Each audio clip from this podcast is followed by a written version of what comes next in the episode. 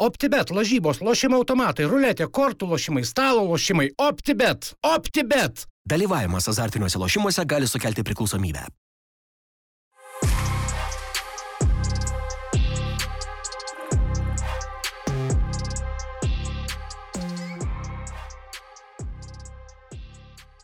Ta proga, kad e, jau e, šiek tiek ir pasikalbėjom, galim pradėti filmuoti, tai sveiki įsijungę dar vieną podkasto epizodą. Aš Lukas Gintautas, Tadas Alaveičikas, Arūnas Klimavičius ir šiandien mūsų studijoje e, svečias Lietuvos futbolo federacijos prezidentas Edgaras Tankievičius, mūsų kaimynas, galima sakyti, studijos. Tai sveiki, vyrukai. Sveiki. Aš kaip norėjau sakyti pradžiui, kad jeigu su kosmu būtum atėjęs pirmas žmogus Ever studijų su kosmu, bet e, kitas dalykas, ką pirmas, tai pirmas, kuris pestutė atėjo pas mus į svečius. Nes jie kelias yra atskridęs lėktuvu, yra vienas svečias viešojo transporto atvažiavęs, tikrai daug kas sumažina, tai gal su dviračiu dar niekas nėra atvarę, bet pestutė irgi niekas nebuvo dar atėjęs. Tai... Ne, dėl lokacijos parinkimo ideali vieta, super, taip ir toliau. Čia Rūnas irgi sakė, labai gerai, sako, kokių reikalų kažko man čia... Išorė gal ir nekokia, bet vidus visai nieko. Aš noriu sakyti, tokį namą su kostiumais niekas neina. ir prieimas prie to. Bet šiaip kostiumas toks prilipęs, ar ne, ant kūno? Stengiuosi atsikratyti, kiek įmanoma, dabar noriu, jau, nu, atsibodo, kiekvieną dieną valyklos, marškiniai, nu, jau riktuoji tą savo, irgi ciklą turi, kai sakau, kada važiuoji į valyklą, kada žmona paima, kada pats, nu, toks užknesantis dalykas, tai va, tas labiausiai aišku, jeigu yra oficialūs susitikimai, jo, bet jeigu yra normaliai susitikimų diena, kur su žmonėmis susitikinėja ir ten nėra kažkokių merų ar kažkokių politinių atstovų, tai tada stengiasi kaip ir šiandien, toks pusiau laisvalaikis, pusiau normaliai. O čia pasikeitė labiau, kai e, pasikeitė pareigos iš, iš generalinio ar, ar, ar tai aš ir visą laiką su to pačiu vadinu. jo, jo, jau pastoviai, nu man kažkaip vis tiek, ar generalinis, ar prezidentas, tu esi reprezentatyvus ir tu turi atrodyti normaliai. Nu, okei, okay, nenoriu kalbėti apie tam tikrus etikos dalykus, bet kai tu ten ateini, nežinau, su polo marškinėliais ar ten su kažkokia maikutė ar pastovi oficialiuose susitikimuose, nu man tai atrodo nesolidžiai. Vis tiek, jeigu kur važiuoja UEFA, FIFA, kiti kolegos iš kitų federacijų, visi atrodo atitinkamai ir vat, futbolas šitoje vietoje turi tą savo statusą ir įvaizdį, tai noris ir Lietuvoje tą patį turėti. Čia labai priklauso, jeigu ten esi koks uh, startuperis, uh, kūrybininkas ir eini ten, kad ir banką kažkur tiesiog tu savęs, ką tu pozicionuoji, o kai čia tokia rinka, nu, ne, nu, tiesiog turi taip reprezentuoti, žinai, nu, paskaini ir, ir ką reprezentuoja, va toks skirtumas. Labai logiška. Tai jo, šiandien e, pasikalbėsim apie federacijos veiklą, pasikalbėsim apie Lietuvos rinktinę, apie A lygą, turim e, ir patys paruošę klausimų, ir mūsų kontribį sekėjai taip pat yra nemažai jų paserviravę, tai uh, paliesim tikrai daug temų, tai turbūt nieko nelaukdami galim ir pradėti dar tadas. Kažką... Aš tik užlysiu dar su kitais dalykais, primenu, nuo lapkričio mėnesio keliamės į podcast'o YouTube, susistabdykit, pasubscribinkit ir, ir tenais rasit visą turinį, turim jau pasidėlioję gerą svečių sąrašą lapkričiui rūpiučiui, tai startuosim grįžę savo kanalą stipriai. Tai, tai vien žodžiu, tai tenais irgi nepamirškit ir po to podvynas ir Spotify. Tai. Bet lokacijos nekeisit. Tikiuosi ne, bet girdėjau, girdėjau kad gali pardavė, pardavė šitą pastatą, bent rūsi, tai gali po metų kokių ir tekt, tai žiūrėsim. Neturit laisvą Mes irgi bandom parsiduoti. Ai, Ai tai va, šiaip, tai gal, jau kad užsiminė, tai galim ir pradėti federacijos stadionas. Kokia situacija su jo pardavimu? Čia vienas iš klausimų būtume gal vėliau prie, bet jau kad užsiminėm. Ta pati parduodamas. Tai visi norintys prašom, ne, iš tikrųjų tai kalbamės tiek su Vilnių Žalgerio atstovais, kalbėjomės ir su Ryterių atstovu Janu prieš tai kelis sezonus dėl galimybės, turim dar keletą variantų ir tikiu, kad per porą mėnesių artimiausių pranešim šią žinią ir kaip mes toliau ką matom. Vėlgi, tai yra esam politinė institucija, politinė organizacija, daug kas priklauso ir dėl to pačio Kauno, nes jeigu šitą visą kompleksą, vadinkim, parduodam ir įsikūrė ar akademija, ar futbolo klubas, tai taip, natūralu, kad kažkokį ofisą galime turėti ir manau, kad turėsim šitame pastate, bet visa kita tada planas yra kelti į Kauną. Kaune mes turime savo rinktinių bazę, rinktinių centrą, bet jis irgi jau yra pakankamai nudėvėtas, nutrenktas ir reikalauja atitinkamų investicijų. Tai kalbam su Kauno Kauno miesto merų apie galimą rekonstrukciją, kaip tai atrodytų, tai va dabar maketuojamės ir dėliojamės. Gali tekti ir tokį variantą turėti, jeigu parsiduodame LFF stadioną, kad turėsime laikinai nuomojamas patalpas Kaune. O į Dariaus ir Grieno stadioną buvo tų minčių, ar ne, keltis jos Yra likusios? minčių, kalbam su potencialiai galbūt, laukiam, kas taps tuo operatoriu, turėjom tos pradinius pokalbius, apsižiūrėjom, apsvaišėm tą stadioną, vėlgi tai yra cokolinis aukštas ir priešais iškils lengvosios atletikos manėžas ir tą vaizdą nepagražins, tai va to aš nelabai noriu, tokios niurokos gaunasi tos oficinės patalpos, tai pažiūrėsim, bet laukiam, kada bus tas operatorius ir kad su juo būtų galima susitar susikalbėti, kokią kainą, gal ta kaina bus neįdomi ir nepatraukli. Nes aš noriu klausti, kurioje vietoje tenais tie tos servės gali būti. Tai ten gerai, kur žai- patalpose, kur buvę anksčiau ta vadinama administracija, sandėliavimo patalpos. Bet ne ten, kur VIP Nuo halės pusės, ne, ne, Ne, ne, a, iš tos kitos. A, pusės, nes aš galvojau, statomas kad- manėžas LSU. Ok, aš visą galvoju, kad tam pastate ten kažkur dar, ten viršui, dar Ne, ten toks pusiau porusis, pusiau neporusis, kaip aš sakau. Ok, nežinau, aš kažkaip apie, apie tą pastatą labiau galvoju. Dar kalbant apie LFF stadioną, atsimenu, kai tik tai prasidėjo tos kalbos apie galimą jo pardavimą, buvo aiški mintis, kad e, jeigu parduosit, tai su, ta, su tuo tikslu, kad ten turi likti futbolui, ar ne?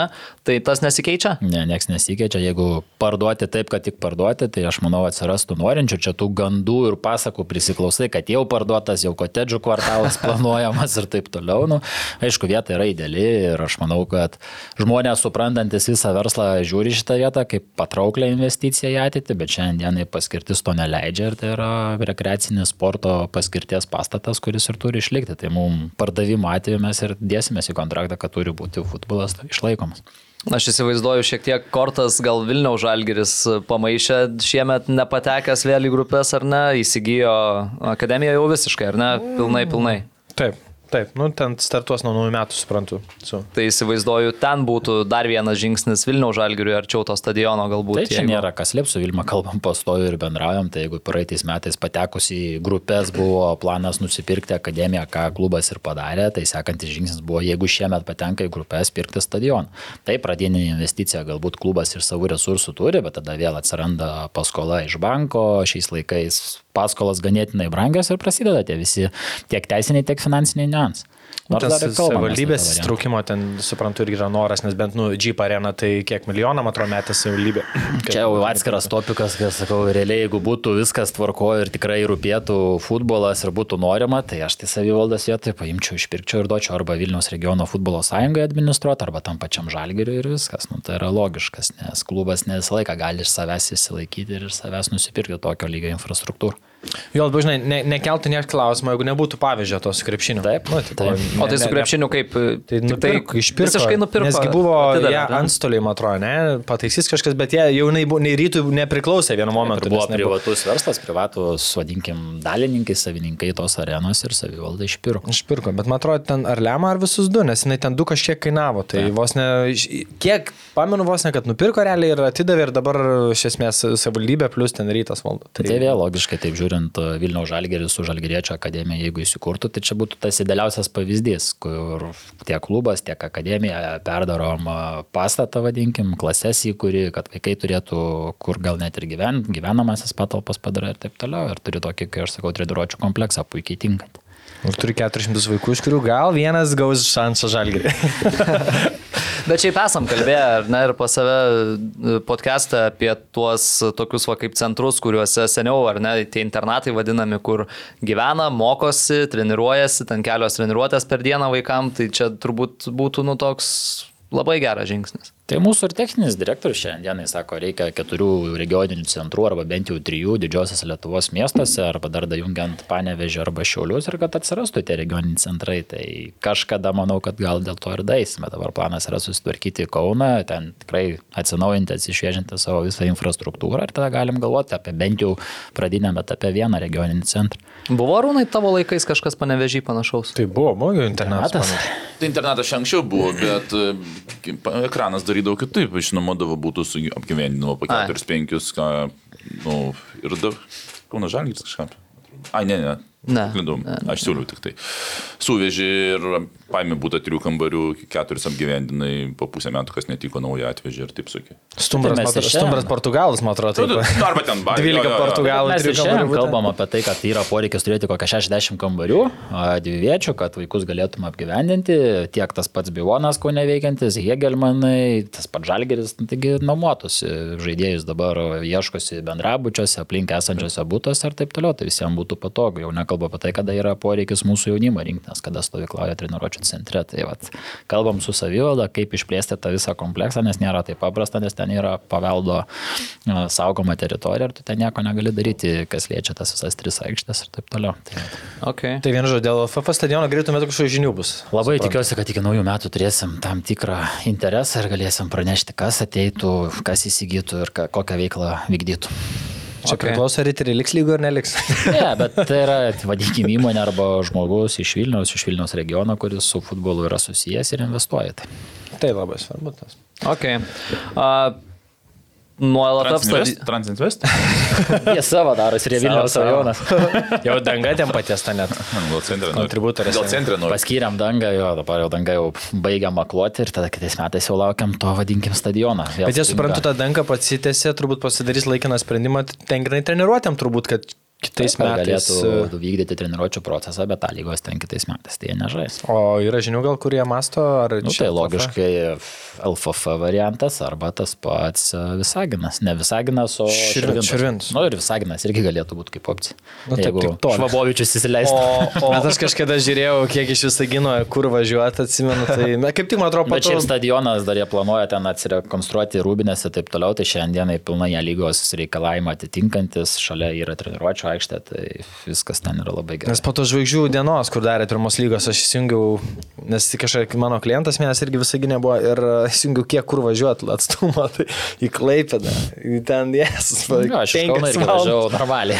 Penkias Kaunas, ten trys su pusė, dabar prasme, wow, aš ten apšalęs buvau, realiai nėra nieko patogaus greit nuvažiuoti. Nu, Vilnius mero požiūris teisingas, tikrai patinka futbolas, ta pati Baltijos futbolo akademija savo padalinį ten filialą įkūrė, tai tikrai sveikintinas požiūris, mato tą poreikį ir investuoja į futbolą, tai va tas džiugina.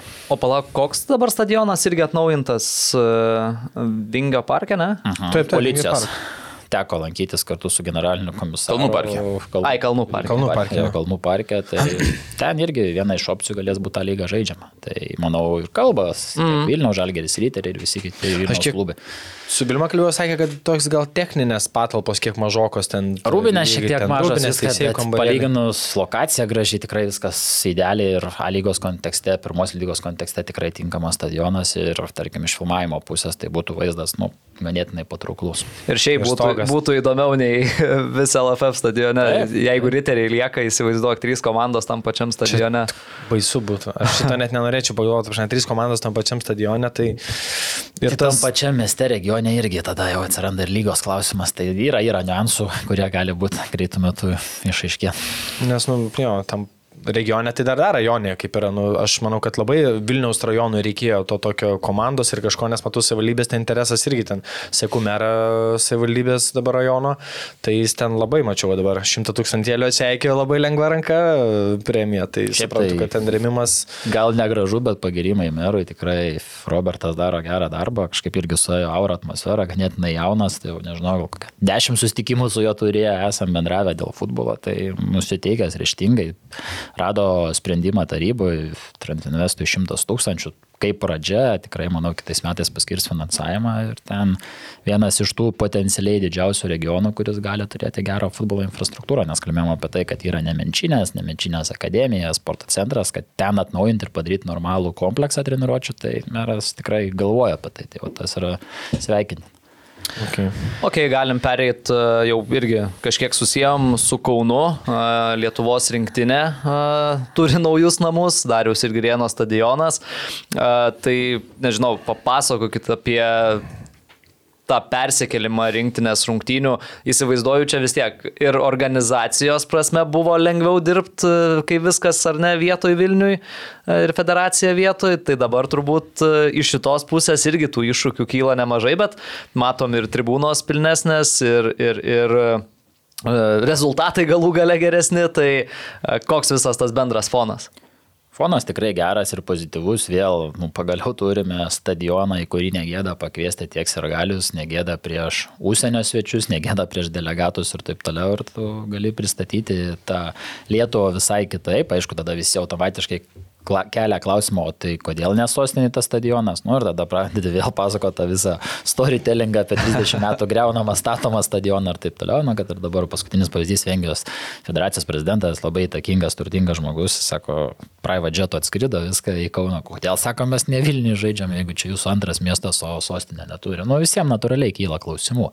Taip, tikiuosi, 3-4 metai ir Vilnius turės tą nacionalinį stadioną ir tada jau galėsim rinktis, kur žaisti prieš kokį varžovą tarp Vilnius ir Kauno, bet šiandien dienai viską dislokuojam ir koncentruojamės į Kauną ir manau, kad tai yra patogus sprendimas, aišku, nedėkingi mūsų rungtynių laikai, o tas labiausiai Ir sakau, dirgina visus turbūt. Tai va čia irgi jo, turim daug klausimų dėl šito, dėl Bet tų laikų. Sumoje suvažiuoti iš visos Lietuvos, iš aplinkinių miestelių, rajonų tikrai yra patogu ir ten tik vienintelis minusas, taip jeigu žiūrėtas parkingas ir išvažiavimas po tų vadinkim rungtynių, mm. bet... Ten Tai net po lygos yra reikalų išvažiuoti, aš buvau, kai žaidė su Kūno Žalgiriu, tai ten... Man iš tikrųjų gaila žmonių, kurie gyvena ten netoli ir kada vyksta Nes ten renginiai. namų rajonas viską, Nu, ten prestižinis rajonas, tarsi, ten vienas iš prabangiausių turbūt Kaune esančių rajonų, tai gaila tų žmonių, kurie turi sekti ir kada gali įvažiuoti, kada gali išvažiuoti. Bet šiaip jausmas geras, kolektyvas patenkintas, nu pagaliau vėl, tar, tu, tu suki galvą dėl tau malonių dalykų, kaip juos įspręsti, negu kad skaičiuodavai čia, ar užgėsim, neužgėsim su šviestuvais, ar švieslentė užsikurs ir taip Ar toliau. generatorius gerai Taip, veiks? Atrodo jokingai, bet nu taip ir buvo. Aš atsimenu kažkurias rungtynės, kai čia pradėjo bliksėti ir trumpinti, skaičiau jau nebe švieslentės rezultato, kiek lempus. O žiūrėk, jau dvi nukrito, dar nedega tas, tas. Nu, tai. Tai čia kai Žalgiris su Malime žaidė. Ar kažkas neįlūšė tribūną, kas irgi yra buvę. Buvo ir tai- paskui, atsimenu, kai Haris pažįstamas bendras koja sulindo čia per šmaltą žaidė, man atrodo, nu, seniai. tai yra absurdas ir vėl tada tu kalbi ir bandai ieškoti kažkokių kontrargumentų tiem užsienio svečiams, užsienio delegacijoms, bet nu, jų tiesiog nėra. Ir ten vartais atsiprašant, jo, kaip čia pas mus viskas gerai, čia mes laikinas sprendimas ir taip toliau. Aš atsimenu, dabartinė UEFAS prezidentas, buvo, buvo, buvo dar tuo metu Slovenijos federacijos prezidentas ir mes žaidėm su slovenais kaip tik tautų lyga. Ir jo čia buvo paskutinės rungtynės kaip e, federacijos prezidentas. Ir tada jis patapo UEFAS prezidentu. Ir jisai sako, nu jo, aš atsimenu tą jūsų treniruočio lauką, nu ten stadionas lyjo, ten vypelė, jisai sėdė ir taip toliau, ant jo lyjo ir taip toliau. Nu tai nemalonu. Tai aš atsimenu, nu vis laik būdavo atvažiuodavo ten tos bi komandos būdavo nuo to, nu mes e, turim žaisti futbolą, bet kokiam sąlygom čia, nu vos netai pagarbiai. Ir ant kiek buvo iškart pasikeitimas, kaip pirmas intervas su Islandais, kai žaidėm. Ir Lukas atsimenu dar čia tai įmetė, ant kiek sako pasikeitė nuo... Nu, kažkaip sužaisim iki wow, kaip smagu ir norėtume ir mes Islandijų tokį turėti, žinai. Tai dabar ant kiek tikrai- tas Toks tai interviu skirtumas, žinai, nuo raudonavimo iki, iki kad, o, pagaliau Galima galima. galvoju, kada užpraeitais gal metais teko derintis bendrauti su Amerikos federacija dėl draugiškų rungtynių. nu ir prieš kalėdinis buvo tas laikotarpis, jau čia derinu, derinu, davėm jau su to direktoriumi iki sąlygų, kas kiek ko moka, kiek kas kainuos, kiek jų čia atskris. Po to sako, galite atsiųsti stadioną, kuriame mes žaisim. nu ir nuo to prasidėjo. Kas to gal baigęs labiau? Gavo, nes sako, aš googlinu ir taip nesuprantu, kur mes čia žaisim. Ir tas opcijas tokias metas, sakau, va šitam nacionaliniam. Įsiveda nacionalinis išmeta šeškinės astrojkas. Jo, jo, jo, tai jisai man ir atsintė tos grįviesi, sako, čia, čia jūsų kaip čia, senas buvęs ar kaip, ne, sako, čia ne čia mes, va čia žaisim. Vizulkės tik metų, nu vizulkės neblogas. Kažkada, tai va dabar grįžtam prie tų pokalbių, kad galbūt kažkada su jais pasiorganizuoti draugiškas rungtynės, nes reikės. Šiaip e, stafų turėtų būti biški iššūkis e, žingsnių prasme, kur LFF ten pavaikščiot, tu Tai disai vat vieną kampą ir, kur- ir kur ten turbūt jau paspirtukų reikia, jeigu iki Gerai, vieno nu, galo. saugus žingsnius praeis, viskas tvarkoja, tik į naudą. Susimkai su festivaliu būdavo ten per dieną 2 kilų nueini, nors festivalio teritorija nu, šiek tiek didesnė ten, sakykime, bet čia dar jeigu laiptai. tik tokios problemos Lietuvos futbole būtų. Ne, užjaučiu ne? kolektyvas šiek tiek e, yra reikalų. O šiaip ten, nežinau, Lukas apie tos infrastruktūros klausimus. e, Klausimą turbūt e, klaus, bet šiaip bendrai va, dabar nemažai stadionų renovuojas, tvarkos, e, ta, tas pats va, Transinvestas statosi e, ir ten dažnai kas man užkliūna, ten po tų renovacijų pusė sustogų, pusė nesustogų. Kaip, ta prasme, ar šie architektai... Hegelmanų irgi, ar ne? Jo, Hegelmanų irgi ten tam. tik 500 vietų ir dar ten iš vis ta kryptis labai įdomu. Bet nežinau, ar čia tas stogas dafiga kainuoja, ar architektai, kurio daro, jam atrodo, kad, nu, čia kiek yra to stogo užteks, bet, nu, kaip yra, ta prasme, šitą vietą. klausimas, samata.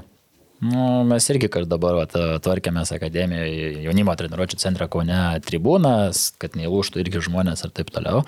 Buvo pasvarstymas daryti dengtas tribūnas, bent jau pakeltas stogą ir taip toliau. Nu, tai ten paskaičiavo virš milijonų eurų pakelimas vien mūsų akademijos to, vadinkim, kad stogelio būtų ta tribūna. Tai stadionas irgi, kai skaičiuoja, tas pats Kauno rajonas dabar Rodonvariu, tai Hegelmano minimas atvejis, kur planuoja, kad Hegelmanas mhm. ten žaistų rungtynės. Tai irgi samata yra nemaža, bet jeigu pilnai apsidengti, tai yra dideli labai kaštai. Tas pats Transinvestas irgi maketavas iš pradžių, kad pilnai turės, po to nu, prieina racionalaus sprendimo, kad bent jau pagrindinę tribūną turėtų dengtą, o šalia turėtų ne. Mūsų klimatiniam oro sąlygom tai yra blogis, bet tada jau tada tu renkėsi tokį variantą, kad turėtų bent bent jau tokį stadioną, negu neturėti jokį. Nu taip, bet žinant, kad turbūt, tarkim, tokį kėdainių dabar čia renovavo, kas čia dar renovavos iš, iš tokių pagrindinės lygose, kas, kas lošia, tai nu, čia ta investicija, kur dabar kita renovacija bus po 40 metų turbūt. Jo, tai čia kitas klausimas, kas kiek metų Lietuva stato arba Lietuvos miestas stato stadionus su sportui tinkama infrastruktūra. Nu, tai stadiono nesugebam per 30 metų pasistatyti. Tai. Nes čia toks, nu, suprantu, jo dabar darai ten plus 2 e, milijonai, ne, kaip pavyzdys, ar milijonas, kas aišku, tokiam savivaldybės biudžetui ten tą stadioną remontą yra kosminiai pinigai. Bet kai tu suvoki, kad, nu, nieks greit nieko nedarys vėl naujai, tai tada, nu, turi svarstyti, kaip ir kai Žalger arena statė irgi 10 užteks 8, gal, bet kai supranti, kad nieks nestatys tos arenos dar ir nedidins 30 metų. Na, bet tada iš to vietoj, kas irgi iš federacijos pusės yra kalbama su miestais, kad tada sakom, žiūrėkit, ten 2-3 milijonai yra skirtumas, galbūt pavyzdys to stogo, ten tos armatūros vadinamos ir taip toliau, tai tada sakom, tos bent jau 2-3 milijonus, jeigu dabar sakot, ne, investuokit bent jau į dengtą manėžą, kur mum irgi vaikams va, tas yra poreikis, o tada jau stogas paraleliai kažkada už 4-5 metų bus finansų atsiras galimybės. Nes jau turint stadioną, turint pripučiamą manėžą, šalia pakelti tą, vadinkim, stogą ir apdengti tas vietas, manau, kad tai yra suplanuojami dalykai. Bet bent jau pradinėme etape mums reikia tos būtinosios kietosios infrastruktūros, kurią galėtume naudotis. O šiaip statant tenais kreipęs kažkiek, nežinau, miestai ar ten statytojai jūs kreipiasi, bendraujame, mes tikrai pastoviai, mūsų licenzijavimo skyrius, atitinkamai lygų vadovai jungiasi tą dialogą, vat, vėl teko 20 kelis miestus pravažiuoti, susitikti su merais ir merėm žmonėmis, pasišnekėti tai ir akcentuoju visą laiką, nepadarykit klaidų, ar tai būtų salė statomas, kada neišneša salės futbolui tinkami matmenys, kaip kad padaryta buvo berots druskininkai, jeigu neklystu ir taip toliau, kur tai net ir pritrūksta. Net ir Kauno sporto haliai, pavyzdžiui, filmavimo prasme, nu, tai. ten yra nepagalvota apie tai, kur turėtų stovėti kameros ir panašiai. Tai va, nu, tikrai ne, ne visur tarėsi architektai. Pavyzdžiui, Akmenė irgi atidarėm kompleksą, tikrai idealus, fainas, su šalia baseinais, nu, to, ko reikia tokiam kraštui ir taip toliau. Tai, bet irgi krepšiai nuleidžiami, bet nepilnai buvo pakeliami. Salės futbolas, nu, ten negali. Tai tada, okei, okay, įsijungiam, kad nes darėm finalinį ketvirtą ir super taurę vadinamą. Tai teko šiek tiek konstrukciją pakeisti, kad galėtų vykti ten salės futbolas. Tai tų tokių dalykų važiuodamas ir akcentuoja, kad žiūrėkit, jeigu darysit manėžą, jeigu darysit stadioną, tribūnas ir taip toliau, konsultuokitės ir mes nu, nieko neprašom papildomai, mes suteikiam, padedam ir taip toliau. O jau tokius didesnius, kai pradedi dėlioti projektus, tai jau tada automatiškai pateikia ir UEFOS pavyzdžius ir visus kitus dalykus. Nes ten dabar girdėjau, kur Kalnų parke tą stadioną renovavo, kad pirminė mintis net buvo nepadaryti laistymo. Taip. Ta prasme, kad jau norėjo daryti be laistymo. Ne, policija šitoje vietoje šaunuoliai tikrai kreipėsi dėl to pačio laistymo, dėl tribūnų, tablo, kokia turėtų būti, koks turėtų būti apšvietimas, kad galėtų atitinkamo rango rungtynės vykti pas mus. Čia Smagu, iš tikrųjų, vat, matosi tas toks geras, pozityvi banga ateina vien dėl to, kad miestų merai, merė supranta poreikį infrastruktūros futbol. Kažkada taip mes pasistatėm puikias arenas, puikias sales ir jas išnaudojom salės futbolui, visokiam masinio festivaliam žiemos metu ir taip toliau, bet dabar ateina laikas, kada tikiu, kad miestai pradės investuoti į manėžus ir taip toliau. Nu čia infrastruktūra pajudino. Arūnas, nežinau, ar matėte. Šaunuolis.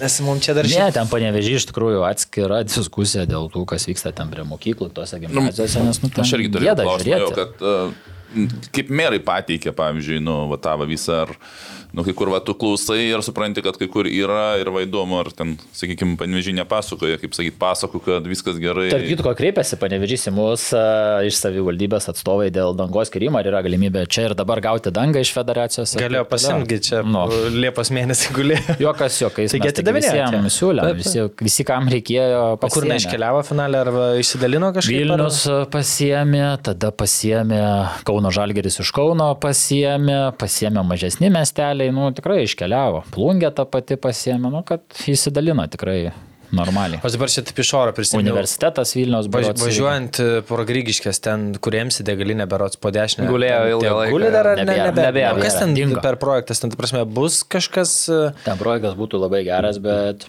žmogus gal nepamatuoja savo gal finansinių. Tai privatus čia kapitalas. Ne, tai yra Dainius Gudaitis ateitis.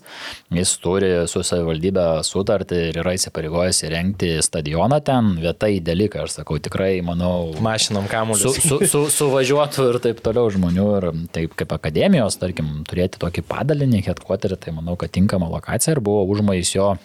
Vėlgi viską daro privačiom lėšom.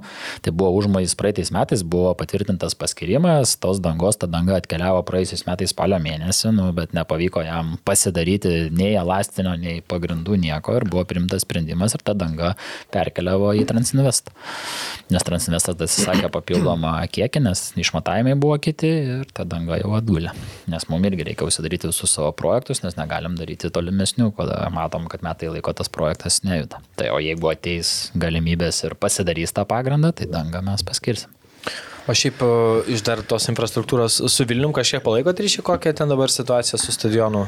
Tai mes bendraujam su Deiviu, bendraujam su, su, su savo klubais, savo su savivalda, tai kol kas taip sunku, kai sekasi. Vis dar net kalbą. pasikeitus, nes ten vienam Ne, interviu buvo Du, atminėję. tris kartus prašiausi, kad priimtų pokalbį, kol kas meras dėl užimtos darbo tvarkės nesurado laiko.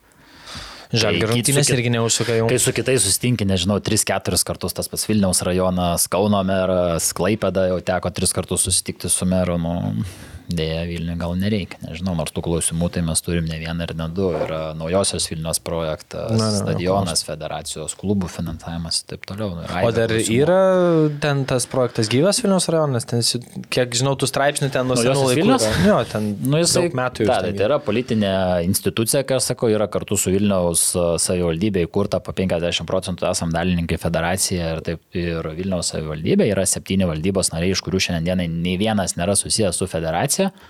Ir nu, mes neturime, vadinkim, jokios ten įtakos, nors buvo praeitais, užpraeitais metais kalbėta, buvo siūlytos vizualizacijos, kaip mes matytume tą projektą, buvo netgi, mes buvom pateikę netgi finansavimą, kad fondas ateina, sutinka investuoti ir leiskit daryti, bet dėja nepavyko susikalbėti, kad ateitų iš Vilnius. Mes sakom, iš Vilnius mums nieko nereikia, tik tiesiog padarom šitą projektą, kas priklauso iš savivaldos, ten komunikacijos, privažiavimas ir taip toliau. Tau užtikrinkit visą kitą, mes darom savo futbolo namus ir va, čia bus mūsų pagrindinis headquarteris, bet nepavyko. Tai bandom dabar susikalbėti su Kauno meru, kad pasidaryti. Nu, ten, jo, nėra lengva. Šiaip bet bendrai kalbant apie tos politikus, kiek ir pačiam tekė bendrauti, ten klausyti labai lengva jų. tai vat po tų, tarkim, vizitų, kas buvo visiems ten apsikalbat, kas ką mato, kas ką norėtų tobulinti ir, ir panašiai. Kažkokių realių būna, kad sudėliot, kad, nu, kaip sakyt, kad išvažiuoji ir grįžti, supranti, kad ne tik tavo užpylė medumą ausis, bet ir matai, kad Visokių būna grįžti ir jau kažkokie žingsniai ten. Kartais išvažiuoju ir galvoju, ko mes čia atvažiavam, nu, jeigu matai, kad nu, net nenori jokio sporto ir nu, nereikia, yra poreikis kit, kit, kitiem, kai aš sakau, kitoms veikloms vykdyti ir vis. Bet būna ir realių normalių. Sakau, Vilniaus rajonas, Kaunas, tas pats Klaipados naujas meras irgi šnekam, kad atsirastų dengtas manėžas Klaipadai. Netgi kalbam apie to, vadinkim, trečio, ketvirtos kategorijos stadiono atsiradimą, jeigu Vilnius ir Kaunas turėtų ir turės, tai tada, kad Klaipadoje priešais a, ant palangos vadinamo to. Čia kur straipsnį neseniai rašė, Jo, apie jo. 15 tūkstančių Taip, taip, taip, rašė. taip. Nu, tai iš tikrųjų matosi, kad iš verslo žmogus atėjęs turi ambicijų ir kalbamės dėl to, vat, pirminiam atveju, kad manėžas atsirastų, šiauliuose su šiaulių meru irgi kalbėjom apie manėžą, tai manau, kad kitais metais dar nepradės, bet dar kitais prasidės. Kaunas irgi kitais metais pradeda leksuoti manėžo statybas. Tai, vat, nu, juda, tas pats panevežys irgi kalbam apie to manėžo atsiradimą, kad pradėtų judėti Vilnius rajonas. O kaip ten tie mažesniai, nes šiandien, ką, ką minėjote, dideli jau tie miestai mūsų, bet ten, sakyk, ten birštonai, ten prienai, kibartai. Su ten, savo kas- problemų, nu, tai va, teko, pavyzdžiui, paskui Šadorių merą irgi lankytis, kad sudarėm, pradedam mažai žingsneliais, nu, tai pradedam mažiausiai investicijų reikalinga yra paplūdimio futbolo aikštelė įkurti. Tai gali būti kaip geras traukos centras tiek ten miestelėnams gyventojams ir taip toliau. Tai va, nu, nuo tokių smulkių, birštonas tas pats gerai. Vienais metais stadioną susitvarkė, sekančiais metais aikštelę pasidarė, dabar ateina eilė, kad įkurtų normaliai veikianti futbolo centrą akademiją, kad klubas bent jau antros lygos pirmenybėse žaistų, ar būtų sėkmybė, tada kalbam su birštonu apie tai, kad salės futbolo klubas atsirastų. Nu, tai važiuoju ir kiekvieną kartą vis maketuoju pagal tą kraštą, į kurį tu važiuoji, kas jame yra ir taip toliau. Pavyzdys, Utenos irgi naujasis meras, šnekam apie tai, kad Utena, nu, toks kraštas, aš giliai įsitikinęs, kad jie turėtų žaisti tą lygą. Ir turi potencialą, turi tikrai ir finansavimą neblogo galimybę gauti ir taip toliau. Tai, O dabar net antroji lygui Dabar komandos nieko nėra. Yra moterų, vadinkim, tik tai klubas dalyvaujantis A lygoje ir akademija. O būna, kur kažką apsišnekat ir e, jau siunti derint kažką toliau ir ten tyl- tyla jau, kur Tai visko, konkrečiai. nu, tai vėl politikai, visko būna. Nors man, tai aš noriu pravažiuoti kiek įmanoma visus, turiu savo tokį iššūkį įsikėlęs, kad aplankyti visus ir tada vėl, tada darai antrą raundą, jau su kuriais to raundo nereikia, jau ten trečias ir ketvirtas susitikimas vyksta ir tada vėl, žinai, ką kalbėjai metų pradžioj, ką po metų, ar pasistumėjom kažkur į priekį ar ne. Kauno rajono meras irgi kalbėjomės apie tai, kad tokia raudondvaris baigėsi, kad dar yra galimybė prie vadovų to valdo Damkaus, o ten turėtų plotą ar galimybę pastatyti dengtą manėžą. Nu, tai va, tu atsirenki tos tokius kertinius merus, su kuriais tikrai yra geras santykis ir matai, kad gali padaryti. Tai jos ein. Palangos meras irgi teko kalbėtis apie tai, kad manėžą nori palanga daryti. Okay. O gerai, o ką panežiai sakė įdomu? Ne, nu vėl, panevežė meras, nu, ten negali kažko blogo sakyti, tikrai jisai už tą sportą, bet infrastruktūra ten yra nu tragedija. Vėl turim iššūkių panevežys kitais metais čempionų lygoje, ne? Atrankoje. Net nežaisė panevežys. Nu, tai net ir šiemet. Sakė, buvo dabar, ar ne, važiavo žiūrėti, ką, ką ten reiktų daryti. Daug ką reikėtų daryti. Nu. Naują stadioną reiktų. Čia apie stadioną. Realiai- realiai tai- realiai tai Tengi taip. ten tragedija. Aš tada Bet vėl, sako, mes darom viską etapais. Dabar yra numatytas baseinas, po baseino krepšinio ten tas rūmų susitvarkymas, nu ir tada ateis eilė stadioną. Stadiono renovacija ar nauja? Renovacija. Ai, renovacija. Bet renovacija, tik tą pastatą centrinį, kad ne, sutvarkyti ten patalpas, viską Tai, panašiai. Tai. Nu, toks miestas kaip panevežys, aš manau, įgalus turėti normalaus lygio, A lygai ir tarptautiniams rungtynėms tinkamą stadioną. Tai Nes dėl, ir- dėl, dėl dirbtinių dar aš noriu paklausyti, kiek e, federacija, pavyzdžiui, per metus skiria dirbtinių ar kiek turi? Ar Mes kiek, esame pasitvirtinę 10 projektų, vadinkime. Kiekvienais 10 metais? Dangų, ne, bendrai buvo 3-4 metų programai. A, Bet aha. tu vėl, nu, dėlioji ir maketuoji. Jeigu pavyzdys Vilniui turėjom paskirti vieną per tą visą mano laikotarpį, jau gal 3 ar 4 stadionus Vilniui paskiriam. Nu, čia vėl ateina iniciatyva, matom, ta iniciatyva yra adekvati ir sakom, darom, nes reikia tos. O nėra tokio, pasakykime, pojūčio, pavyzdžiui, važinėjant po tuos, kaip čia merus, ar kaip, kad e, tokio, na, nu, mes suprantam, kad ribotai ištekliai yra dirbtinių da- dangų. Taip, jeigu duosim, pastatysim, jeigu ne iš savų, tai mes tikrai nepirksim. Kaip, nu, kaip prijaukinti, gal netapo miestai, kad į federaciją duos, mes padarysim. Nu, aš, Tai pavyzdžiui, jo, tu panžiūrėjimą. ats- Ta prasme, jeigu duos, mes miestas padarysim, bet jeigu ne, tai mes lauksim, kol čia 26 metų gal pat. Ne, tai buvo patvirtins. tokių pasiūlymų iš mažų miestelių, kur sako, mes padarysim, jeigu federacija duos, nu, tada sakau, žiūrėkit, nu negalim, nes su visa pagarba jums mums aktualiau bendrajam kontekste daryti Vilniuje, Kaune ir kitose miestuose, kur yra jau tradicijos futbolo ir yra atitinkama klubinė struktūra, tai vėl atsiprašau. bando naudotis. Bet band. Šiauliai, sakau, irgi manau, kad išjudės tas pats Joniškis turi ambicijų, Kibartai, Kazlų rūda. Iki bar ten atsiranda, pastrigo šis stadionas, tas ten dėl dangos, kaip supratau, kad nu, neužteko pinigų dirbtiniai, tai užsėjo, o užsėjimas nesigavo. Nu, Čia, vėl čia dabar. UEFA programos, teisingai? Taip, nu tai vėl, ką reiškia UEFA? Mes per UEFA gaunam finansavimą projektui, taip, taip, taip. bet tu jį gali naudoti, kaip pavyzdys, kitos federacijos, o dabar mane patvirtino į Hatriko komitetą? UEFA, kuriame yra vat, sprendžiami visi tie projektai. Mes turim Mhm. X pinigų sumą per ciklą ir tu tą pinigų sumą gali naudoti infrastruktūrą ir taip toliau. Nu, ten gaunasi apie 4,5 milijono per 4 metus. Infrastruktūrai grinai. Čia Lietuvai. Taip, taip, taip, ten, taip, taip, taip. Tam pačiam fonde UEFA Taip, taip, ten. taip, bet mes nu, iš jo, pavyzdžiui, šiandien dienai finansuojamas jaunimo visą rinktinių pasiruošimą, tada esam per infrastruktūrą ir techninio departamento veiklą. Nu, padalini, mm. ką tu perkai. Kitos federacijos jos tam pavyzdys iš to statosi savo ar ten atsinaujina headquarter. Mes irgi galim sakyti, žiūrėkit, mes šitų projektų nedarom, ketverių metų ciklą nieko nedarom kaip pavyzdys, neduodam jokių dangų ir sakom, tos 4,5 milijono mes dedam į savo būsimo stadiono statybą ar ten futbolo namų. Nu ir tada per du ciklus arba tada pasiskolini už, JF už UEFA ar ten FIFA, nu ir taip Tada sudėlioji, 10 kad dirbtinių nebus. Taip, nu tai tu vat ir sveri, kur yra prioritetas ir kaip ką padėti. Tu supranti, kad šiandienai, kad ir tos 4,5 milijono investavęs, tu ten nieko nepasistatysi per daug įdomaus ar kažką, tai dėl to eini per tą kitą pusę, kad padėti paskatinti statybas. O to šiaip- paties manėžo mes irgi sakom, žiūrėkit, kokie buvo Vilnius, Kaunas, kur gavo dangas, ar ten Kauno rajonas, Klaipada, bet jeigu atsiranda dar manėžai, tai mes nu ant to prisidedam ir darom, nes mums reikia dabar žiemos metu, kad turėtų vaikai kur žaisti. O tarkim, apie tos dengtus kalbant, šią dieną Vilniuje yra, jei neklystų, uh, sportima plus du ir tas ten mažesnis po Nu, šilaičiuose, tas, jo, tas, sakykim, 3,5, Kaune vienas, ne, ir, ir viskas čia pas mus. Tai va, tarkim, Nu, Kaune irgi Pusinis. pus, pusantro, sakyčiau. Ten nėra tas? Lampėdžiuose žalgerio. Ai, pusantro, okay, supratau. Na gerai, tas tai tarkim, iš to, ką čia dabar prava, pravažiavot su visom savivaldom, tai dviejų metų eigoje, va, iš to, ką girdėjot ir nu, ten vertinimą, tai kas kiek realiai šneka, kas ten daug maž ant akių, kiek va, po dviejų metų suvedot, kad bus dengtų manėžų per visą Lietuvą. Jeigu dabar skaičiuojam šešis sudėjus tos pusinius, tai kiek realu Manau, turėt? kad Vilnius kokį vieną kitą pasidarys tikrai realu, manau. Žirmūnuose tokia- ten dabar tokia- jau- kyla. miestui, tai sakyčiau, nu, du būtų programa. Kaunas tikrai vieną pasidarys ir kiti miestai Šiauliai planuoja 25 pradėti statyti. Bet Šiauliai vėl, nu, atskirkim vėl, kokius tų manėžus statai. Manėžas, jeigu pripučiamas, tai jo samata gali būti tarp 3-4 milijonų eurų, ten priklausomai vėl, kiek tu turėsi a, tribūnų vadinamų ir taip toliau, ką tu ten maketuoji, yra tavo žemė, ne tavo ir taip toliau.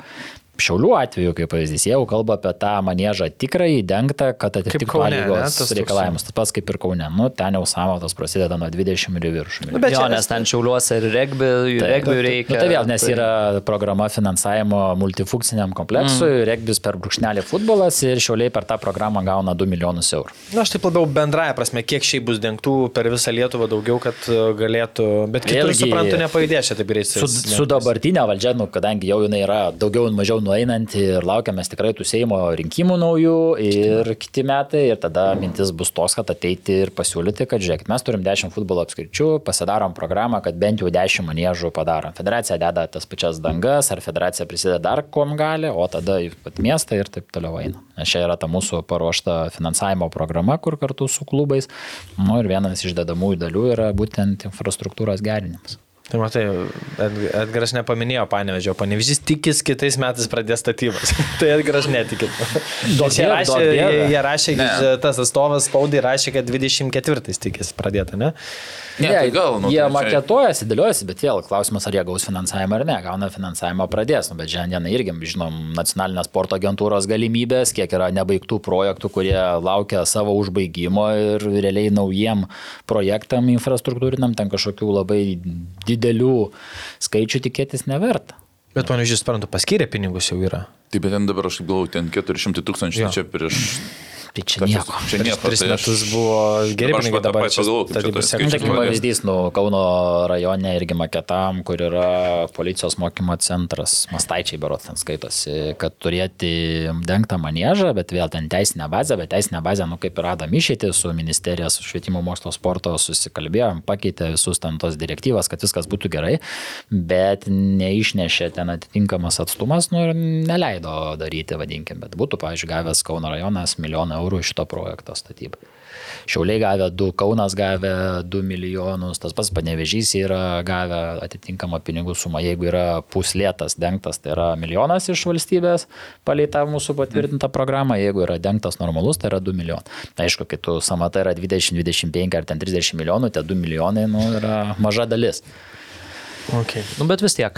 A, Klaipėda tikiu, kad galit, nu, turi tikrai finansinį pajėgumą. Bet ten sportas iš planuoja. esmės ten- Tie patys garždai planuoja, turi tą už garždų ar mm. prie garždų skaitosi tą savo kempingą, ne kempingą. Trijų aikščių kiek. jo tokį. Tai šiaip mums kontributorius vienas rašė apie garždų situaciją, tai ten taip, jeigu žiūrint kaip tokio dydžio miestui, ten nepilnai 200 tūkstančių, tai ta situacija, kaip jie ten dar irgi nėra, kad džiaugtus, bet finaliai, jeigu turbūt dėtum prie bet kurio kito miesto, tai tokio padydžio... Viskas tai ten yra gerai, kitas dalykas, kasą. rajonas potencialą tiek iš verslo pusės pramonės ir taip toliau turi. Tai nu, jie turi būti tiek A lygoj, tiek ir infrastruktūrą turi turėti, nes nu, šalia Klaipėdos. Jau nekalbu tai, kad Klaipėda turi būti lyg.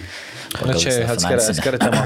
OptiBet, lošimo automatai, OptiBet. Dalyvavimas azartiniuose lošimuose gali sukelti priklausomybę. Ir turbūt pabaigiant apie infrastruktūros klausimus, galvojau, ar čia, ar prie lygos, bet turbūt, kad jau kalbam apie infrastruktūrą a, A lygos sezono pradžios. Moky, moky, mo, mokyklos Dar, dar, dar nepabaigėm šitą sezoną, dabar irgi vargstam su pabaigimu, nes jau Ir Telšiai jau mačiau, kad persikėlė į Paskutiniam turui. Nes paskutinis turas, kur žaidė, tai... Nežinau, kada išleisit filmuojamą antradienį, tai vakar pirmadienį buvo pokalbis su Telšiu Martinu, nu, pas jos daug, daug, daug problemų ir man gaila žmogiškai Martino, ten stengiasi viską, nu, bet sako, nu, aš neprikelsiu to žolės, nu, ir vėl prašymas, kad leisti paskutinės namų sezono rungtynės sužaisti gimnazijoje, ten toj mokykloje, toj laukia. Nu, yra baisu. O dėl pradėjimo, tai jau su klubais buvo kalbėta, tai noras yra įtraukti į licenzijavimą tokį dalyką, kad turime sertifikuotus arba licenzijuotus stadionus, kurie yra tinkami šaltųjų metų, šaltuoju metų laikotarpiu žaisti ir viskas. Taip, nesulysim vien tik tai sportimą ar į Marijampolę, bet turėti tas lokacijas ir tada klubai tegu sprendžia. Vėl bloga, blogiausia situacija šiandien yra Panevežio, jeigu taip žiūrėt šaltuoju metų laikotarpiu, nes nu jie neturės kur žaisti, o ten žaisti, kur mačiutė šulinį semia ir taip toliau. Ir Kur malūnas tas matosi. Nu, ten nu, tragedija. Mes sakome, čia darom produktą, remėjai turi ateiti, čia fainai ir taip toliau. Nu, nu ne, tai vat ir yra noras. Nu, taip einam dabar pagal visą eiliškumą. Ir šiandienai panevežys problema. Šiauliuose jie nori žaisti treniruočių, bet ne dabartiniam, kur žaidė, o tam, vadinkim, pirmajam, tam aukščiau, kur. Nu, kur biški pasitvarkė. Jo, jo, jo. ne? Nu tai matysim, kaip tas vaizdas atrodys ir tada, kas dar Kaunas. dėliojamės. NFAtas. Ko- Kaunas NFA ten tikrai nebus žaidžiama, vienas dalykas, nes jau Nes, o, o kaip šiemet buvo? Šiemet vėl gavo išimti, ar ne? Ja, gavo išimti. Vienas dalykas, taip. taip. Bet nu, Kaune mes dabar turim. Gerai, Dariaus Gerienas. Žiūrėsim, kaip žiemos metu, jeigu bus operatorius, šildys, nešildys, nes, nu, irgi rinktinė, kai žaidė, ta, nu, vėl lygą žaidžia, žinot, nu, ta danga, vadinkim, pelkė ten buvo ir vartininkai skundėsi ir taip toliau. Tai Nu, bet čia aišku, čia teisybės dėliai tai irgi ir, ir rinktinės štabų ir galima mest akmenį. Nu, patys nesaugom iš tikrųjų. Žiūri video iš treniruočių, treniruotė vartininkų vyksta grinai toj vietoj, kur ir yra vartai. Nu, tai pasistatyk vartelius šone kažkur ten vartininkam padaryk tą treniruotę. Nu, tai čia... Nu, taip, Tai bus Bet klausimas, bet vėl, čia kol- kol... Ką jie darys, šildys, Jo. nešildys, dabar irgi Pernai klausimas- kol užkonservavo, ne? Tos pačios super taurės lokacijos, nu, aš, pavyzdžiui, asmeniškai norėčiau, kad vyktų Kaune vasario pabaiga ar kovo pradžia, jeigu oras geras, aikštė normali, aš manau, kad prie dabartinių oro sąlygų visai būtų gal ir fan. Geriau negu lysti vidų. Čia ne, sportimą nežinosi, Marijampolėj. pernai snygo, užpernai saulė švietė plus 10 buvo, tai čia... Kaune vadovų yra pakankamai geras kompleksas, kur šaltuoju metų laiku gali žaisti. Marijampolė, Lytus, viskas savaime įsisprendžia. Marijampolė žaidžia, Hegelmanas arba žaidžia Girienę, Vadamku ir taip toliau, arba važiuoja į Marijampolę. Tada Kur Telšiai gali Gar- važiuot? Telšiai, jeigu lieka lygoje, tai blogai, važiuoja arba į Garždus. Nes garždai gali žaisti ant tos dirbtinos savo aikštės. Arba. Klaipėdoje dirbtinė. Klaipėda ta pati opcija. Tai vad sakau, yra šiandienai pagal dabartinę lentelę, tai yra telšiai, šiauliai ir panevežys. Tai čia, sakykime, toks e, kitų metų kaip ir Taip. sprendimas. O jeigu taip longrane, kaip šneka, ką klubai, nu, nesuprantu, tas išimčių jau turbūt dalinimas šiek tiek griežtės ir, nu, kažkokių sprendimų reiks, neprivažinėsi į garždus ten kiekvienais metais ar, ar kažkas dar kažkur. Nu gerai. Čia susijęs su to, kad ir buvo šiemet daug labai kalbų, ar ten vienas kitas e, žiniasklaidos atstovas rašė, kad tą lygą planuojama dėka vienos ar kitos situacijos 12 klubų. Nu, negalvojam šiandieną, nei šiais, nei kitais metais 12 klubų. Galvojam 12 klubų tada, kad neturėsim žiemai tinkamą infrastruktūrą. Ir tada galbūt jau perėsim prie normalaus tvarkarašio, kad žaisim kaip visa didžioji Šešis Europos. kilimas, ne? Nu, ar 6-6 kilimas, bet ir pradžia, kad prasidėsim pavyzdys su rūpiučio mėnesį čempionatą, tada žiemos. Bet ar realu mums turėti su Realu, savo... realu, nu tai dabar imkim taip matematiškai, sakau, jeigu atsiranda manėžas Klaipėdo, normalus tinkamas sąlyga, jeigu šiauliai pasidaro, Kaunas. panevežys, nu, nepatrauks finansiškai vadinkim, tai atsiranda Kaunas. Tada mes turim Vilnius, Kaunas, Marijampolė, Klaipėdos regionas ir šiauliai, tai su tais 5-6 manėžais mes esame įgalus žiemos metu žaisti tose manėžas.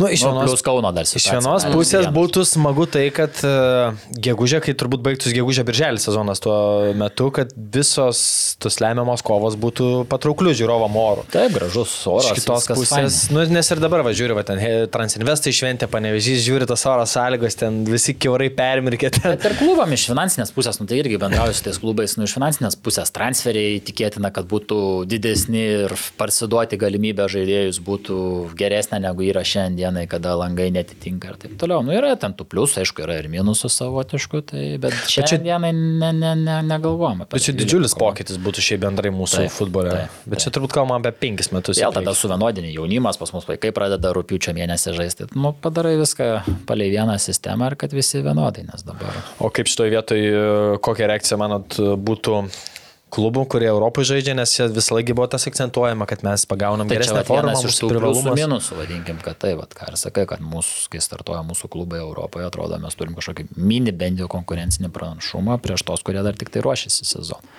Tai va čia tas pagrindinis kozeris ir yra, apie kurį reikia galvoti. Bet pradžiai turim turėti infrastruktūrą.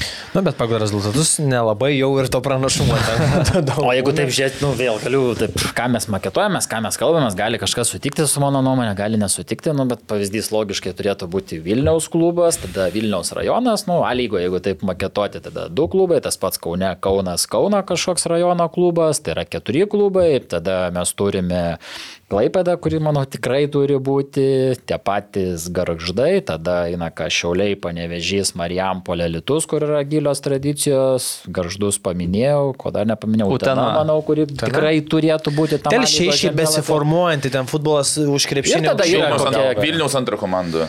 Nu, Vilnius, komandos. nežinau, jau krepšinį tik dabar atsirado, aš manau, futbole dar yra anksti dvi. Ir tada kokios, va, penkios, šešios tokios riteriai žalgiris. kandidatės, stiprios, kurios gali eiti A lygą. Ta prasme, sportinio principo riteriai gerai konkuravo kažkaip, bet šiaip long term, nu ką, per 20 metų ar sukūrė kažkokią Ne, fanų bet tai sostinė bent- visą laiką turėtų dvi komandas. Nu, tai čia ir sakau, tada turi- va, Vaikų yra sočiai. tu stipri pirmoji Nu, lygoje, su vaikai- galimybė vaikai. patekti į Čia A aš turiu menį iš futbolininkų, iš konkurencinės pusės taip, bet iš esmės nu, dabar riteriai nu, išsikels iš tos pirmo, iš A lygos į pirmą, nu, ir, ar, ar taip iš Ne, nu, bendruomenės pusės. Jonava, ta labai pati, nu, kažko aplink Kauną irgi tada gali būti Kedainiai Jonava. Nu, kažkas, ka, kažkas iš tų klubų gali būti. Tada tie patys telšiai, plungia, mažiekiai, kur irgi potencialas, nu, yra.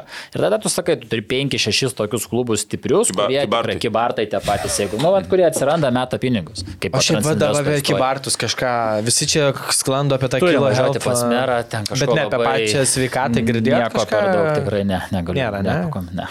Nes pagal tai, kai- kaip jie antrą sezono pusę pradėjo žaisti, jam pasistiprino, tai ten jie, kiek pirmoji pusė dvi pergalės, antroji pusė dabar dešimt, man atrodo, laimėjo, ir ten dvi lygiosios, tai ten turnyrai dabar pen- penktą, šeštą, man atrodo. Aplamai vis- visos lygos šiandien yra įdomios ir dabar laukiam, kas išeis, kaip pateks, nes nuo to priklauso ir kitų metų, vadinkim, galutinis komandų skaičius, koks jisai bus, kas ateis, nes jeigu ryteriai krenta iš A lygos, automatiškai ryteriai B krenta iš pirmos lygos, tada vėl atsiranda daugiau vietų antrai lygai ateiti į pirmą lygą. Nu, tai vat, visi laukia tos sezono pabaigos, kad susidėlioti visus taškus. O, bet e, jeigu taip vat, apie tą infrastruktūrą, tai iš esmės čia, vat, ką kalbėjom, tai 5-6 metai turbūt Taip. ne, apie tą infrastruktūrą, 12 komandų ir panašiai. Bet tarkim, ne kito sezono dar 2-3 metus toks ir planas, kad tada kokie telšiai važiuoja garždus, nu, taip, nori, nu, nenori. Kitaip, nu, turim dėti tą brūkšnį, kad ir kaip, kaip ir nenorėtume, suprantam vietinius fanus, kurie nori ateiti pažiūrėti, bet nu, nu, turim žengti ir taip paspausim tos politikus, miesto merus, kad greičiau galvotų ir ne tik kalbėtų, bet ir darytų. Nes tokiam telšiam turbūt nu, iššūkis būtų pasistatyti stadioniuką, kuriam galėtų dirbtinės dangos turėti ir dar tokį, sakykime. Ne, nu tai mes buvom, meras irgi Naujas telšiuose, teko bendrauti, nu ir su to Martinu palaikom santykių, nu ir buvo vienas iš pirmųjų mano vizitų į telšius, kalbėjomės apie tai, kaip padėti, nu ir sakom, gerai, darom ten treniruočių, yra stadionėlis, nu bet ten pasirodo ežiukai ar kažkas vėl, nu čia tos istorijos Lietuvoje, bet, nu, re, ai, ne, bebrai, Vil, Vilniuje, naujoji Vilniuje ežiukai, ten yra Bebrai, kažkokia geras. užtvanka, kuri, nu, ten negalėjos taip paprastai perkelti ir trukdo padaryti pilnų matmenų aikštyną, ant kurio galėtume galvoti, pavyzdžiui, manėžą, nes va, to manėžo tam regione nėra ir nu, reikėtų akademijai žiemos metu sportuoti ir taip toliau, nes pati organizacija dirba tikrai neblogai.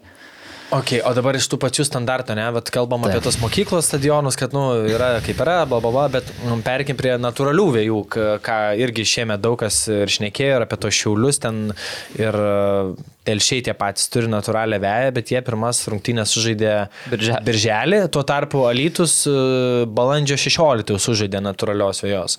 Tai vad, kaip šitoj vietoje va, tas standartas keistis, ar čia iš federacijos ta ranka turėtų griežtesnė, eit, kad, nu, gana manipuliuoti ir gal pradėkime, nes ten balandį, kai siuntė, mačiau šiaulių dangą, tai ten, nu, toli gražu ten iki žaidimo buvo, bet kaip va šitoj vietoje yra, ką klubai šneka, kaip to jie sako, yra kaip yra. Panevežė, nu tai va, ta pati garsio telšiuo, ne situacija, Martino, jie ten ten ir trešia, vežasi tos visus prižiūrėtojus, juos ir taip toliau. Nu, bet ten yra giliau problema, ten yra galbūt blogai padaryta pamatai vadinami tai žoliai, tas visas dirbožėmis ir tada turėtum vos ne tą visą žolę nuimti laukui ir daryti normalius pagrindus, privežti žemių tiek, kiek priklauso, kad nu, ta žolė atsigaut. Tai tų tokių problematinių mes daug turim, jie ten laisto, trešia, bet ta žolė nespėja, viskas daug kas priklauso nuo oro sąlygų. Nu, tai vienam regione vienokia situacija, kitam regione kitokia. Šiaurės Lietuva, man atsakymas Taip, dar buvo, kad ten taip. šiauliai, telšiai. Na tai dabar, va, telšiai, nu, kiti atrodo dabaigs, kas žaidžia dabaigs, viskas tvarkoja, nu, telšiai jau sako, ir tai bandėm, ir tai bandėm, nu, nu niek. Okay, o aš dar vis laik galvoju, mes šitą agronomą dar pasikvies, bet apie tą... O jis geras, žinok, tas menų jisai savo. Man įdomu šiaip, Profas iš druskininkų, jeigu apie tą dalykai. kalbam, tai tikrai ten žmogus sup. Tai, o tarkim, kaštų prasme, jeigu vat, e, žiūrėt pasidaryti ten hybridinę šildomą, apie kokius mes pinigus šnekam šitoje vietoje, tarkim, vat, e, nežinau, panevežiu tokiam miestui, kur didesnis pasim dangą, pasidaryti hybridinę. Manau, be pusės milijono net neverta kalbėti. Ok, o šildoma? Tai čia su... su, su Čia su- su- Seimo, su ne visas tas. Jo. Ok, bet čia turime mum buvo sistemos. pasiūlymai drenažo. drenažo stadione daryti, vadinkim, šildymą. Tai buvo kalba apie 5-600 tūkstančių eurų, kad kainuotų įvesti, vadinkim. Bet tai iš esmės išspręstų problemas, ar tai būtų visiems Nu, tai išspręstų, tarkim, mūsų atveju čia federacijos stadione, tai išspręstų, kad žiemos metu nereikėtų važiuoti su tuo traktoriuku, valyti sniego, jisai automatiškai nutirptų. Ok, bet žaidimo prasme, tarkim, e, ką mes kalbam ten Kaip tu žiūrėdavai, prižiūrėdavai, visą laiką turėtum prižiūrėti kaip ir prižiūrėjęs, taip, A lygos kontekste galbūt būtų kažkiek geriau. Kaunas, nu, irgi hybridas, bet susiduria vėl ten tada klausimas yra, jau atsiranda technologijos, kad tą patį hybridą atvažiuoja dar kartą ten sutvirtina, periša ir taip toliau, ką manau Kauno atveju kažkada. O tikrai greitu gal ne metu hybridinė, nes aš kiek pamenu, kad Vilnius hybridinė. hybridinė, o. Kaunelė šildoma tik Ne, tais, ne, ne? ne. Kaune Hibridinė. tiek šildomas, tiek hybridas. Tai Ok. viskas ten yra labai gerai su Kaunu. O Vilniui bus ten irgi hybridinė planuojama, nes kažką vienam interviu minėjai berots, kad jau jie ten- norėjo dėti, man atrodo, ne hybridinė, bet jūs ten kažkiek su jais Tai perkate. pradžiai sulaukim pamatų ir kad jau ten pradėtų kilti, o tada jau spręsim ar hybridas. Aš optimistiškas, šį kartą optimistiškas to klausimu. Nors, nors esu susilažinęs, kad nebus ten iki 25 vasaros. Kaip yra Jona, dangą nuveškit, padėkit šonę. Atkrauti. Atkrauti dangą, per- Nepanaudos per pingius iš- išvešim. Ne, šiaip planas yra hybridas. Tai. Bet gerai, jeigu Nes iš pradžių buvo planuota tose pirminėse pokalbėse, kada atsiradom, kad buvo tiesiog paprasta, nenaturali plastikinė vadinama danga. Vėlgi, dabar teko būti Belgrade UEFA komitete, tai viskas pagal ES direktyvas, komisijos, viskas nuo 32 metų nebebus galima naudoti dirbtinių dangų Profesionalų. su granulių užpildais. O čia kokias priežastys dėl trumpumo? Ne, dėl kenkimo. Ypač uždarose manėžose vaikai, tie patys profesionalai, jeigu vėl pa- pas mus, pavyzdžiui, federacijoje yra žalios granulės, jos yra keturis kart brangesnės negu juodos. Juodos, nu jos kenkia, kvepavimą. Labai namie išsinešioja grįžus juodas. jo, jo. greit, labai greit. Tai mintis ta, kad... susmulkintus. Jo, jo, nu, Nu, ja, aš realiai kažką taip. tokio ir... Granulės, nu taip, tai vėl kalba apie tai, kad galbūt ten tos vyno kamščio galėtų būti, dabar Lenkai kažkokią naują technologiją, tai davė perinamąjį laikotarpį, kad iki 30 metų galima daryti dar tokius projektus ir finansuotis, o nuo 32 viskas, viską reikės ištraukti. Jo, o dar aš, jeigu apie tos standartus mes čia šnekam apie nebuvimą mokyklų stadionų, panašiai čia dangas, suprantu jo, ten pusę milijono čia yra didžiulės investicijos, bet suprantu tai pridėtų kaip ir darius ir gerienė. Realiai lapkritį dar gali vos nelošti ir balandį jau gali Taip. Lošti po mėnesis ten ir ten. O dabar tie visi tokie komerciniai, marketinginiai, kiek va yra bendraujama su klubais, kad tie dalykai judėtų prieki, nes bendraujam čia vieną kartą, kai ten elementarus pavyzdys, lytų vyksta rungtynės plus 30, o iš jų kas fanai nei gali vandens atsinešti, nei yra parduodama, nei yra jo duodama nemokamai, vienas toletas ant šimtų žmonių. Kaip vat klubai vertina tai, kaip apskritai ten su jais yra žiūrima, ar jie ten savo eigą varo ir... Tipo, Klubas klubui netolygu. Nu ir tas požiūris. Ir kiekvieno klubo vis skirtingos priežastys arba problemos, su kuriamis susiduria. Nu, tas pats telšių džiugas šiandien dienai yra tiek federacijos federacija tiek A lygai skolingas. Nu, ir nesugeba susimokėti nei ten startinio, vadinkim, lygos mokesčio, kuris atrodo, kad ir ten 5000 eurų, nu, yra jokingas, jeigu tu žaidži A lygoje ir tikrai, kad taip atrastum, bet tu vėl žmogiškai supranti, kad sako, mano prioritetas yra pradžiai susimokėti žmonėms, žaidėjams, aptarnaujančiam personalui, kad nebūtų tam tikrų kažkokių skolų ten, o tada jau federacija, A lyga ar ten kiti juridiniai vienetai, nu, palauks. Ir tu supranti jo problemas, to mastu, kiti sprendžia problemas visai kitokio lygio. Tada vėl bendrauju dažnai su klubais, kalbėjau, kitą sezoną varo klausimas. Dabar jau turim tą varą, federacija dengia ir, nu, pasišneki su kitais kolegomis iš kitų federacijų, sako, nu jūs išlepinot klubus, jūs duodat viską klubam labai daug. Nu ir čia yra kažkiek tiesos, bet sakau, nu jie patys iš savęs neišvažiuoja šiandieną, jeigu tu paliktum viską A lygos kaip atskiro juridinio viento ir nebūtų jokio federacijos suporto, arba ten sakytume, mes apmokam tik teisėjimą ir visą kitą jūs patys darykite. Tai nei ten televizinių transliacijų turėtų, nei ten internetinių kažkokių super duper variantų, jau nekalba apie visus kitus dalykus ar ten varo. Tai apie tai va dabar su klubais pradėjom šnekėtis, kaip atrodys kitų metų piniginiai dalykai, kaip piniginių pasidalinimas, naujo generalinio rėmėjo suradimas ir taip toliau. Tai kiekvienas klubas sprendžia savaip. Tai jo, jau kai pradedi išnekėti ten apie kažkokias televizijas, OTT platformas ir taip toliau, nu, tai tada supranti, kad ne visiems tai dar šiandien yra aktualu, kiti sprendžia išlikimo klausimus.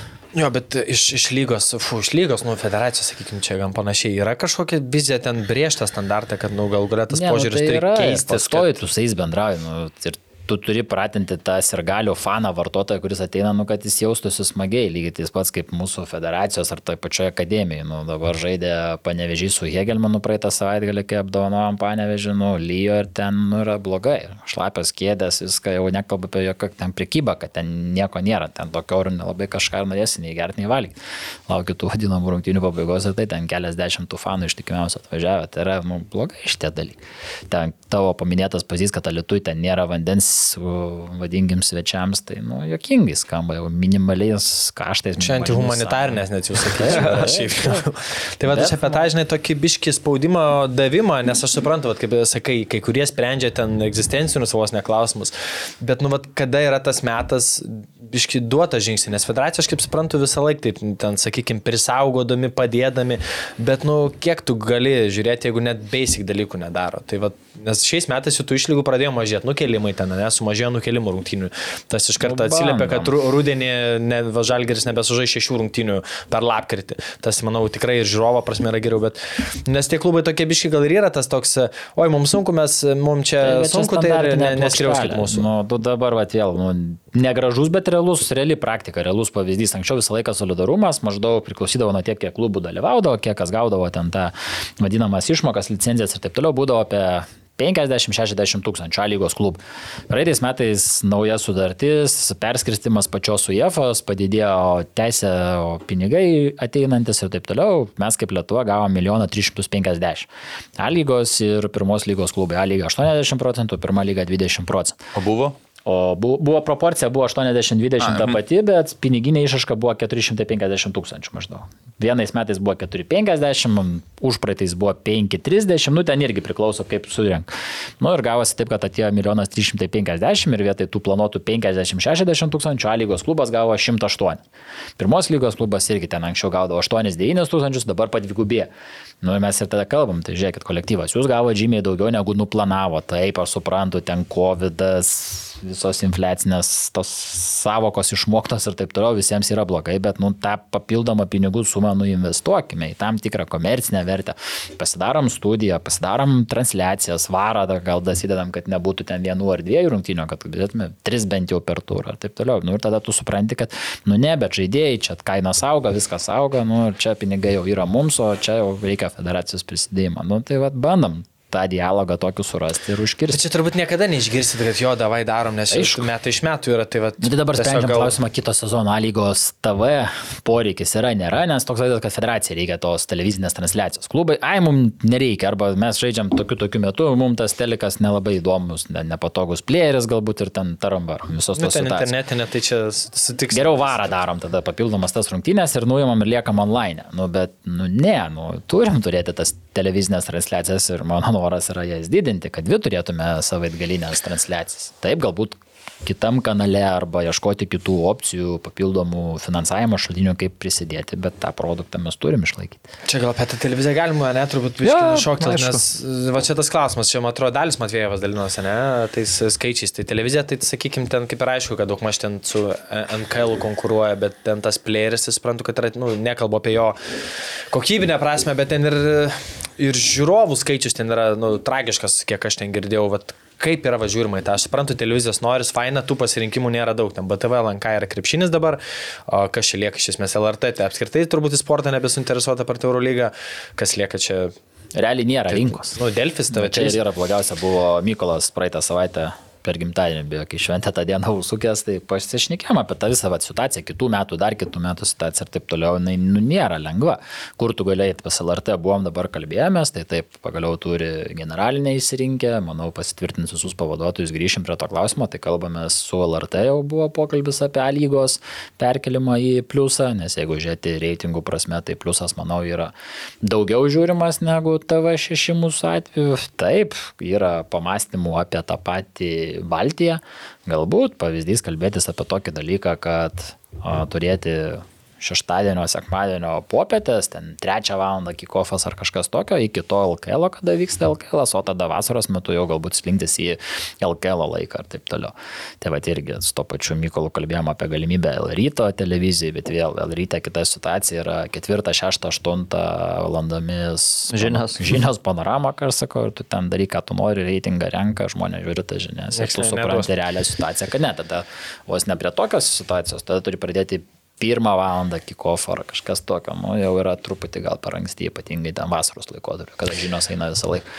Nu, tai tų tokių pasvarstymų yra, tas pats ir su to plėriu, tas plėris visiems iki gyvo kaulo įkyrėjas, tos reklamos, tas pastrigimas, bet tu supranti ir televiziją, kad jie per tą TV plėrį kažkiek, vadinkim, prasifinansuoja savo kaštus, atsimuša tam tikrus reklaminius kaštus, parsiduoda, išrodo rėmėjus ir taip toliau, o mes gaunam nemokamai TV eterį. Tai va, yra tų Bet čia, nu, va, tas svara, tas prieinamumas labai, labai apsunkina viską. Vat, kaip yra iš, sakykime, iš tos finansinės, komercinės pusės, tai yra, nu, gan aišku, jo yra ten tas susidengia su tuo, kaip ir visi win-win situacija.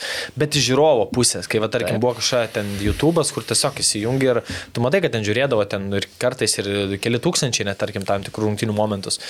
O čia Kiek žinau, ten kartais liūdnai, bet tenais ir keliasdešimt žmonių kartais Taip. ten tam tikras rungtynės žiūrė. Tai, nu, vartotojo prasme, tai ten, nu, visiška tragedija. Ar, pavyzdžiui, su tavimi yra šnekėta, kad, nu, okei, okay, liekam, bet davai šitą kažkaip, nu, tikrai ne, viskas. Tai ne, tris metus dirbom ir ten jau... kontaktas yra Arvidas ir Rimas ir mes su juo pastoviai kalbam, bet ne viskas ten nuo jo priklauso, yra dar kiti žmonės, nu ir ten užstringam ir jie tobulina pastoviai tą plėrį, negali sakyti, kad kažkiek yra pažengę, bet ten tų problemų yra ne viena ir ne dvi. Kalbam su klubais apie tai, kad gerai, federacija turime savo tavo ateityje platformą futbolas.tv. -huh. Kalbam apie tai, kad e, lygiai susimokėti tam tikrą pinigų sumą ir sakyti, žiūrėkit, tai na, mes darom visą turinį online transliacijų, darom šitoj platformai. Jeigu sugebam parsiduoti, sugebam uždirbti pinigų, dalinamės jos visus. Tai yra tų minčių įvairiausių. Kažkada teko kalbėtis ir su Sport1, su Delfiu, nu, yra tų. Tos rinkos nėra labai kažko ypatingo. Bet Nes aš manau, šitoj vietoj, tarkim, žiūrint tą bendrą populiarumą, tai iš esmės prieinamumas turbūt yra svarbiausias klausimas. Iš, iš komercinės pusės turbūt generalinių rėmėjų televizija yra big thing, kad tu tai turi. Taip, taip. Bet Vis tiek visumoj- televizija yra televizija. Ir tas, kad tu turi televiziją generaliniam rėmėjams, tai yra nu, vienas iš pagrindinių faktorių lemiančių, ar jie nori būti ir remti lygą ar ne. O kaip su rinktinė, nes vieplėjus išeina? Jo, va čia irgi. O čia geras klausimas ir ta vieplėjų situacija iš tikrųjų neramina, nes nėra kol kas aiškumo, kad Ten šiaip labai nėra aiškumo. Ir, nie, ir niekas nežino, nei UEFA, nei tas pats Vieplėjo žmonės dirbantis, tiek lietuviai, tiek ir tie patys Latvijai. Ir laukiam, laukime. Tai kokia buvo pati situacija, tai gavau skambutį iš UEFOS marketingo ir komunikacijos vadovo, kuris sako, žiūrėkit, bus situacija tokia, bus pranešimas, kad Vieplėjus traukiasi, iki metų galo žiūrim situaciją ir tada yra dvi opcijos. Vienas dalykas yra iki 28 metų sutartis pasirašyta, tai opcija A yra Jie susimoka, vadinkim, nieko nenutraukia, jie pasako, mes Lietuvos nenorim, nežinau, ten Estijos, Latvijos, dar kitų šalių, kur ten nemato potencialo ir eina patys parsidavinėti kažkam, pavyzdys kreipiasi į LRT ir taip toliau ir tada jau ten jų dėrybos ir UEFA tai nelenda. Arba jie nutraukia kontraktą, susimoka netesybas visas iki galo, kas, manau, būtų idealiausias variantas. Grįžta teisės pas UEFA, UEFA turi ten CIA 11 agentūrą, kuri pardavinėja tas visas teisės ir jau tada jau vėl per naują skelbia tenderį ir taip toliau. Nors tas tenderis, kai buvo dar prieš tų teisų įsigymą, tai iš tikrųjų rungėsi tiek TV3 patikė ganėtinai neblogą finansinį pasiūlymą, tiek ir LRT, bet jie plėjus ten, kai mostelėjo, tai mostelėjo. Aš girdėjau, kad ten kosminis. Nemažą, nemažą pinigų sumą. Ir dabar, vat, kol kas, ten yra toks Olafas, kuris irgi, nu, nieks nežino atsakymą. Ir UEFA irgi dabar pritilus, visi laukia tos situacijos ir buvom nuvažiavę pas LRT, kalbėjome su Gyčiu Aganausku apie tą situaciją, tai sako, laukiam, kol bus kažkoks aiškumas, nu ir tada žiūrėt. Nes FIFA teisės priklauso LRT vis dar mhm. iki pasaulio čempionato 26 metų. Ok, tai dar jo, kartą, nes... kuri, kur vienim čia te. Čia yra UEFA, kažkur, o čia yra FIFA. Kažkur metą tai LFF nepriklauso teisės transliacijos. Ne, nu, jie... nu, kaip jūs galite kažkiek įtakoti tą pirkimą, ar tai ne, kad... Nu, aš dabar ne, vėl, čia konfidencialumas, nekonfidencialumas. Federacija pasirašiau, aš dar tada buvau generalinis, buvo mano atsiminu pirmos dėrybos su JAF. Romoje buvo tos dėrybos, tai pasirašė 22-28 metų komercinių teisų pardavim. Tai šiandienai gauname 19 milijonų už 6 metus. Nu, tai dalinam pamečiui, gaunasi virš 3 milijonų, 3,1 ir taip toliau. Tu gali tada sakyti, žiūrėkit, mes neparsiduoda, mes esame atviri ir mes galim daryti, ką norim. Bet nu, mūsų rinka yra per maža, kad tu uždirbtum tokius pinigus kad nu, tai komercializuotume tą dalyką. Tada tu vėl yra šalių didžiųjų, kurios, nes yra trys galimi būdai. Yra 100 procentų centralizacija, yra 50 procentų ir yra 0. Tai nulis, ten, pavyzdžiui, Anglija jie nieko neparsidavė, UEFA jie turi savo visus rėmėjus, nors tai rinka, ar ten kitos didžiosios šalis, kai kurios yra 50-50 pasidarę. Tie patys bulgarai irgi nustebino, ten lažybo kontorų bendrovių buvo, nežinau, penkios ar šešios ant to pačio backdropo sudėtos. Tai, nu, bet irgi klausiu. Nu, rinka kas, didelė. Nu, didelė rinka, yra valdžios požiūris, kad turi remti lažybininkai sportą ir sako, mes per tai susirenkam žymiai daugiau, negu mums gali UEFA, tarkim, pasiūlyti. Mūsų atveju, mūsų Latvijos, Estų, nu, mūsų rinkos per mažas. Tiesiog. Tai tenka rinktis tą 100 procentų ir pasimtos finansus. Tai mes ir esame centralizavę pilnai ir tada UEFA deda į bendrą pūlą, ar ten kartu su Baltija, ar ten prijungia prie Skandinavijos ir jie eina ir pardavinėja. Lenkai, pavyzdžiui, nėra pilnai parsidavę, jie 50 procentų yra parsidavę, kur jau rinka tikrai yra didelė. Tai jau kalbant apie tas rinktinės rungtynes, pačioj mūsų pokalbio pradžioj ir pats Edgarai užsiminėt apie laikus tuos rungtynių. Irgi dabar ypatingai tas klausimas antradienis ar ne 21.45 rungtynės prasideda tokiu jau gan vėsiu oru ir taip Tragedija. toliau. Tai tragedija. Ką gali daryti federacija? Ir darėm ir kalbėjom, tai dabar yra įsiustas raštas į UEFA, gerai vėl mūsų rungtinių, vadinkim, iš UEFOS pusės prižiūrėta, yra Reda, Lietuvė, kuri irgi supranta tą situaciją. Nu, čia nereikia būti kažkokiu labai jau super mokslininku, nu, nusintėm visą savo statistiką. Mes birželio mėnesį su bulgarais berods žaidėm. Ketvirtą dienos. Ketvirtą dienos Taip. buvo, tarkim, 14 tūkstančių. Tada rugsėjo 7 buvo ketvirtadienis, žaidėm 7 val buvo su Jotkalnyje apie 10-11 tūkstančių. Tada su serbai žaidėm sekmadienį, blogas laikas, nu bet gerai, serbai, manau, pritraukė, buvo 9 ja. ten ar 8 tūkstančiai. Nu ir tada matom orai, matom antradienis 9.45, nu tai normalios šeimos, kai aš sakau, neatsives savo vaikų tokiu metu, nes yra tai šeimos, mokykla, akademijos tos pačios. Iš kitų ir... miestų taip, žmonės net važiuos, nes nu tada tu reiškia, kitą dieną turi pasimti išėginę, nes nu, nu tiesiog tu, kada tu grįši į Vilnių, nežinau, buvot, nebuvot, Rūna, jungtinėse, nu, tai ką, antrą nakties grįžti pusę dviejų. 15. Nu. Jau nekalbu apie ten kokią šiaulius, klaipėdą ir taip toliau, nu, tai yra blogai ir mes su JAF įsiuntėm, kad žiūrėkit, vienas dalykas, iš pardaviminės pusės mes matom, kad nu, pas mus bilietų pardavimo kreivė smunka žemyn ir iš to futbolo populiarinimo pusės, nu, niekam neįdomu, 9,45 plus tie orai. Nu ir tada buvo, pavyzdžiui, vėl ten UJAF skirsto, mes esam žiemos šalis, kur tipo šaltas oras pas mus vyrauja ir taip toliau. Tai vad, pavyzdžiui, lapkritį, jeigu būtume žaidę namų rungtynės, tai jau buvo nustatytas, kad kikofas būtų 7 val. Mhm. Vat, Latvija irgi lapkritį žais namų rungtynės, tai jie žais 7 val. Ir žaidė dabar šį langą praeitą irgi. Ir vėl, tu žiūri prieš ką tu žaidži, pavyzdžiui, mes kai žaidėm Bulgarijoje, idealus laikas buvo oras pats tas 7 val. pradžia Bulgarijoje ir Lietuvoje, kai žaidėm su jais, dėl to, kad bulgarai nėra kažko UEFA nedidelė rinka ir nėra parsidavus. Tada vėl tu gali lengviau dėlioti skaičius, kada tu žaidži ir rungtynių, vadinkim, tą pradžios laiką. O Kaip buvo su Vengrijos serbais? atveju, serbų atveju valandą pas juos atgal, nu pas juos pakankamai geras laikas. Dabar Nu, nu. Tai. Bet su serbais kažkaip buvo UEFA kaip ir davus leidimą, bet serbai nesutiko, ar ne? Taip, Kažkas būtent buvo dėl tos pačios irgi situacijos, kad nu, jiems pasirodė tas laikas neprimtinas. Jūs norėtumėte kelti kilintą su serbais? Septintą. Septintą, pas jau šeštą būtų. Tai toks, nu. Ne, nu tai mums jeigu... Bet jau aštuntą darbo- Lietuvoj būtų darbo neblogai. dieną, ten ketvirtadienį, 7 val. pradėti rungtynės, tai ar tą pačią 8 jau būtų gerai, o savaitgalį 4 ar ten 6-7 yra idealu. Bulgarija, sakau, 7 val. prasidėjo vietiniu laiku, nu, šeštadienis pats tas. Ketvirtą valandą mes su bulgarai žaidėm čia kaune. Nu, tai Pabuvo. smagu, žmonės gali po to nueiti į barą, į miestą, pabūti, grįžti į kitus miestus. Nu, visiems viskas Šiaip gerai. darbo diena septinta, taip iš savo perspektyvos pasakysiu, sudėtinga yra. Jeigu iš Vilnius važiuoja, tarkim, mes nu, vos ne pusę penkių išvažiavom. Tai va, Taip, aštuntą. Kaune trafikas, Vilniuje trafikas, Taip, taip. taip. nebėra valanda, Kaunas valanda. Ne, ir aš, realiai kai aš valanda kiekvieną dieną važinėjau, tai žinau, kada. Nu, su paparkavimu valanda kem penkias, tai aštunta turbūt būtų Vens ir Tai va, darbo tai diena. siuntėm, nes mes ir paskutinės dabar, kai su Vengrija žaidėm, nu prašėm mėnesį prieš siuntėm po serbų rungtinių prašymų, JAFA sako, ne, yra tas, o dabar bendrai. Tai va, treda kažkiek gal padės, patys įsiuntėm tos raštus, kad, nu, nu nežaist. Aišku, dabar rinktinės rungtinės, UEFinės bus tik tai kitais metais rugsėjai, tautų lygiai. Tautulinė.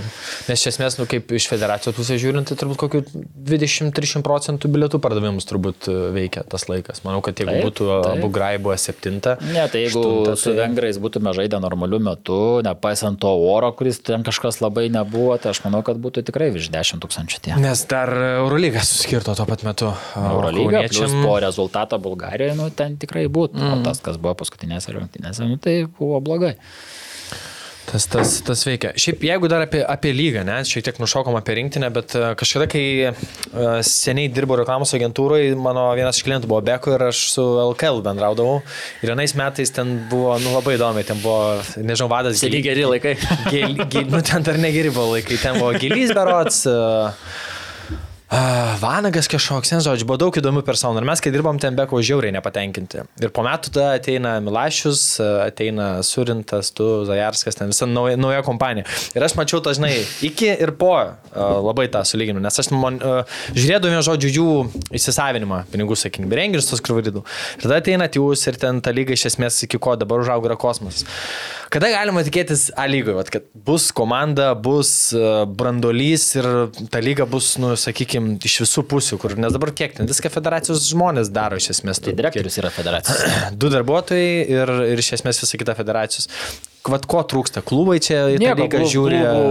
interesą didesnio ir supratimo. Nu, mes sakom, padarom, kad ir buvo to pačio direktoriaus rinkimai, nu, susidėkit klubai irgi atitinkamą pinigų sumą, kad, nu, nes jeigu žmogus norim prisikviesti direktorių atitinkamą adekvatų žmogų su patirtim, nu, tu jam turi mokėti atlyginti. Nu, nieks neįs ten iš tų altruistinių paskatų ir taip toliau, tai bet klubai, nu, sako, ne, nu, tada bandom tą variantą lipdyti tarp federacijos ir tarp lygos, kad būtų kažkoks bendras mūsų, vadinkim, žmogus, nu, kuris uždengtų ir federacijos ūkį, ir tada federacija ap- apmoka, vadinkim, tą žmogų. Taip, turi turi atsiskirti, nu taip, tas juridinis vienetas yra, bet šiandien dienai vis tiek tiek e, finansavimas, tiek visi kiti dalykai iš rinkodarinės, marketinginės pusės daugiau mažiau eina per federaciją. Mes irgi visko nu, nespėjom, stafas irgi ten nesipučia tiek kiek. Tai taip, dabar, pavyzdžiui, vėl generalinio rėmėjo paieška nauja, nu tai nei klubai, nei lyga šiandien dienai neieško, ieško federacija. Einam į bendrą paketą, kalbamės ir sakom, pas mus yra federacija, pas mus yra A lyga, pirma lyga moteris, nu atsidarai tą katalogą ir gali viską pasiūlyti. Iš vienos pusės tai yra privalumas mums kaip federacijai, iš kitos pusės aš manau, kad jeigu atsiskirtų, vat, kaip LKL turi savo neutralumą prieš krepšinio federaciją ir tada vėl atsiranda visai kitas požiūris. Tai kažkada atsiras, aš manau, nu, ir stiprės tie klubai, finansiškai atsigaus ir manau, kad... Bet čia ateis. tas finansiškai skaus, ar čia nėra labiau požiūrio klausimas? Man kartais atrodo, kad visi gyvena savo valtį, savo varpinį, kas iš dalies yra normalu, bet ir gyvenime turbūt taip elgiamės. Bet e, pati mintis, kad e, atrodo kartais, kad yra tos keturios Europos vietos paž- pažadėtų į žemę ir kai kurie net nelabai suinteresuoti bendrą kaip produktų augimą. Jie turi savo tikslą, jie turi savo b- pasiimt pinigus, o ta lyga iš esmės yra tam, kad kažkas pasimtų Yra vietą, tiesos. kažkas gal jaunimo užaugintų. Tai tas požiūris, nu čia iš iš esmės gal niekada ne- nepasikeis. Na, Aš einu per finansų prizmę ir per finansavimo šaltinį. Surasti finansavimo šaltinį direktorių, lygos administraciją ir kad dirbtų su rėmėjais tikrai yra įmanoma, bet reikia atsiriekti nuo savo dalies papildomas kažkokią pinigų sumą. Jeigu mes padarytume startinį mokestį ne ten 5000 arba iš viso neimtume, kaip kad buvo kelis sezonus išėlės, sakom, kiekvienas klubas susimeskit bent jau po 15, po 20 tūkstančių eurų. Pilnai užtektų. Federacija padengia teisėjimą, federacija padengia varą ir visus kitus niuansus, o tada lyga išsilaiko pati iš savęs. Nu, nes čia kalbam, kad neužtektų direktorių, čia ir komandos. Taip, nu, vienas žmogus ir nenuvers direktorius, kalnų. Nu, šiandienai Vaidotas, nu, jisai yra federacijos darbuotojas, yra lygos darbuotojas, nu, kada vyksta rinktinių langai, kada vyksta kiti mūsų turnyrai, nu, žmogiškai tu supranti, kad jisai lygos klausimų nepasprendžia arba pasprendžia ten kokius rungtinių perkelimus ir tos einamosius būtinius dalykus, jau nekalba apie lygos kažkokią strategiją arba plėtrą įmai į priekį. Nu, čia taip, sakykime. Arba turi ateiti vėl, diskutuojam su klubais, kad e, neturėtų būti klubo prezidentas, A lygos prezidentas. Mm. Nu, čia ta diskusija pastovi. Čia pagal visą etiką, iš esmės. Taip, nu kas ir buvo Remigiaus ateimo. Į LKL atveju atėjo verslo žmogus, kuris turėjo ambicijų įrodė, turėjo gerus verslo ryšius ir nu patraukė. Tai aš tikiu, kad ateis ir pas mus kažkada ta diena, kada ateis kažkoks X žmogus, kuris sakys per savo verslo prizmę noriu, jam reikia to vadinkim politinio atspalvio gero įvaizdžio ir pajudės reikalai. Okay. O šiaip lygiai iš savęs turi kažkokią, tarkim, penkių metų viziją tiek dėl ten augimo, tiek dėl komandų skaičiaus, dėl panašiai, vad su klubais kažkokią dėliojas ar dabar... Kalbam, bendraujam, nu, tai yra įkurta ta sporto grupė, kalbam, bendraujam, pristatinėjama lygai, kokius sprendimus derinamės ir taip toliau. Dabar eina tie tokie pagrindiniai. Nu, pavyzdys dabar naujausias sprendimas, sumažinom kontrakto sumą, kad tu su jaunu žaidėju arba kad ir su ten 20 metų žaidėjų, jeigu jam tai yra pirmas profesionalus kontraktas, kad ta suma jau nebereikia to vadinamo minimumo, o kad ta suma būtų bent jau 250 eurų, įskaitant mokesčius. Tai tu nu pastoji bendrauji. Taip, federacijos naują strategiją pradedam dėliotis tame tarpe ir lygos. Vėl su Janu esame paruošę tą visą paketą priemonių su politikais, keturios dalis. Tai viena dalis yra fizinio aktyvumo krepšelio atsiradimas, kad čia visam Lietuvos sportui, kad jeigu vaikas sportuoja, renkasi kažkokį sporto šaką, klubą ir taip toliau gautų atitinkamą fizinį krepšelį, kaip kad yra po to vadinamo neformaliojo švietimo šiandienai. Tada antra dalis yra prisidėjimas prie akademijų sertifikuotų, kad jos gautų akademijas lankantis vaikai savo krepšelį ir tai būtų didelė paskata. Trečia dalis yra infrastruktūra, ketvirta dalis yra lygos, klubai. Tai jeigu prisidėtų valstybė prie klubų, kaip kad buvo Sakartvelo atveju ir taip toliau, tai vėl tas impulsas būtų visai kitas. Šiandien nebekalbėtume apie tai, kad ten 10 ar 15 tūkstančių eurų metinis narystės mokestis klubai yra nepakeliami pinigai. Bet matom savo situaciją. Nu, ta pati varo situacija. Ten nėra, kad ten labai kažkokie nepatraukiami pinigai. Nu, ten vienų rungtynių sezono atveju į vieną ar į kitą pusę yra maždaug kokia 50 tūkstančių eurų. Jeigu darom vienas centrinės rungtynės, yra ten pavyzdys 150 tūkstančių, jeigu darom dvi per savaitgalį yra 200 ir jeigu darom tris 250. Nu, tai jeigu, sakyt, federacija apmoka vienas ar dvi rungtynės ir klubai per sezoną tą 50 tūkstančių 10 klubų, tai yra 5 tūkstančiai eurų papildomai, kad turėtume 3 rungtynės. 3 per savaitgalį turim varo rungtynės, manau, pilnai dengia šešias komandas, tai yra daugiau negu reikia. Mm. O tai dabar suprantu, visą lygos sprendimus priema 10 klubų, LFF turi savo atstovą. Aš esu valdybos narys. Kiek, kiek viso sudaro lygos? 11. 11, ne? Iš esmės tai... Nu, čia tokia žalės kova su vėjo malūnais, nes turbūt požiūris į taupimą pinigų ir, ir žiūrėjimą į save, tai pas visus klubus yra. Tai ten ne, nu, bet kažkokia federacija irgi mes turim tą savo balsą matymą ir jie supranta, kad nu, einam į tą kolaboraciją ir bendradarbiavimą kartu ir noras yra užsukti tą variklį, kai aš sakau, kad atsirastų turėmėjai, nu, bet nu, tiesiog nu, šiandien tai yra užburtas ratas ir be federacijos pagalbos ta lyga nu, neišvažiuotų. Kitaip sakant, ant gyvybės aparatų federacijos pajungti. Iš Realiai, esmės, nu, taip, nu, tai Nes tas visi savo kiemą žiūri. Taip, nu, taip, taip. taip. Nu, didžiausia bėda yra, tai va, tai, žinai, prieš tai klausiau apie tos standartus, kad čia kartais gal ne, nemėgsiu to valdymo modulio, bet skalik ir valdyk, ateini ir sakai, yra taip, taip, taip. Darysim teleką taip, bus online čia ir viskas. Nes jeigu klubai patys nieko jiem, nedaro. Gali būti iš vis, kad neturėtume televizijos rungtynių. Nes tada ta X pinigų suma, kurią tu gauni iš generalinio rėmėjo, jie pasidalintų tarpusavį ir viskas, jiems gerai, atėjo į klubą papildomos pajamos. Nes aš šiaip neseniai klausiau pas uh, Aurimą Budraitį, buvo Rimtas Šekavičius. Ir šiaip jis tas pačias problemas, kai jisai 14 ten darė. Irgi sakė, kad ten buvo kalba įskirkit algą, ten direktoriui, dar kažkam. Prieš tos pačius 9 metus ten buvo kategorija, o Jėzus, ten algos. Bet visi laukia, kad federacija įskirtų, padarytų ir tada sakytų, jo, viskas gerai. Čia yra pagrindas finansavimo šaltinis, kas yra. Ar federacija, ar klubai. Jeigu klubai priešinamės, jeigu federacija valio, reikia, visi sutinka. Dabar problematika yra teisėjimas. Šį sezoną visi mus uh, tikrai nemažai kritikuoja dėl ten vienokio ar kitokio teisėjo sprendimo. Nu, taip. Klubams sakau, žiūrėkit, antrais metais išėlės antrus sezonus kartuoju.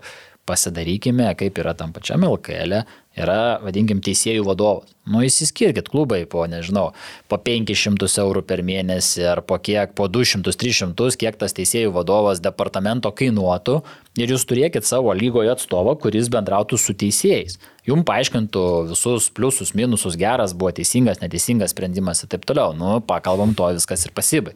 Ai, viskas gerai, palikim. Jeigu Ne, galvos tai nes- nesugeba Ne, tai mes turim, mes turim algoritmą, kad ten jie siunčia po kiekvieno turo, turim grupsą, į kurį sudeda tos e, diskutuotinus epizodus ir taip toliau. Nu, ir kas iš to, tada klubai kažkurie galbūt bijo arba privengia kažką pakritikuoti teisėjus, nes tada atsižais, atsigros, kaip ir sakau, ir taip toliau. Tai dabar priimtas buvo sprendimas federacijos, kad turėsim kiekvieną antradienį video rubriką, teisėjų vadovai aiškins tos diskutuotinus epizodus ir nukalbės. Labai gerai.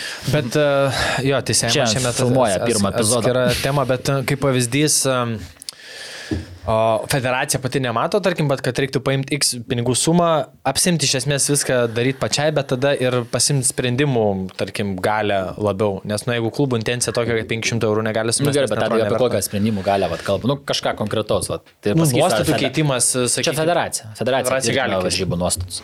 Nu, bet esmės- vykdomasis komitetas tvirtina varžybų nuostatus. tuos klausimus, kurie va dabar klubai stringa ten, kur dabar 500 negali pasakyti bet kokiam klausimui, niekam, bet realiai visą kitągi klubai sprendžia, bet kokį klausimą, ne, ten e, nukelimai varžybų, visų klubų reikia ten sutikimų, visko, tvarkarašio ten dėliojimai. Nu tai vėl, rungtinių nukelimas mes dabar įsidirbę esam tokia, kad pradžiai klubai patys turi susitarti, jeigu tarpusavį nesusitarė, tada jau kreipiatės į federaciją ir mes priimam sprendimą, ar nukelsim ar ne. Bet pradžiai, nu, bent patys susitarkit tarpus, nes anksčiau būdavo eina vienas klubas tiesiai į federaciją, kitas klubas irgi į federaciją. Ir skirtingos nuomonės. Nu tai dabar jau tą bent jau išsidirbom.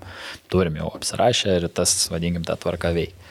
Nu, yra tokių vat, daug diskutuotinų dalykų. Nu, pavyzdžiui, dabar generalinio rėmėjo paieška, nu, X pinigų sumą surasim ir tada sakysim, kad, va, žiūrėkit, iš tos sumos A lyga gauna tiek, pirma lyga gauna tiek. Apsirašom, ką jūs įsipareigojat kaip po lygą, kad turėti tam rėmėjui atidirbti, viskas važiuoja, nes patys jokių opcijų neturit. Okay. Nu, taip, bet kaip pavyzdys, tarkim, jeigu galima keisti nuostatus, kad yra, atsiranda X eilutė su X kaštų, kuris yra privalomas klubui susimokėti. Jo, bet, nu, tai čia vėl, tu prievarta, nu, mielas nebūsi, nu, tu su jais bandai edukuoti juos ir kalbėtis, nu, žiūrėkit, mums reikia to, nu, padarom tą dalyką, padarom varą, nu, varo irgi, kiek kartų kalbėjom su klubais, nu, nereikia, nei reikėjo teisėjų vadovui buvusiam to varo, nei klubams reikėjo to varo.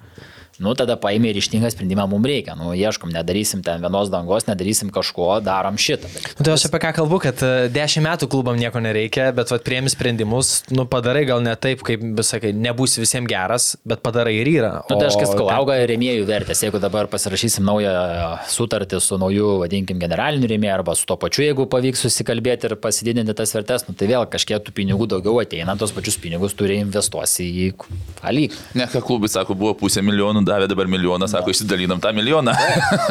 ir vis tiek skolingi. Nu, tai dabar irgi, nu, iki kokių... Bus 2 milijonai, seks išsidalinam, bet varo nereikia, to nereikia. Tai- Ne, Čia tai ir šneku, tai čia apie tą sistemą lygiai taip pat, kaip ten buvo kalba apie federacijos tuos, ar ten klubai labai norėjo ten kažkur rodyti kažką. Aš sakau, kiekvienas sėdi savo Taip. kiemelį ir ta prasme, Ir taip, vienas sprendžia tvarkos. dangą, kitas sprendžia, kad dangus nėra, Kitas sprendžia žaidėją tą. parduoti, trečias jau Solidarumo kažkas- pinigai, kur yra tikrai, nu, nemenka pinigų, ne, suma milijonas 350. Nu, tai irgi pasiūlymas toj darbo grupiai, kur diskutuojam, po to leidžiamės jau į apačią, į A lygas, į pirmas lygas ir į jaunių futbolą. Nu, ateina milijonas 350 mūsų rinkai, sakom, 80-20 procentų, bet paimam, nu, 700 tūkstančių atiduodam klubams, tuo 600 ar kažkiek atiduodam jaunimo akademijom. Nu, taigi pas jūs tas jaunimas yra. Ne, tai mums nereikia ateiti, tegu ateina į klubus, nes vis tiek mes jaunimą ir išlaiko. Jo, bet ne visur, bet ką aš noriu pasakyti, mes turim sertifikavimą, tada įgalinam sertifikavimą ir per sertifikavimą, nes jeigu A lygos klubas nebūtinai tavo akademija yra traukianti atitinkamą žvaigždutį, taip tada patobulinsim tie, kas dabar yra ketvirtoji kategorija, trečioji ir taip toliau. Ir klubas sako, ne, ne, nereikia, čia yra mūsų pinigai, tai yra A lygos pinigai, A lygos klubų, pirmos lygos klubų ir pinigai turi ateiti tik pas mus. Nu ir tu tada, o būtų geranoriškas požiūris, sakytų, nu jo, nu, gaudom visą laiką ten po 50-60, dabar gausim 70, o tą 30 tūkstančių, nu, skatinam jaunim. Ir per tai grįžtų atgal tie, kas iš tikrųjų gerai dirba ir taip toliau. Nu, Gerai. Šitas su klubais liūdna situacija. Aš įsivaizduoju, dar važiuodamas, galvoju, tokia, pavyzdžiui, Anglijos federacija futbolo, tai apskritai tik rinkti nerūpinasi. taip, taip. Nes čia Premier lyga turi ten savo neįtikėtinį biudžetą, ten geriausią žaidėją renka asociacija žaidėjų. Nu, tai tas, kur tas real- pats ir krepšinis šiandien, nu, federacija neina ir rūpinasi LKL, NKL yra atskiras, nu, gerai, moterim ir vaikais liktais, moksleivių krepšinio lyga, nu, pasuportina padeda.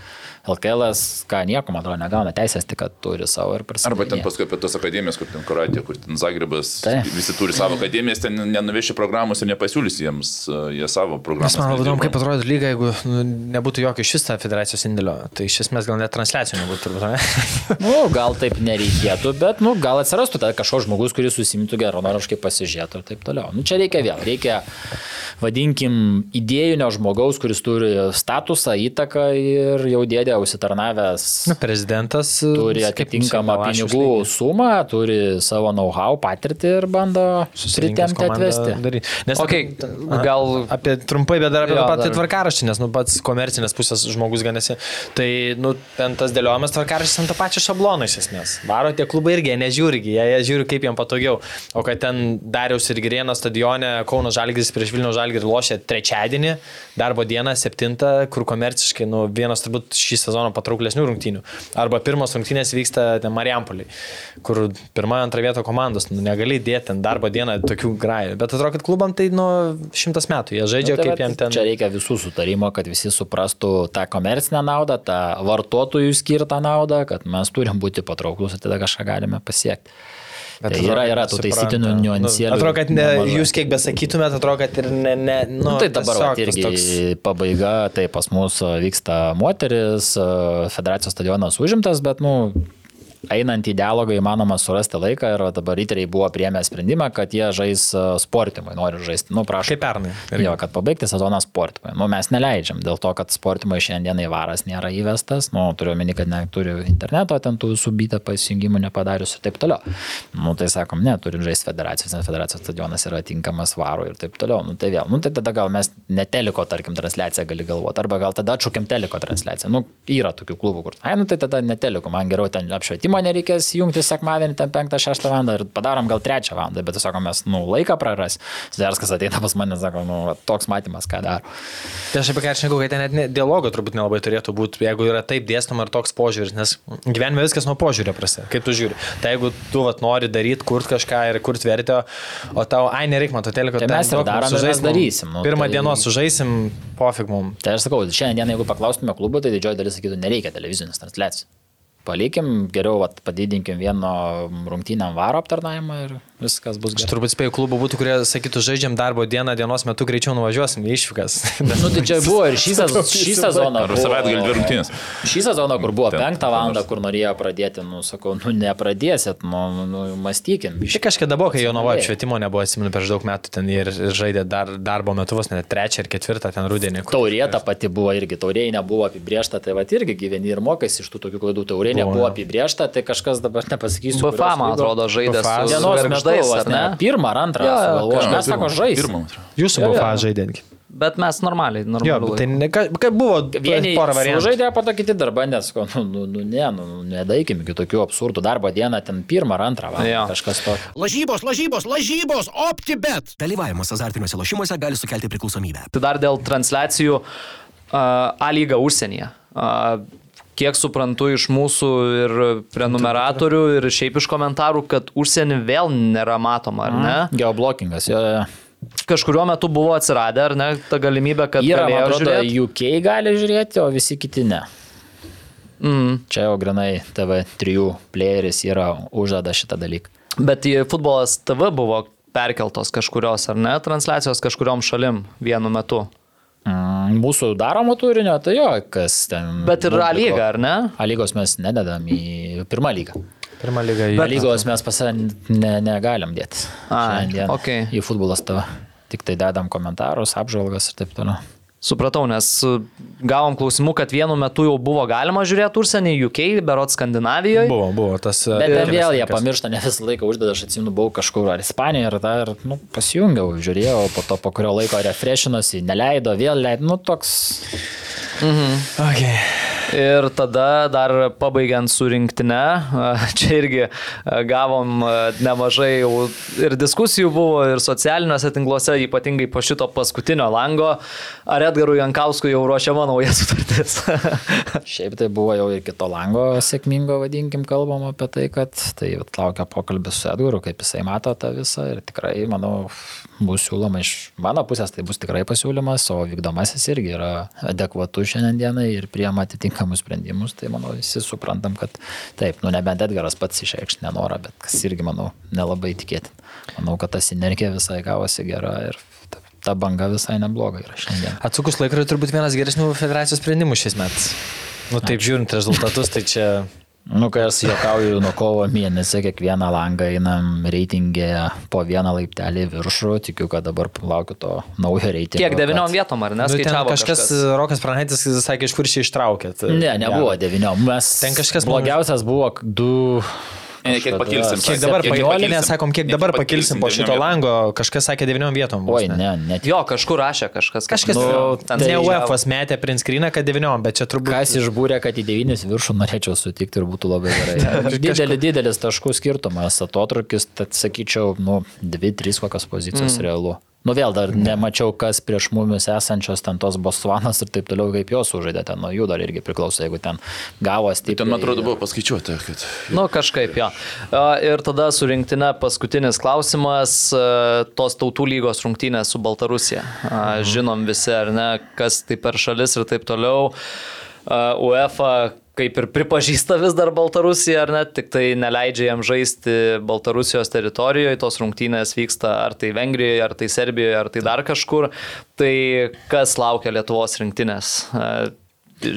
Kalbėsim, lapkritį kalbėjau jau anksčiau su Edgaru apie tą situaciją, su žaidėjais, vėl su žiniasklaida kalbėsim, UEFA's pozicija tikrai nesikeičia, nu, gal atsitiks stebuklas ir kažkas įsispręs iki to laiko, bet pagal dabartinę tendenciją tai turėtume abi rungtynę žaisti neutralioje aikštelėje. Tai Abi dvi, taip, namų taip, čia futsalo variantas, ne? Kaip futsalo žaidė. Mes futsalą žaidėm Armenijoje, Jerevane, o čia planas yra greičiausiai Vengrija. Mm. Budapeštas. Uždarų durų rungtynės, žmonės nėra įleidžiami į tas rungtynės, tas jeigu nieks nu, nepasikeis šitą situaciją. Arba tada, jeigu tu priemi sprendimą nežaisti, nu, tai tada eini į tą, vadinkim, D divizioną. Tautų lygos, ko tikrai nesinori. Ne, mes Nu, čia ypatingai dabar, šnekėjom, jo. kaip tik, kad vat, kitų metų tas e, rinktinės visas, jeigu iškrenti netyčia D divizioną, tai sužaidė čia su Baltarusija išvyko net nenamė dvi rungtynės, tada Baltijos taurė ir tautų lyga D divizionė, tai neskamba seksi. Ne, visai. ir dabar čia savaitgalį nagrinėjausi tą visą būsimą formatą, kas kur, nu, taip žiūri, Latvija, Estai in į C divizioną, o tu į, į, Nu, iš C į bet D. jie buvo ten prieš tai. Ir ten nėra lengva, ta patys Latvijas, tai taigi iš pirmo to edišono nu, nepraėjom, reikėjo keturių metų, kad iššoktų. Na, ok, bus pir- praleis žlugo. pir, tik pir, ne, ne, ne, pirmam tas jau buvo dvi tautų lygos etapai, dabar bus trečias, tai jie pirmose dviejose žaidė D divizionį. Nu, čia reikia laikyti, kad e, išliktume tiek, tiek iš tos, nu, tobulėjimo prasmės ten, nu, kad Iš ir sakai- Baltarusijos pusės, tai jie jo, vienas rungtynės tik žaidė Serbijoje ir greičiausiai būtų Vengrijoje. Mm. Vengrai. Ar dar? Ne, bet nu skrydžių prasme kelionės visien. Ne, Tai mes dabar jau einam link tos praktikos, kad turim čarterį, tai toks planas. O, sakau, daug dievė, ta situacija pasikeistų. O ten ta mintis, kur siūlėt susikeis, ką ne, berots kam ten Kiprui, kažkaip ten, ar ten buvo toks... Nu kaip, utopinė vėl tokia idėja? vakarienės metu su JAF kalbėjom, sako, nu, neburkit. Neišvedinėkit savo taisyklių. Okay. Toliau prie žiūrovų turbūt, ne, ar Čia čia kitas dar... dalykas, nu, yra Kipras prieš Gibraltarą. Tarą. Tai, nu, Kipras yra ganėtinai stipri, tai Gibraltaras, tas Kipras, okei, okay, jiem tai labai ta pora gera, arba mes, arba Baltarusija esame, manau, kad stipresni šiandienai už Gibraltarą. Nu, Tai ja, nu, čia toks... Logiškai irgi nenorės, nesutiks. Jo. A, Pereina, manau, prie pačios federacijos veiklos. a, a, Šių metų pradžioje ar ne buvo a, su Seimo atstovais nemažai reikalų ir UEFOS atstovam teko čia atvykti, daug diskusijų. Pernai metų Bet čia galas. jau, jau sausį, sausį jau Jo, buvo, suprantu, finišo tiesiog. Jo, teisingai. Buvo, jau, jau. Gruodį, gruodį Jo, pasikeitėm jo, jo. įstatus. Įstatų keitimai, tai koks dabar tas santykis su Seimu? A, Ar yra vienas iš Ar mūsų laukiat klausimų? Jo, ar laukiat rinkimų ir ar jau federacija gali gauti finansavimą, kok, dėl kurio buvo kalbėta, ar ne? Laukiam, laukiam tikrai tų rinkimų, nes, nu, kai ateis nauji, tu vėl gali planuoti į priekį planą, o dabar kalbamės, bendraujam, turėjau keletą susitikimų su to pačiu Laurinu Kaščiūnu, pasišnekėjom, pristatėm savo tą planą ir jisai sako, viskas yra fainai, gražu, reikia dabar rasti eilutę, kaip įterpti, matom, Lietuvos biudžetą, deficitinis ir taip toliau, mm. nėra tam paprasta, bet vėl labai tikiu, kad bent jau iki šitų rinkimų, vėl su sporto agentūra, kiek bendravom, kad atsirastų bent jau tas pirmasis žingsnis, tai yra tas sportinis krepšelis fizinio aktyvumo. Tai jeigu tai padarytų visam Lietuvos sportui, tai būtų mum futbolui labai į naudą, nes turim masiškumą didelį ir vat, jeigu tą pavyktų padaryti per kitus metus iki rinkimų arba dar kitų metų pradžioje, tai sakyčiau, kad vat, tikrai padėjo ir įvyko politinė valia. Tai to bendravimo nu, netrūkst. O šiaip e, tais pačiais pakeistais įstatais e, patys matot organizacijos viduj kažkokio teigiamo impulso iš tos pusės, kad va pasikeitėm ar ne, nu žinom tą, kad e, neliko vykdomajam ar ne žmonių su kriminalinė praeitim. Leng, lengviau dirbti, lengviau koncentruotis į savo tiesioginę veiklą ir sakau, nelinkėčiau net ir priešui praėjusių metų patirties. Tas pusmetis buvo tikrai išgyvenimų ir tikrai buvo sunku, emocinis tas fonas ir darbuotojus tu matydavai pastoji, kai aš sakau, okei, okay, turėdavai vaidinti, kad viskas čia yra normaliai, nors ten viduje verdi, dar pabūti psichologas darbuotojams, kad žiūrėkit, hebrytė, viskas tvarkoja, dirbsit, jūs liksit, nu neuždaryšia jūs nieko. Ir bus ta federacija, viskas tvarkoja, galbūt pasikeis vadovybė ir toliau važiuosit.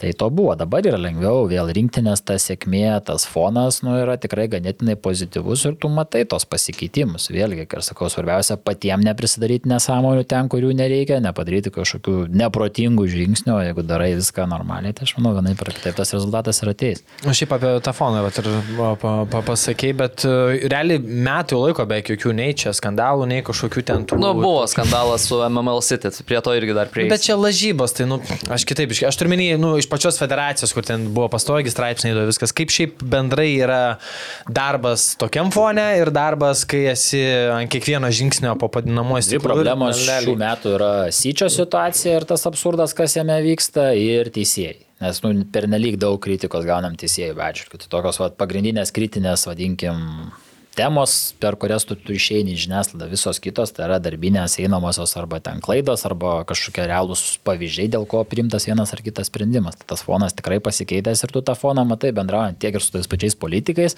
su miestų merais, tiek ir su potencialiais rėmėjais.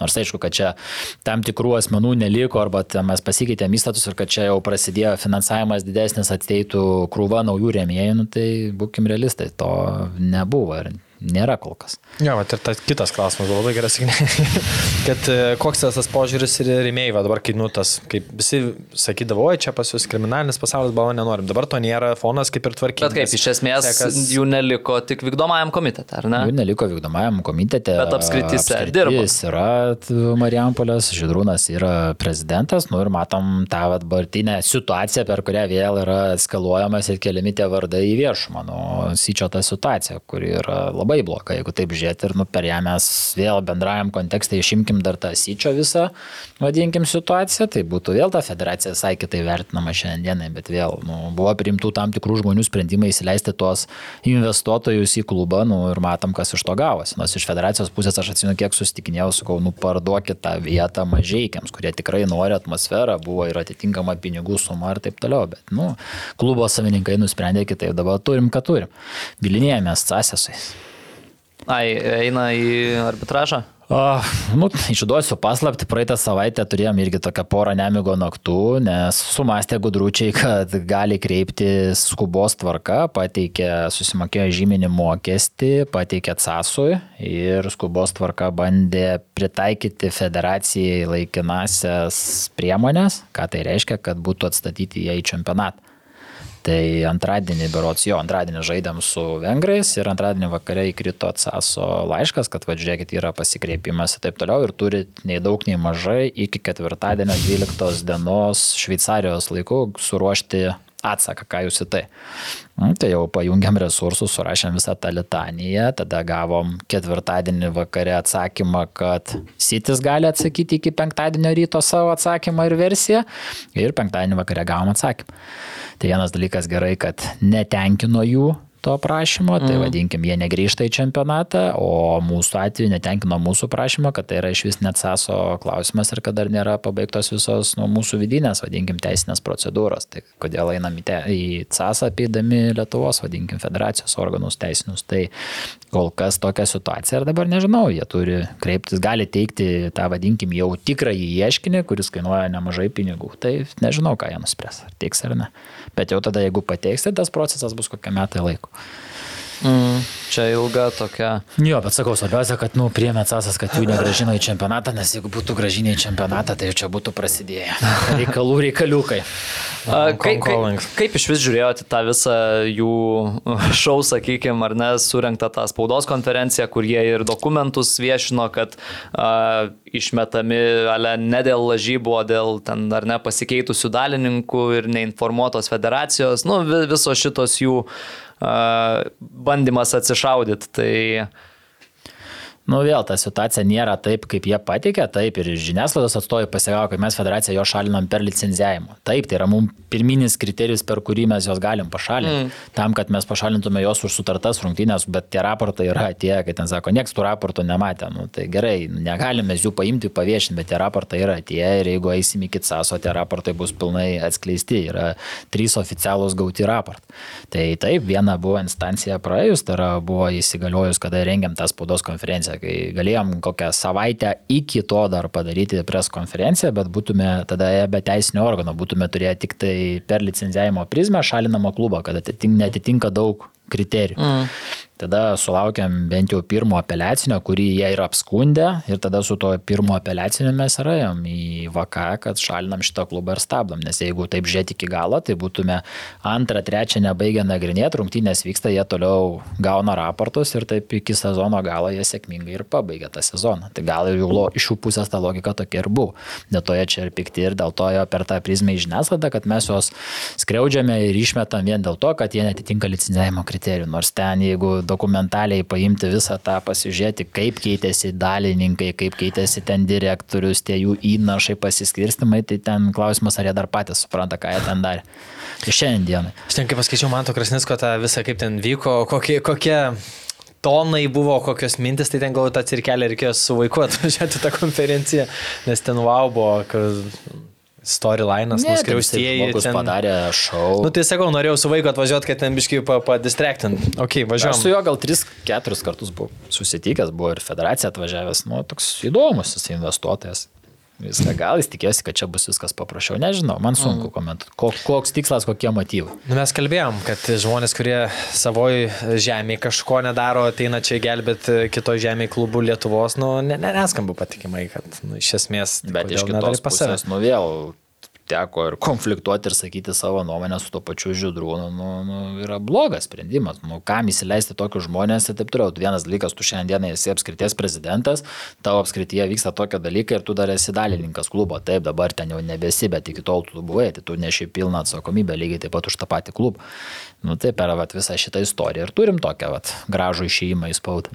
Nu, kurio Būtų gerai, jeigu nebūtų buvę. Taip. Paprašiau. Taip. Nu šiaip tas match fixingas, nu, auglys, kaip nepavažiūrės. O kaip dabar numatyta pirmoji lygoje, uh, krenta trys komandos ar ne? Tai ar paskutinės dvi vietas? Jo, trečia, trečia peržaidimo. O tai kaip dabar su MML City, ar ne? Jie Pagal. yra pašalinti, tai vis tiek. Neužima jokios vietos. Jie neužima jokios vietos. Irgi, kad nebūtų interpretacijų, praeitą savaitę sušaukiau pirmos lygos klubų susirinkimą ir paaiškinam, kad žiūrėkit, Sičio tokio kaip po nėra, jie neužima nieko, tiesiog jis yra brūkšniukas padėtas. Tai vis tiek trys tada tos. 15-14 skaičiuojam, kad yra paskutinės mhm. dvi, jos krenta automatiškai, 13 peržaidimo žaidžia. O tai čia Kauno Vilnių Žalgėrio akademija šitą situaciją pasunkino, nes mačiau, buvo ant relegationo dabar. Šiaip ten gali apskritai pusę akademijų ten. Taip, taip, ten iškritimo. Jo, nes ir buvo tokia, kad nu, dabar pagal dabartinę lentelę Jonava paskutinė, Vilniaus Žalgeris berots prieš paskutinis. Jo, Kauno E, Vilniaus dabar dar būtų tokioje vietoje, kur žaistų peržaidimą. Ten kažkaip, nu, sitis dabar turminį, Ne, ne, susičiu. Sičio mes išėmėm. Jeigu be sičio, tai taip, taip, taip, Tai žalgeris. kiti kuris tiesiog- traktavo, kad Sitis ir Jonava krenta, o Vilniaus Žalgeris. Jo. Tarsi man žaidžia peržaidimą. O dabar jau ne, ne, ne kitaip. O Okay. Dar kol tu kiek turim dar kažkiek laiko, ne? Viskas gerai, kalbam. Ne, nes berot pirmas, sakė, ne? Ne, ne, galim kalbėti. Oi, tai jeigu galim, Tai tai žinok, mes dar kalbam. smagiai šnekas, tai Maks galim. iki pusę dviejų, ok. Okay. Gerai. Oi, tai labai gerai. Super. Nes dar turiu porą klausimų įdomių. Ir žiūrovai šiaip daug mūsų Tai kontribuoja. va, aš jau ir norėčiau pereiti prie, prie jų. Tai gerai, aš dar vieną tokį trumpą apie, dabar vat, rinktinė jau faktas, žais Darius ir Grienų, nebebus čia tų mėtymus, turim stadioną. Tas pats su taurė, taurė anksčiau turėjom tradiciją, kad kilnodom ten kas, nu kaip pasisiūlo patys apskritis. O, tai kaip tarkim bus dabar su U21 ar moterim, dabar jau Navoje žaidžia pastovi paskutinis kelias. Ar bus kažkokia vizija, kad nu, bent tas rinktinės regionam duot parodyti ir, nu, tarkim, atsirinkti, kad Alytus, Marijampolė ten atitinka Jonovo stadionai, viešbučius, ten ta visa infrastruktūra ir kas kažkiek ten atvežė tiem žmonėm. Nes telšios, pavyzdžiui, atsimenu, žaidė prieš kokius septynis metus su Fareras Beros, tai ten pilnas stadionas buvo ten telšios. Tai vad kokia vizija yra su tom dviem rinktinėm šitoje vietoje? Tai nacionalkė viskas kaip ir aišku, bus Kaunas ir kol Vilnius neturėsim šimtų procentų žaisim. Dėl turės finalą, kad jis laiką bus Kaune, nežinau, matysim. Vėlgi daug kas priklauso nuo komandų. Pavyzdžiui, šiais metais tikėjomės, kad bus atmetus viskas, kad turėjo būti ir būtų, manau, buvę žymiai įdomesnis ir daugiau žmonių, jeigu vietinė komanda būtų, būtų dalyvavusi, vis tiek Kauno Žalgeris stipri bazė ir galių ir taip toliau. Tai vat, norėtųsi, kad būtų taip. Ar kelsim į kitą miestą, matysim dėl jaunimo, tai moteris pavyzdys žaidė irgi paskutinės rungtynės Jonavoje, dabar Vilniuj. spalį žaidžia Vilniui, gruodį yra numatytas Vilnius arba Kauna. Tai irgi žiūrim pagal oro sąlygas, pagal laisvas arenas, stadionus vadinamus, kada kas laisva, jaunimas taip yra dabar Jonava numatyta, anksčiau žaidė Marijampolė Lietuvai, bet nu, jau šiek tiek irgi pabodo iš organizacinės pusės būti tiek Marijampolė Lietuvai. Kitais metais mergaičių čempionatą turim U19 finalinį etapą, tai jis vyks Kaunas, Jonava, Marijampolė ir Alytus. Keturi miestai. Kauno, tai, nu, rotuoja. Okay. Bet vežiosit kažkiek, ne tas rinktinės. Bet vėl, nu, einam į tą iš organizacinės pusės aplink Vilnių, aplink Kauną ir tos esančius regionus. Nu, telšiai buvo kažkada, buvo netgi ir taurės finalas, kalbėjome. Atidarymas buvo. Galbūt galimybę Utenoj surenkti vieną kitas rungtynės, bet iš trenerių pusės jie irgi nelabai nori keliauti, įpratę prie vienos, Jonavos ta infrastruktūra šiandieną tikrai yra gera ir gaila, kad tas klubas taip prastai atrodo bendram kontekste ir tikėtina, kad krenta lauk iš pirmos lygos į antrą, bet ten infrastruktūra labai gera. Jo, aš, aš ten, kai dažnai lankaus, tai iš esmės ten yra įspūdinga viskas, kas yra tam. UEFA, kai bazėj, pamato, ten jokių wow, nei pastabų atvažiuoja, visi sako, viskas yra gerai, apšviet. Nu, tas man nėra prie ko Taip, taip, prikibti. nu, stadionas, arena, baseinas. To ten- paties miesto požiūris meras irgi tikrai adekvačiai žiūrintis sporto reikalus, prisideda, myli tiek futbolą, tiek krepšinį ir yra vėl pagal tai irgi dėlioja tam tikrus niuansus. Jo, nes ten, man atrodo, tik stadionė čia toks e, vlog, vlogas rašė, kad e, šiaip žiauriai mažai žmonių buvo su ten šito Velsu. Lietuva, Islandija, paskutinės, Ai. nu, kur jau čia rudeniškesnis oras. Vėl kad ta, to pati, ta, pati, ta pati diena, kada žaidžia nacionalinė. Jo, tas, tas Tai irgi buvo. pats net nevažiavau, nes nu, tiesiog fiziškai nespėsi. Nes, nu, išsakau, bet tas jaunimui, manau, irgi žiūrovas. Vieną prasilenkia, vieną minus, nu tada viskas tvarkoja gali. Tai Dar, turim, o vat, apie tą taurės kilnojimą, panėjot, o gal būtų, va, tarkim, visai variantas, aišku, kažkiek ten, nu, konkurencija pažydžia, bet jeigu iš tos atmosferos pusės panašiai čia kontempliuoju, tik tais galvoju, Nu, nu. jeigu vat, finalas turės, turi dvi komandas ir finalą, nu, žaidži kažkurios iš vienos ten ištraukus burtus, kad, nu, ta būtų atmosfera bent, sakykim, nes ten tuščiam stadione žaisti turbūt niekas ne- nenori. Vilniaus Žalgeris Kauno Žalgeris pamaketok variantą, kad duodam finalą Vilniaus Žalgerio, nežinau, LFF stadione arba būsimam kokiam nacionaliniam arba Tai policijos. tam burtai stadione. kažkas Monetomis. e, moneta. Nu gerai, dabar tarkim žaidžia Transinvestą ir banga.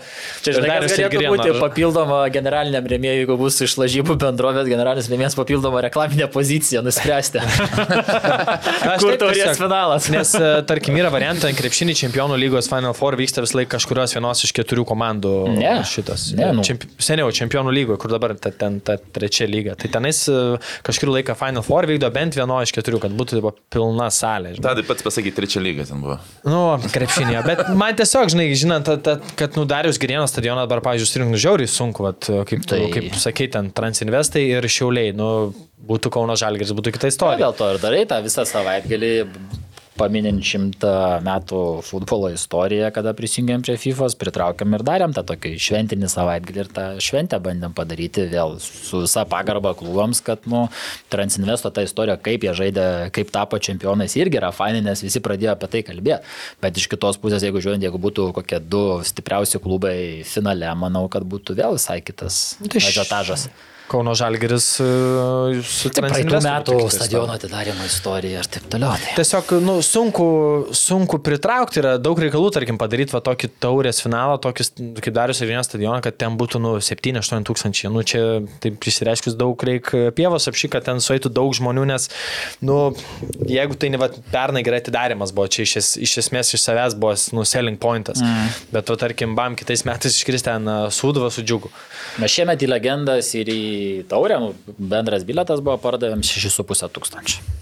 Nu, tai va, tai prie to, šiaip sakyt, skaičius tikėjausi, geras. kad bus 10. Nu, skaičius nėra 10 būtų blogas.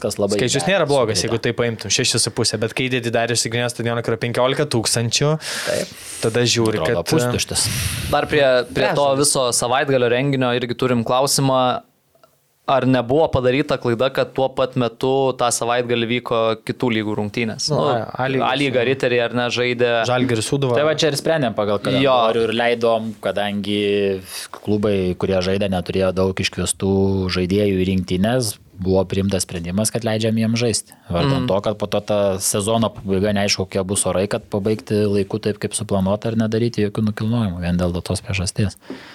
Nes e, kažkiek dalis e, žmonių, kurie gal, ta prasme, ir akademijų vaikai e, vis tiek kitą savaitgalį būtų galėję tada atvykti, jeigu nebūtų vykę tų jo, rungtynių. Tikrai yra tos, vadinkim, tiesos, bet tu visų rungtynių nu, negali fiziškai, nu, nepadarysi, kad iškelti ir kad niekas nevyktų tą savaitgalį, būtent tik tai tas, aišku, sėkmybė galėtų būti tokia. Mm. O, pa- o sekmanį, kai taurė vyko, nežaidė nieks parose, ne? Ne, lygos. Šeštadienį tik vyko, Ne, šeštadienį vyko. Jo. Ok, per tą Tai žaidimą. legendas.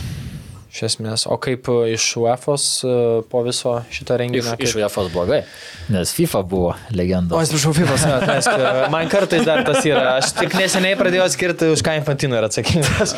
Nu, Po FIFA šito serialo e, lengviau. Gerai, Tai visi patenkinti. Ir šiaip kas nustebino, kad žaidėjai, nu, irgi, kalbė yra jų vadovas, ten toks Javieras, kuris atsakingas už tas, nu, sako, irgi pasižiūri į socialinius tinklus, numirgėjo, kad jie kaune, kad ten kas patūsint išėjo ir taip toliau. Ir, nu, buvo tas geras vaibas ir visiems žaidėjams patiko. Ir jie sako, nu, neįsivaizduoju. Arūnui Tūsas irgi patiko, sakė. Mes ten, ten pat buvo, ten pat, nu, plius minus ten pat baigėm vakarą. Ant, antradienį atsigavo, sakė. Jau gerai. Ne, aš jau ant ryto atsigavęs buvau, nes reikėjo atsigauti. tai patenkinti tikrai buvo, vėl FIFA prezidentas, visa jo ta delegacija irgi tikrai buvo patenkinti viskas. Nu, kalbam dabar apie tai, kokį naują renginį suorganizuoti Lietuvą. UEFA, aišku, kažkiek gal žiūri ir patraukia per dantę. Nu, tas pats ir su Aleksandru, su UEFA prezidentu. Pakvietėm atvykti pas mus. Ne, sako, aš važiuoju į UEFA legendas, į FIFA aš nevažiuosiu legendas. Okay. O, toks pasišpagavimas normalus. Tai... Okay. E, Prie to LFF taurės finalo, ar ne, Transinvest laimėjo ir visiems dar vis aktualus tas klausimas, ar jie kitą metą galės dalyvauti UEFA Europos konferencijų lygoje. Buvot minėję kažkur, kad gali tekto atsakymo iš UEFA laukti net iki pavasario, ar ne, ar iki vasaros Dar gal net. vėliau, jo, jo. Taip ir bus. Realiai tai čia dabar naujausia bet- info, kad kovo mėnesį bus dokumentų patikimas, kad mhm. reikia išimties jiem, nes netitinka trijų metų to vadinkim scenarijaus situacijos ir viskas. Ir kovo mėnesį jie pasys, ar šis tenkina mūsų tokį prašymą. Jeigu tenkina, nu, tada jau gali prezumuoti, kad okei, okay, tikėtina praeis tą dalyką. Okay. Nes čia prie šiaip- šito reikės vykdomojo komiteto sprendimo, nu, tai tarkim mūsų, Tai tai čia manau, viskas- tikrai patvirtins, viskas logiška, o vat, spręsų JAV. Jiems bet čia sudėtingai.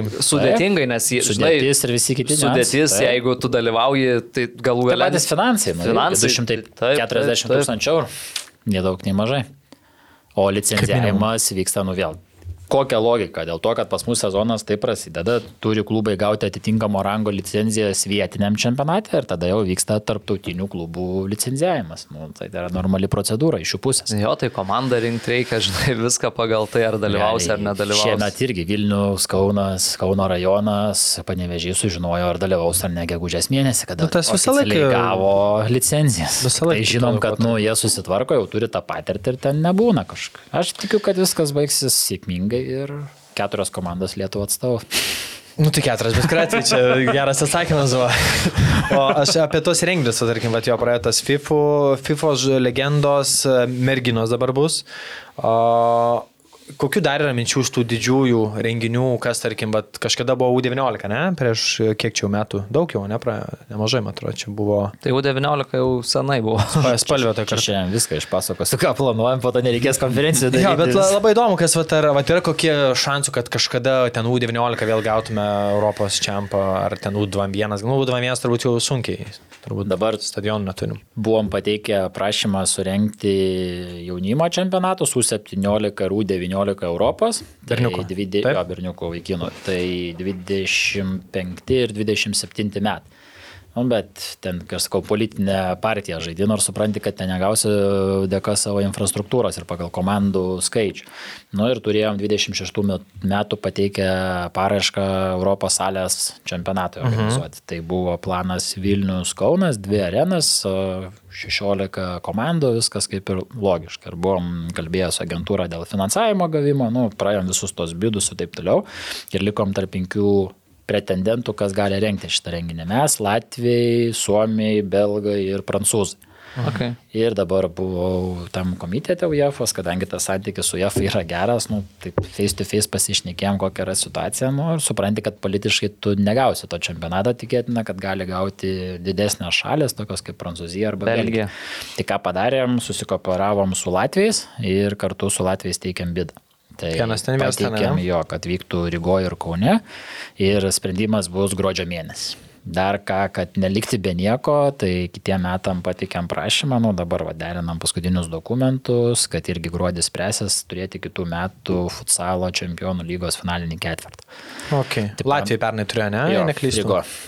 Tai norėjom daryti Kaune, bet vėl teiksim prioritetą Kaunui, kad turėti Kaune, bet Eurolygą. Neaišku, kaip Kauno Žalgeris ir kaip tik tos datos, kaip gužės mėnuo yra, kada Žalgeris gali žaisti Eurolygos liofus. Tai jeigu žaidžia taip, tada ne. Tai tada uh, Avia Solution Group irgi arena užimta, berots rankinio čempionatas vyksta, tai tikėtina, kad teiksim kaip antrą opciją Klaipėt. Tai okay, va šitie du dalykai iš Europinės pusės iš UEFOS ir kitais metais mergaičių čempionatas iki 19, o iš, iš, iš, iš FIFOS pusės, tai nežinau, kalbėjom su Dženiu, norėčiau kažkokį politinį renginį padaryti, tai būtų stiprus reikalas, jeigu pavyktų atvežti FIFA kongresą į Lietuvą. Bet, nu čia, kai aš sakau, galbūt į kadencijos pabaigą, nes, nu dabar nerealu, nes jau viskas užbukinta, kitais metais vyks FIFA kongresas Tailandė, tai po to 25 dar neaišku, po to automatiškai vyks turbūt per pasaulio čempionatą, nu, tai jau ten dėliosis reikalai, tai galbūt kokiam 27 ar ten 28 metam. O šiaip tai beach socceris populiarėja ir vat, irgi apsišnekėjom, kad galbūt galimybė būtų rengti kokį paplūdimio čempionatą pasaulio, statyti laikiną areną, kuri galėtų, nu, va, tokį grandiozinį padaryti, arba dabar futsalas moterų atsirado. Paleidžia mm. pirmą kartą istorijoje moterų pasaulio čempionatą. Tai vad, nu, bandysim kažką, nes, nu, į kitus nelabai kažką išnešiu su infrastruktūra organizuoti daugiau. Nu, bet jo, čia turbūt kaip Vilnius, jeigu, jeigu gal kaip. Vilnius, Kaunas, Klaipėda, tris stadionus pasistatytų. turėtume, galėtume tikrai drąsiai aplikuotis jaunimo čempionato. O tas. UTN 17-19, nu, be šansų turbūt ten gauti. Ten, iš, Tai jau- jau negavom, jau negavom. paskelbė. O turbūt po NATO viso to samito va, tą kongresą kiek lengviau turbūt prastum, kai parodai, kad čia buvo visos pasaulio viršūnės ir... Tiek per NATO, tiek tas pats Eurolygos Final Four organizavimas irgi nu, prisideda Paulius dabar CEO, Bodiroga yra prezidentas, Bodiroga labai geri draugai su UEFA vienais iš vadovybės, tai tenka su jais bendrauti ir vat, nu, tokį vat, kaip salės čempionatą gauti Europos yra realu, vien pasitelkiant tą patį krepšinį. kur Aš apie irgi- tą kongresą dar kalbu, turiu minį, kur jau suvažiuoja Kongresas jo. Bet vėl čia visos. tada atsiranda klausimas maždaug apie tūkstantį žmonių atvykstančių, tai reikėtų didelio valstybės prisidėjimo ir taip toliau. Tai, va. Čia tūkstantis vien atstovų, Nu, čia be yra spaudos. turbūt, 211 ane? federacijų. 211 federacijų, kiekviena federacija į kongresą siunčia visą laiką tris žmonės. Tai jau yra virš 600 žmonių. FIFA stafas, organizacinis komitetas ir jau tada visi suvažiuoja. Užsienio svečiai, tai jau dar medija ir taip toliau, tai jau virš tūkstančių. Ok, nemažas. Tai tarkim, kokio Litexpo galėtume galvoti. Nu, lietuviai šitoje vietoje, ką turi, tą turi jau tas organizacinės Jo, tai patirties. mes per šitą esmės- žaidžiam. Turim sales ir turim know-how. Tai Nu, standartai pas mus, sakykime, tikrai nėra žemi, ten organizuojant tokius renginius.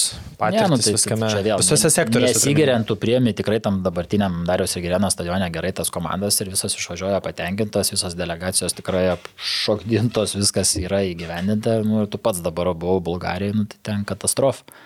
Ten yra tragedija, kokiom sąlygom mes buvom. Aš mečiau, perruksiu prinskriną, kur žiūrovai sėdi stadione ir ten kėdės, dulkinas, dulkinas ir Tai- mečiau, skudarė LFP kėdėms skundžiatės. Tas pats Vipas irgi, nu, nu, ten jau nekalbu apie ten gėrimus, maitį, nu, ten ojoj, blogai labai.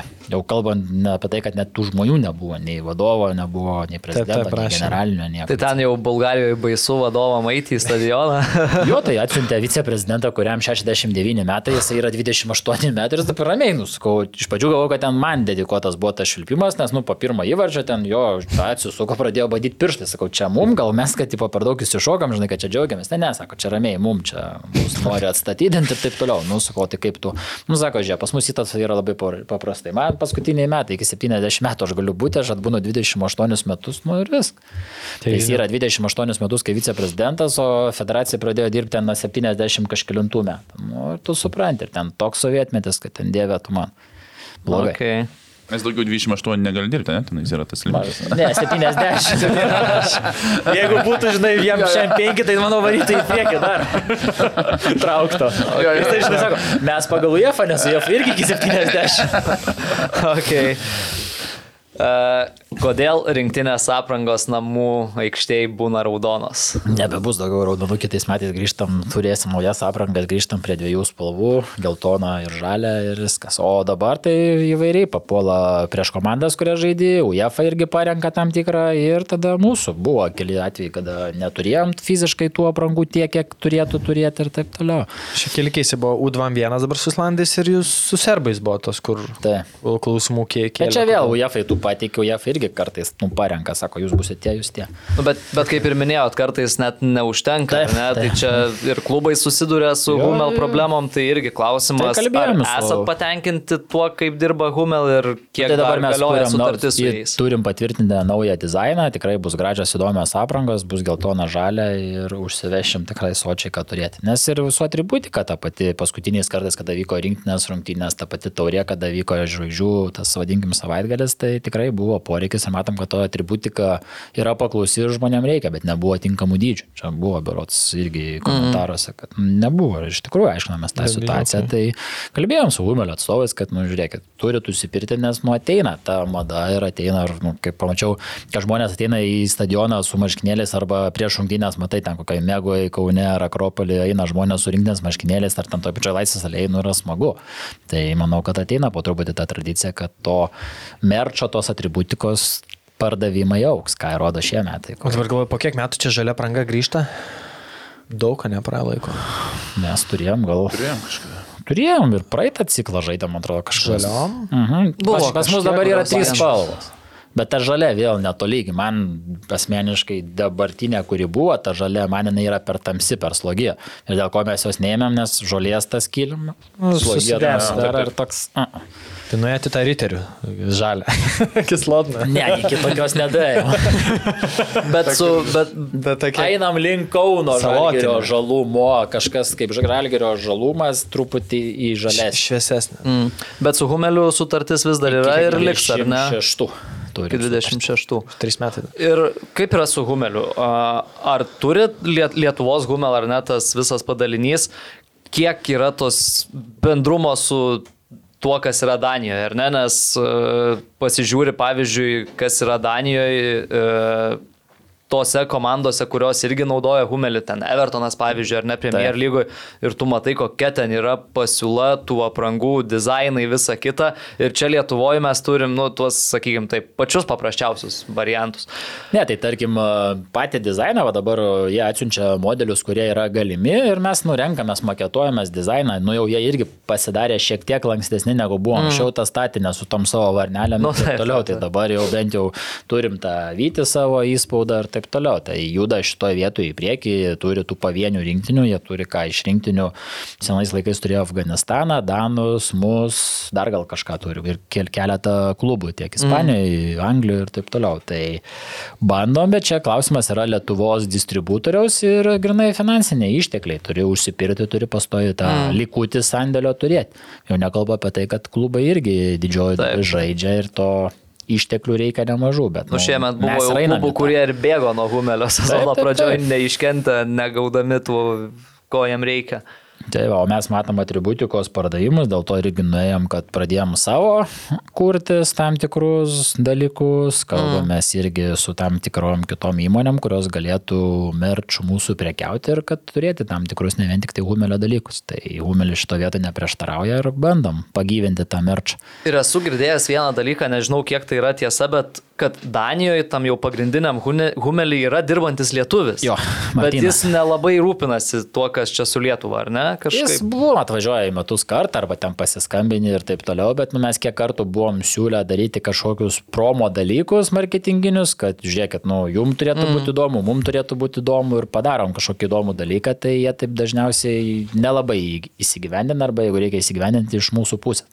Tai irgi mastam pasidaryti futbolo kamolius su mūsų dizainais dedikuotais ir taip toliau, bet, nu, kad sakytume, darom 50-50, federacija 50, vadovėlis tarptautinis prisideda, tai taip nėra. Jie nuleidžia ant vietinio distributoriaus ir tada... jau Jiem vietinis turbūt per maža rinka, aš taip įsivaizduoju, Realiai ar ne, tai taip. kad taip. Jie vien Skandinavijoje savo kiek turi ar nereikalų. OptiBet, lošimo automatai, OptiBet. Dalyvavimas azartiniuose lošimuose gali sukelti priklausomybę. A, gerai, a, toliau Tęsiam pereinam prie, žiūrovus. jo, prie mūsų žiūrovų klausimų. Kontributorių pabrėžiu. Kontributorių, jo. Labai mažai šiaip mes nežinekėjom iš futbolo bendruomenės. Yra, tarkim, iš federacijos nei vienas žmogus. Gerai, išleisiu įsakymą, kad žiūrėkite. Pagirsim dar kartą apie išyrį, pagaliau čia įsijungė, vertė mane paraudonuoti šiek tiek, bet uh, smagu. Jau Gerai nuotaikai, panevežys savaitgalį buvo. Gerai, vienas iš klausimų apie drausmės komitetą. Buvo čia ypatingai paskutiniu metu irgi daug situacijų, kur reikėjo tų drausmės komiteto sprendimų. Tai ir situacija, kai Džiugas pažeidė nuostatus dėl trijų lietuvių aikštėjai. Dabar čia po taurės pusfinalių irgi ten su Arturu Dolžnikovu ir kortelėm. Su teisėjais, Su teisėjais, Jurijaus Kendišo ar ne, visas tas. Ir tie sprendimai labai ilgai nepriimti, ten kur pasaurimą, ar ne, futbolas LT, kad kažkas atostogose, kai reikia tų tokių sprendimų greitų.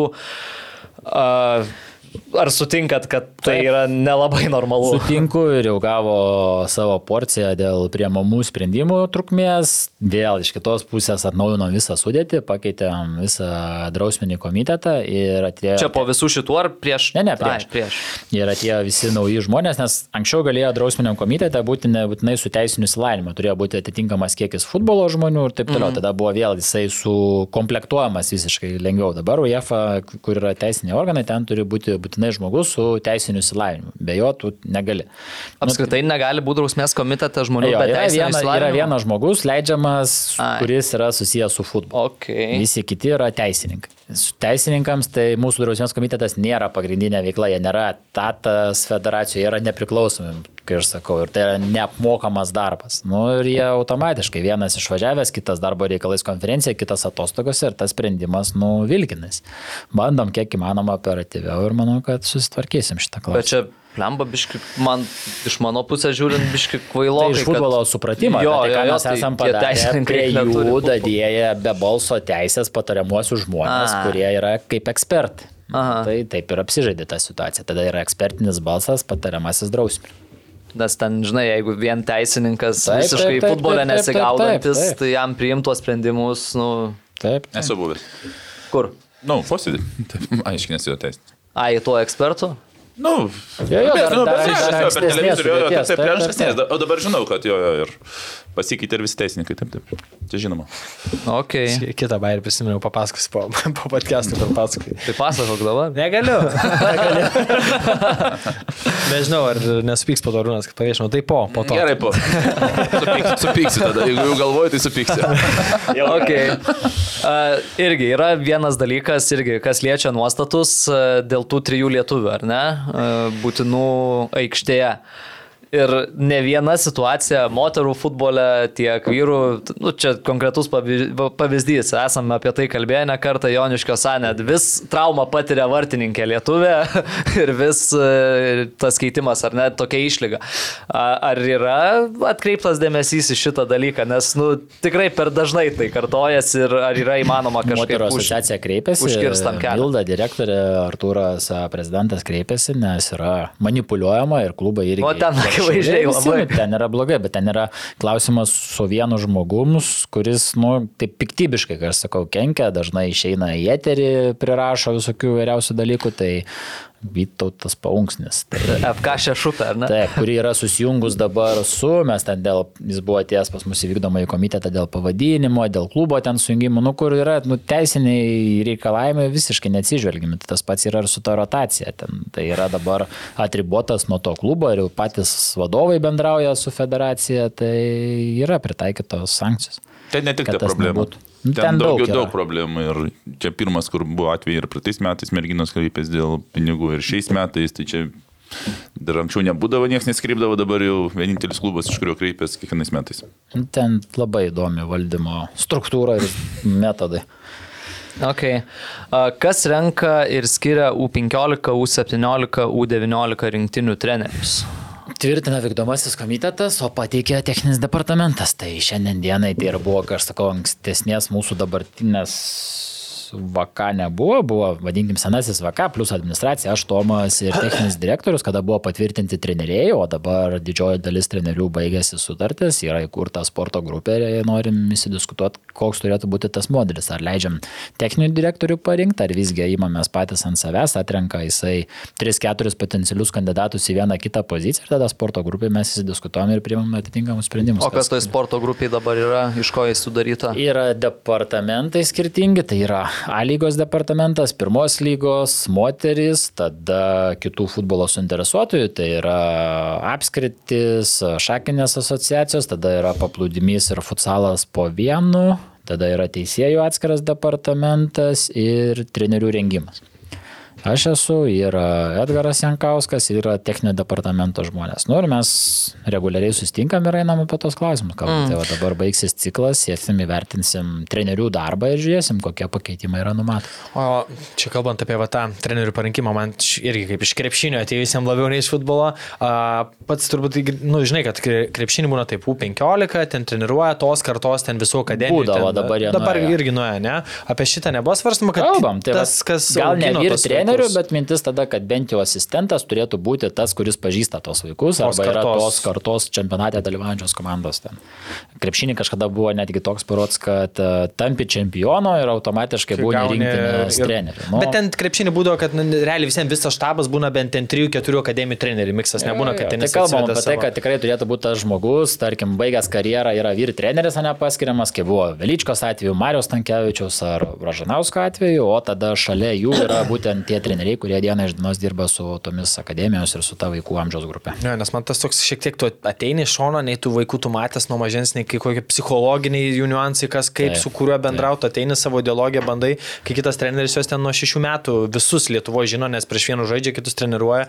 Tai man toks šiek tiek Yra, yra Tada- pamastymų, kad galbūt vyr treneris ok, o tada yra visas kitas kolektyvas iš ten ir tada jau jie randa bendrą tarpusavio sinergiją ir bendrauja sezono metu stebi tos vaikus. Nes, nu, kaziukas, va, prašau, va, krepšinį, visus užsiaugina ir, ir, nu, man tiesiog logikos prasme, nes tie treneriai keičiasi, ateina, bet, nu, vis tiek tu turi, turi pažinoti tos vaikus, jų galimybės, tu ten per nu, kiek laiko tau turs, kur tu suprasi, ką kas gali, kaip ir panašiai, kai kitas treneris ten, ta prasme, mintinai žino, gi, analizuoji, dirbi diena iš dienos, ten 10-12 metų.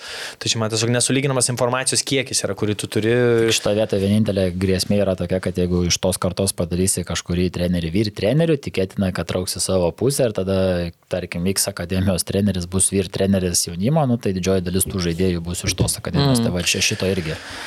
Nu, tai tas yra, krepšinė tas būdavo Nu, kažkaip. tai bet, imkim krepšinio pavyzdys, kurį dabar rinkti, U21 berots, ten Kauno Žalgirio berots dubleriai didžioji dalis, gal vienas kitas, tik tai kitas. Nu, tai va, va tokių dalykų nesinori. Aišku, Palauk, tai ką? ką? Kad, kas? Buvo U20. Čia apie krepšinį. U21 Ai, apie nėra krepšinį. U21, U20 berots arba U20 krepšinė. nėra kad, Nu, didžioji pagrindis, kuris NKL laimėjo antrą lygą, viskas ten gerai, Mm. tie vaikai tikrai žaidžiantis, bet tada iš Lietuvos pusės ten kiti. Čia tas pats, kai su Bivonu akademijos įkūrėjo Andriu, pagal leistum jam, tai jisai visus turbūt iš Bivono, visi pats geriausi. Nu, tai su Ivanu susitinki Bafa visi geriausi, su Dainim susitinki visi ateities geriausi. Nu, ir tai yra užburtas ratas. Tai, Nu, va, taip, bet- nuo to reikia nueiti. Čia iš, iš vienos pusės viena, dabar ten ki- kiti treneriai ten e, irgi kalba, va čia klausiau kaip tik interviu su Mariam Stankievičium, šiaip ten pas e, Gajaus tos interviu ir, ir, ir paties klausiau, kad, nu, tada lenda kiti interesai, ten trenerių tėveliai, Taip, tėvelių vaikai taip, ir panašiai. taip. Tai tu blogybių daug, kaip yra visur, tų- tų įtakos sferų ir, ir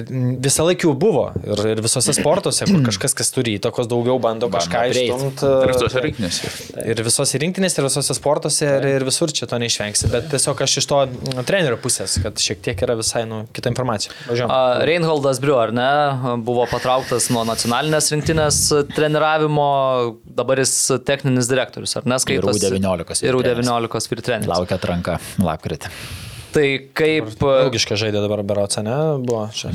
Jo, tai kaip sekasi jam dirbti, nes dabar girdim apie jį šiek tiek mažiau ar ne viešoje erdvėje, tai Dirba savo tiesioginį darbą tam, kam jis ir buvo pasamdytas, plus trenerių rengimas perėjo mm. grinai į federaciją, ruošia visus pro kursus, visas kitas licencijas atitinkamą ligmens ir turi tą U19, su kuria siekia rezultato. Yra būtent prie jo prijungtas Deimantas Bička, yra Sederikas grįžęs į Lietuvą, kurį irgi susigražinom, dar turim naujovę irgi gavom aplikaciją arba laimėjom, tai FIFA įskyrė mums trenerį, yra 20 ar 20 kelios federacijos visam pasaulyje, kurios gavo dviejų metų kontraktą.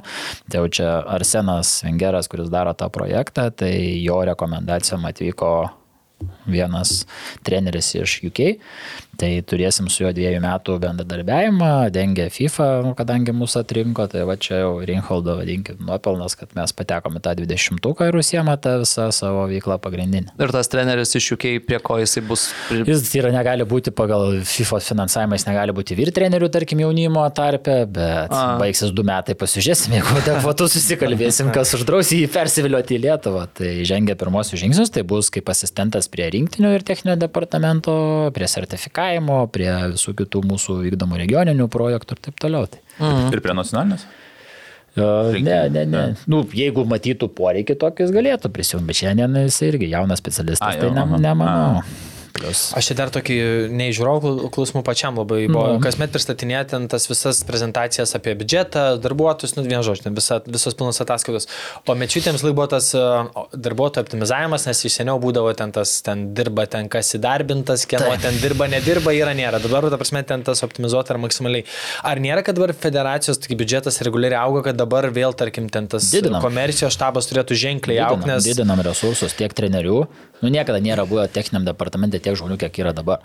Nei kad treneriam būtų sudaromos pilnos a, sąlygos pilnu etatų darbuotis tik tai pas mus, be jokių kitų papildomų ten šaltinių akademijose, klubuose ir taip toliau. Nu, tai plečiamės ir investuojam į futbolą, į futbolo trenerius, į techninį departamentą, plus turim auginti komercinius dalykus. Tai Na jo, nes vien LFP stadione surinkti rungtynės ir darius ir grienų, tai yra jau, nu, resursų prasme ne, Did- Didėjom, didėjom proto ribose, bandom optimizuotis, neišaukti labai, bet atsiranda 2, 3, 4 nauji žmonės. Jungiasi vis po truputį. Gerų žmonių visą laiką reikia. Kas nori, prašom. Dar klausimas apie a, klubus ir akademijas. A, Skamba taip, klubas dabar privalo turėti ne mažiau nei 33 procentus akcijų akademijose, ar ne?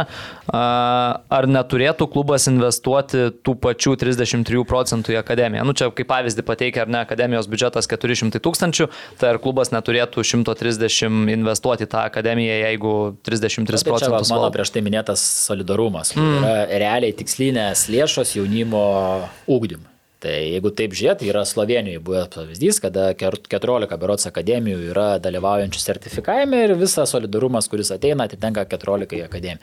O jos toliau priklauso klubams ir taip toliau. Tai čia tas pats būtų buvo siūlymas, bet, nu, klubai šiandienai nenori. Mm. Tai čia, kaip aš sakau, iš vienos kišenės į kitą. bet kišenę. priversti irgi negali. Taip. O Okay. jeigu nebus klubų pritarimo, mes, va, pavyzdžiui, Rumunijoje federacija nerado sutarimo su klubais ir Rumunija yra vienintelė Europos šalis, kuri negavo solidarumo, nepanaudojo. Tie pinigai liko UJF. Tai mum, mes rasim sutarimą, kad tą milijoną 350 mūsų rinkoje pasimti ir kad klubai bent po tą 120 tūkstančių atskirai gautų. Jo. Irgi ir po to FIFOS renginio legendų viešoje erdvėje buvo nepatenkintų matančių Valerijų Mižigurskį a, tarp visų tų, nes dirba Rusijoje ar ne, ten kontaktai dažnai būna ir taip toliau.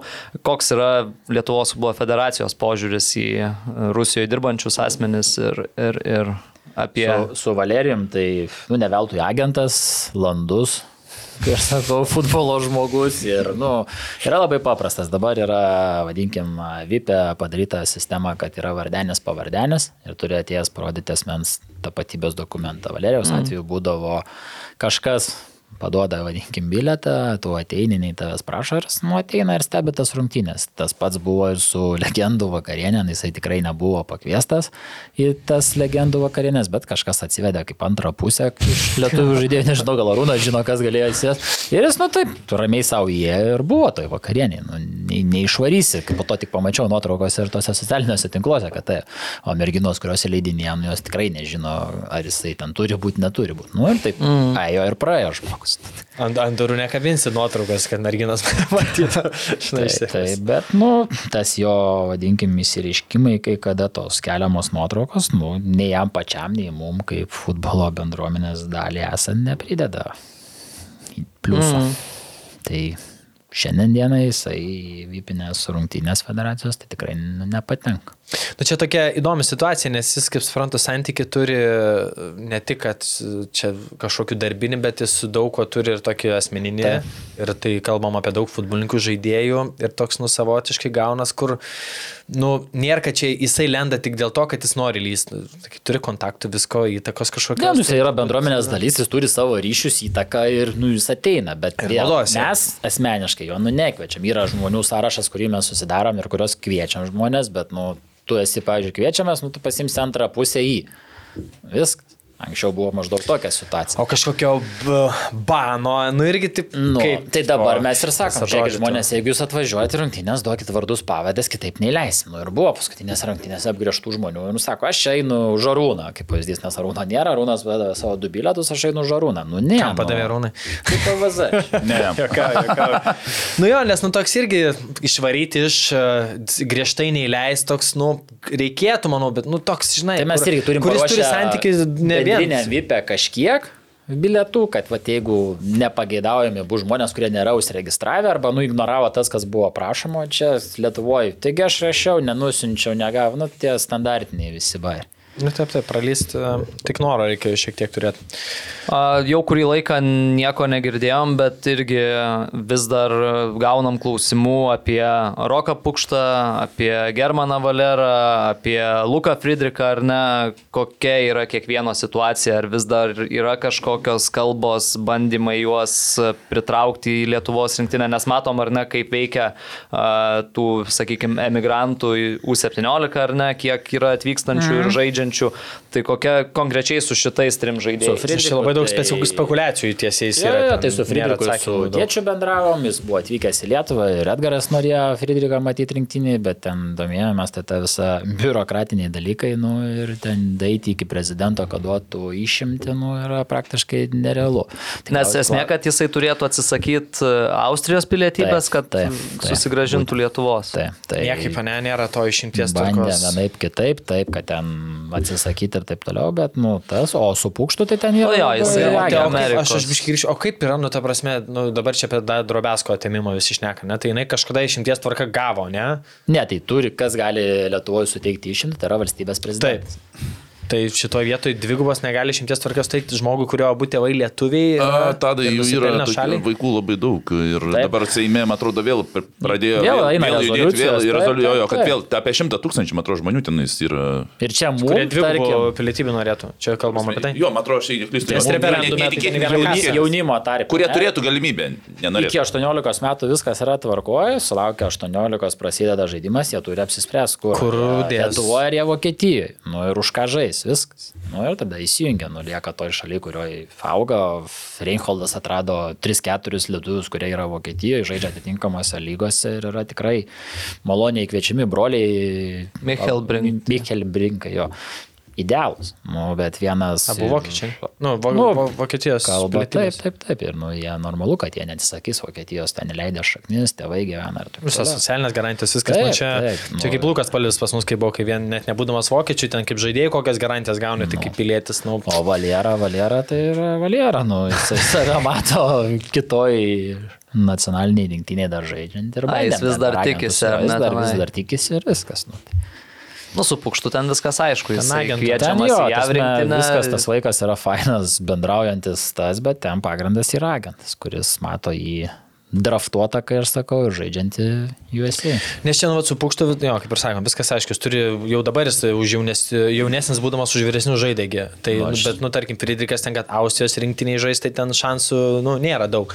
Tai va, tas, nu, man dėl jo, pavyzdžiui, labiausiai gaila, nes toks tikrai, kur pas mus nu, polėjų tiktų. nėra daug ir tik turi žaidžia aukštojo lygų ir gerai, muša į Tai varčius. Jankė ir norėjo, Edgaras sako. Tai šitas daro toks, viską. man, nu, nesuvokiama, kodėl, vat, kai abu tėvai lietuviai ir dar nusipelnė, nes ir mama jo yra sportininkė, Taip, taip, aš žinau. rankininkė tai buvus. Bet per atrodo, prezidento rinkimus turėtų būti vėl tas vadinamas Referendumas. referendumas, dėl tos dvigubos pilietybės gal tada. Pavyks. pernai, fu, Ne pernai, per praeitą kartą, kai vyko, jis net, nepavyko. net Pritrūko neįvyko. berots kelių procentų, kažkas labai minimaliai.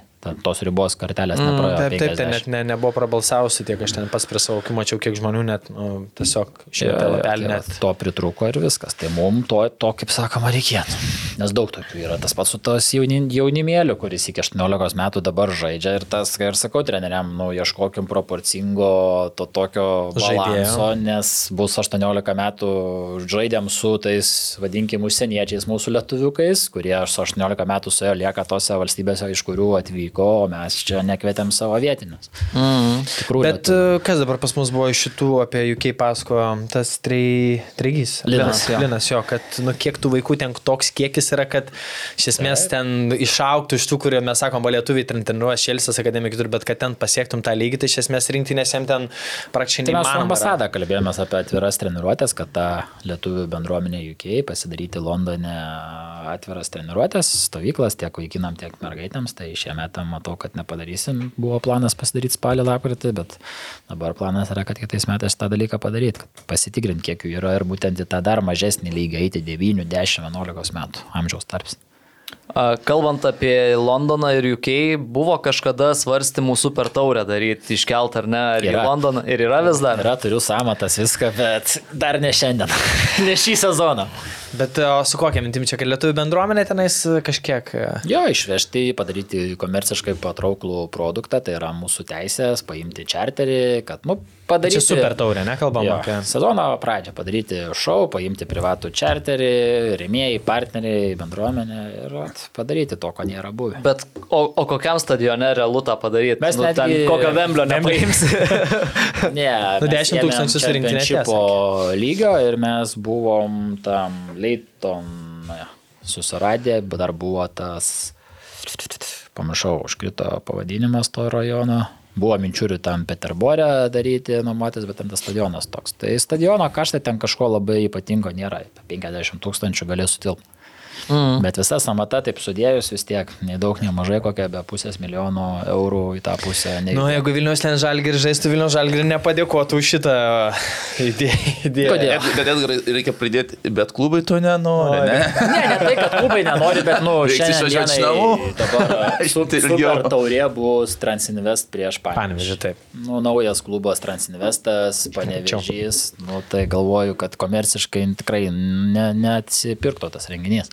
Noras yra turėti didžiausius klubus, tai yra nugalėtus, jeigu Panevežys būtų prieš atitinkamą klubą. Ne, prie žalgirį, tarkim. Nu, Vilnių žalgerį, Kauno žalgerį, tai manau, kad tada galėtume galvoti.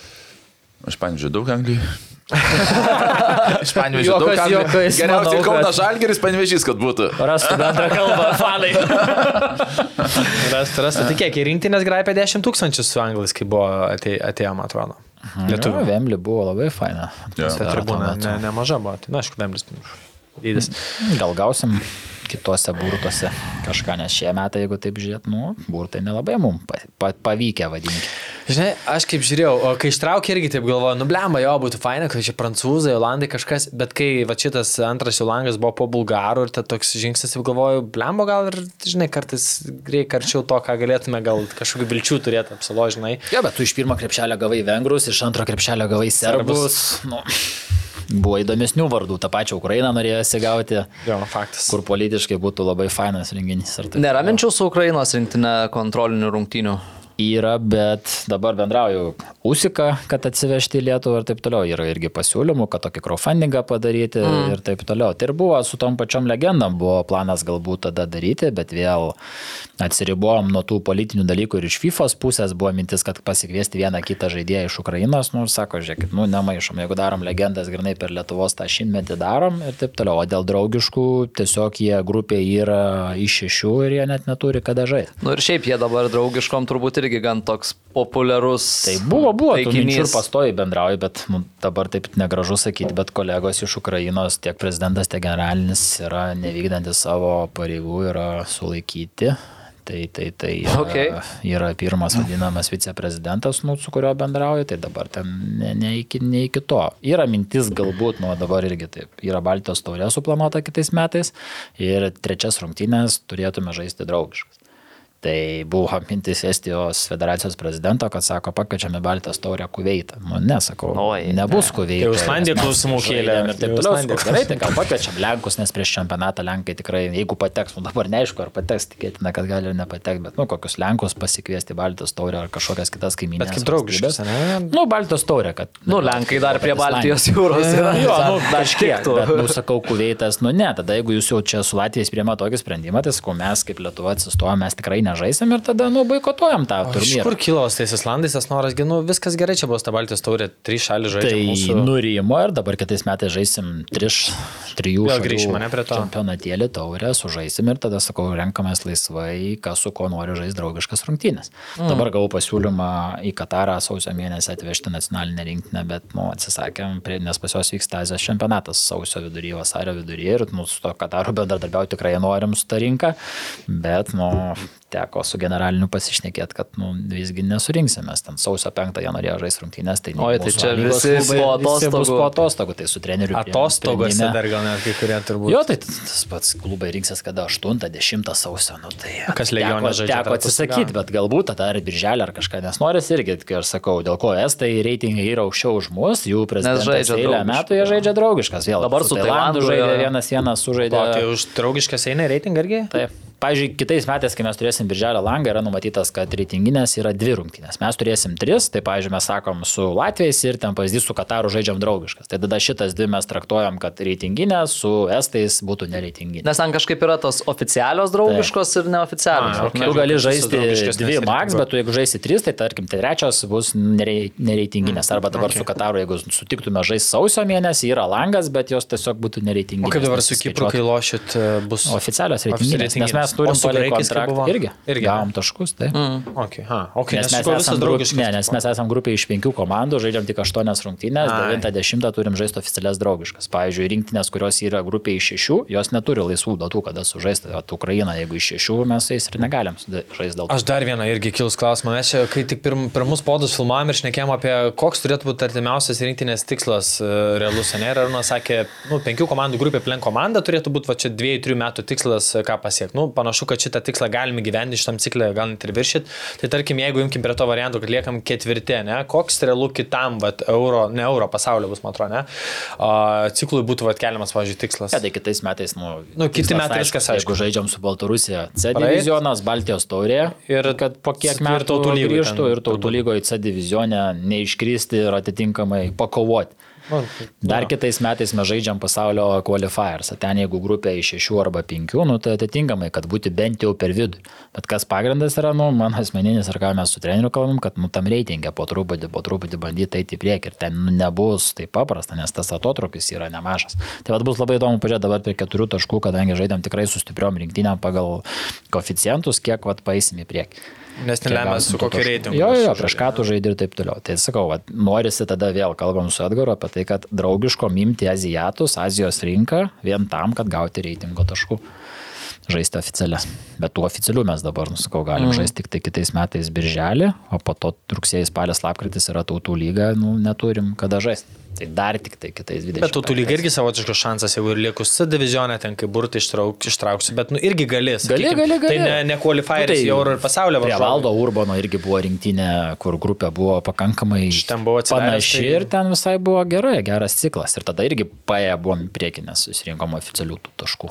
Ten iš esmės, jeigu net tos nelemtos su Kazakstanu, pirmas, kur ten lempinį pradžią įvartį gavom, Taip, ten taip. būtume 11 taškų turėję ir vos net ten dėl to jau pirmos vietos pakonkuravę. Tai visai jo, geras ciklas ten buvo iš esmės. Tai vat paskutinis. Nu, paplėpėjom. Paplepėjom. Bet pas mus ne- niekada nebuvo taip. Kartais atrodo, nu, Gerai, kaip, darbuotojai bus ramus, kai grįžti į darbą, nereikės su nieko kalbėti. kaip, kai patys e, filmuojam, sakom, blemą, nu, šio tinklaladį, nu, čia, nu, blemą, valandą gal ištemsim. filmuojam, po to žiūrim, kad jau ten trumpinti reikia. Ne, tai, tai, tai dar daug klausimų, manau, nepalėtėm, kuriuos galima būtų. Čia, manau, galim netokį, man buvo mintis e, dėti, kada čia spalio 24 atsikom, jeigu mes ten toliau gyvuojam, viskas ok, po metų vėl susik pažiūrėti, kas gero įvyko, koks, e, kokie postumai tokį, ne tas skaitinį, bet šiaip pasižiūrėti, kaip vystos viskas Gerai, vyksta. Be problemų. Toks uh, milestone'as. Kodėl neturėt tradicijos? Ką? Netoli ateit. nu tai jau gal po metų, gal jau ne čia būsim mes ir jūs. Na, žiūrėsim, laikas parodys. Ką, gerai, Edgarai, ačiū tada, kad apsilankėt. Paleidžiam jau, užlaikėm net ir e, dar ilgiau. Mm, čia gerai mes. Dvi kem penkios. Nedažnai ateina. Gerai, tai ačiū reik, reik. Jo, o mes Ačiū. padarom pauzelę ir dar liksim trumpai Apie- apžvelgti einamosius įvykius. Lažybos, lažybos, lažybos, optibet. Dalyvavimas azartiniuose lošimuose gali sukelti priklausomybę. E, Ką, grįžtam, trumpai dar perbėgsim per OptiBeta lygą. E, Turėjom dar vieną turą po rinktinių pertraukos, turą, per kurį išsisprendė jau keletas e, klausimų, tai turbūt nieko nelaukia ir galim Ir pradėti. įlysiu, pasubscribinkit mūsų YouTube. Nepamirškit, mums labai tai svarbu, nes kelsime tą platformą ir, norim, kad tos peržiūros, kurios džiugina dabar, jos toliau važiuotų, tai kad nepamestume turinio. Būtinai pasubscribinkit ir, ir didelis dėkui už tai. Praeitą savaitę nemažai pasubscribino, bet žinant, kiek unikalių žiūrovų, tai tikrai dar toli gražu ne visi. Nes paskui nerasit mūsų. Nerasit, ieškosit ir, ir vėl būsim kalti mes. Nu, iš dal... kažkiek ir būsim. Gerai, pradedam nuo pirmų turo rungtynių. Marijampolė Suduva išvyko į rezultatų 2-1 įveikė Lietuvos Dainavą. Pačiam teko komentuoti šitas rungtynes. Tai labai svarbi Suduvos pergalė, bet ką pripažino ir abiejų komandų treneriai, kad rungtynės gal, galutinis rungtynių rezultatas gal ne visai pagal žaidimą. Tikrai Dainava ypatingai antram kelinyje atrodė labai gerai ir Dovydas Lastauskas, Suduvos treneris, po rungtynių pripažino, kad kai varžovai pakeitė taktinę schemą, e, turėjo labai rimtų problemų Suduva. E, Ten vos prasidėjus antram kelniui išlygino rezultatą Lietuvos Dainava ir iškart po kelių minučių e, buvo paskirtas dar vienas 11 m baudinys, tai irgi sukėlė nemažai diskusijų ta pražanga. Tai po rungtynių kalbėjo ir Sergejus Kuznecovas, e, Dainavos vyriausiasis treneris. Šiaip noriu pagirti, sutiko angliškai interviu daryti, nes aš rusiškai nelabai yes. kalbu. Tai e, irgi metė tokių akmenukų į teisėjų daržą. Sako, aš pasižiūrėjau po rungtynių kai kuriuos epizodus ir savo išvadas pasidariau, bet, nu, sako, viskas gerai. Tai nežinau, ką čia labai daug apie tas rungtynes kalbėti, tiesiog e, Sūduvai labai svarbi pergalė toj kovoj dėl šeštos vietos. Aišku, čia daug kas kalba, kad e, nei čia jau kam rūpi ta šešta ar septinta ar aštunta vietos, e, bet vis tiek turbūt žiūrint iš klubo pozicijų, einant ir pas rėmėjus kažkokius ir panašiai, tai vis tiek yra skirtumas, ar tu šeštas, ar tu aštuntas. Čia Rūnas gerai, kiek šas sakė, žaidėjų, tai, nu, ta prasme, jam, nu, žaidžia, nori laimėti. Tai tu ieškosies kontrakto, ar tu būsi aštuntos komandos, ar šeštos žaidėjas, nu yra biškis skiriama, ar tu du- dugninės komandos žaidėjas, ar tu ten pirmo, pirmas po ten brūkšnio, žinai. Tai aš manau, kad nu, kažkokio galvojimo turbūt nėra, ar čia svarbu, nesvarbu. Eina žaidžia, nori tobulėti, nori laimėti ir, ir ten, žinai. Tu įrodinėt savo vertę, tu eini savo vertę kelt turbūt tas rungtynės, tai, tai natūraliai ir, ir bendras tas vaizdas. Ir galva dabar koks ten panevižys gali atspalduoti, nes tu čempionas, tu jau šiaip savo kaip žaidėjas vertę gal užkėlęs esi, jeigu dar ir rinktinės grajokas, bet visumoje ten toj daly, nu tai nemanau, kad yra svarbu, nesvarbu. Visi nori užbaigti mm. sezoną, kaip sakai, reikia gerai pradėti arba gerai užbaigti. tai dabar... Kodėl užbaigti. Jo, tai šitoje vietoje manau, kad e, svarbu, žinai, bet nu ir tokį sudvą aš aš vis keliu. Pernai ten su turbūt ženkliai didesniu biudžetu liko šešti, šiemet su angvybės aparatu pajungti su jaunu treneriu lieka irgi šešti. Nu, dar ne faktas. Nu, bet... je, jeigu, jo, jo, jeigu. Prasme, tą, tai nu, irgi parodo, kad nu, iš esmės e, gal ne visą laiką tenais e, viskas piniguose ir kartais ir tie, tie kiti niuansai. Tai manau, kad visi žaidžia, dirba savo darbą, siekia maksimumo ten tokio sportininkų, jeigu ten prasideda turbūt skaičiavimai yra nesvarbios rungtynės. Tai nežinau, mm. čia biški gal. Negerai ypatingai jau nesniam. Dar ką galima paminėti, tai Dainavai pirmą savo įvartį pelnė 19-metis Davoras Rakičius ir aš Arūnui turiu klausimą apie Suduvos e, gynėją vieną, e, Tomas Gumbelevičius. 17 metų, dabar nuo vasaros vidurio 12 rungtynių iš eilės, kaip jis žaidžia, nu ar 10 rungtynių iš eilės, kaip jis žaidžia pastoviai startiniai e, Suduvos sudėti, vidurio gynėjas, žaidžia drąsiai, žaidžia daug. E, Kokį įspūdį susidaręs esi Arūnai? Aš manau, kad tai, jeigu fut, nu, vis tiek yra atsarginiai dar, kaip, kaip bebūtų, nėra, kad 11 futbolininkų suduva turi. Tai pirmas dalykas, kad e, iš tos, kad patirtį gauni 17 metų, tai jų, jų tu, nu, atsiminkim anksčiau, sakykim, ir be to limito, tai kad būtų 17 metų žaistų Lietuvoje prieš 4-5 metus, nu, ten nebent gal ten kokios buvo kritinės komandos, kur gal, galbūt, bet, bet pats principas, tokių atvejų mes anksčiau, neturėjom, sakykime, labai daug. Ir pir, pirmas dalykas, antras dalykas, faktas ten, nu, kaip sakykime, dar jisai, e, nu kaip čia pavadinti, apie perėjimą gal kažkur, ta prasme, dar per, per anksti kalbėti, bet uh, grįžtant prie to, savo 17 metų futbolininkas tiek minučių anksčiau negaudavo ir biški tikrai yra, va, kaip apie tuos limitus čia kalbant, ar reikia dar daugiau, ta prasme, jis jau yra toksai, jau, jau gauna futbolininkai, va, kur sakau, 3 yra optimalus. Tai aš pasilieku prie tos nuomonės, kad 3 jau gauna futbolininkai, kurie va, parodo, de, kažką demonstruoja treniruotės metu, kai kuriais atvejais ten, kaip čia, biudžetai galbūt neleidžia Nu, ten, nu, bang- kažką, jo, jo, bet anksčiau tokių tikrai bandau atsiminti, gal per trumpas laikas. Nu, vienetai, tai Vienetiniai atvejai, bet dabar sakau, pradžiai tu kažkiek įrodai, kažkiek biškiai yra tos sėkmės kažkurioje vietoje ir tada gauni šansą.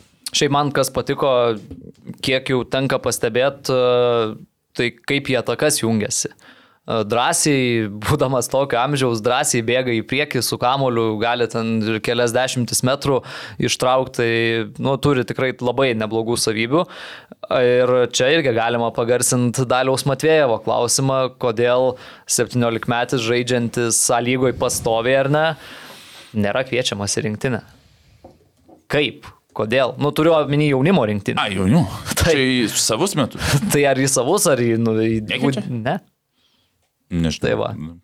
Nu, čia man neiš, neišneša galva. Uh, nu, gal pakvies, tikėkime. Uh, toliau, uh, kitos turo rungtynės. Džiugas Kauno Žalgiris, uh, kaip prašiau, uh, purvo ir lietaus mūšis, nu, neįtikėtina. 2-0 Kauno Žalgirio pergalė, 2 šabė Uzmendį įvarčiai. Nu, wow, buvau ir pats telšiuose, tai tiesą sakant, dar taip sušalusių futbolininkų, nu, nesu matęs.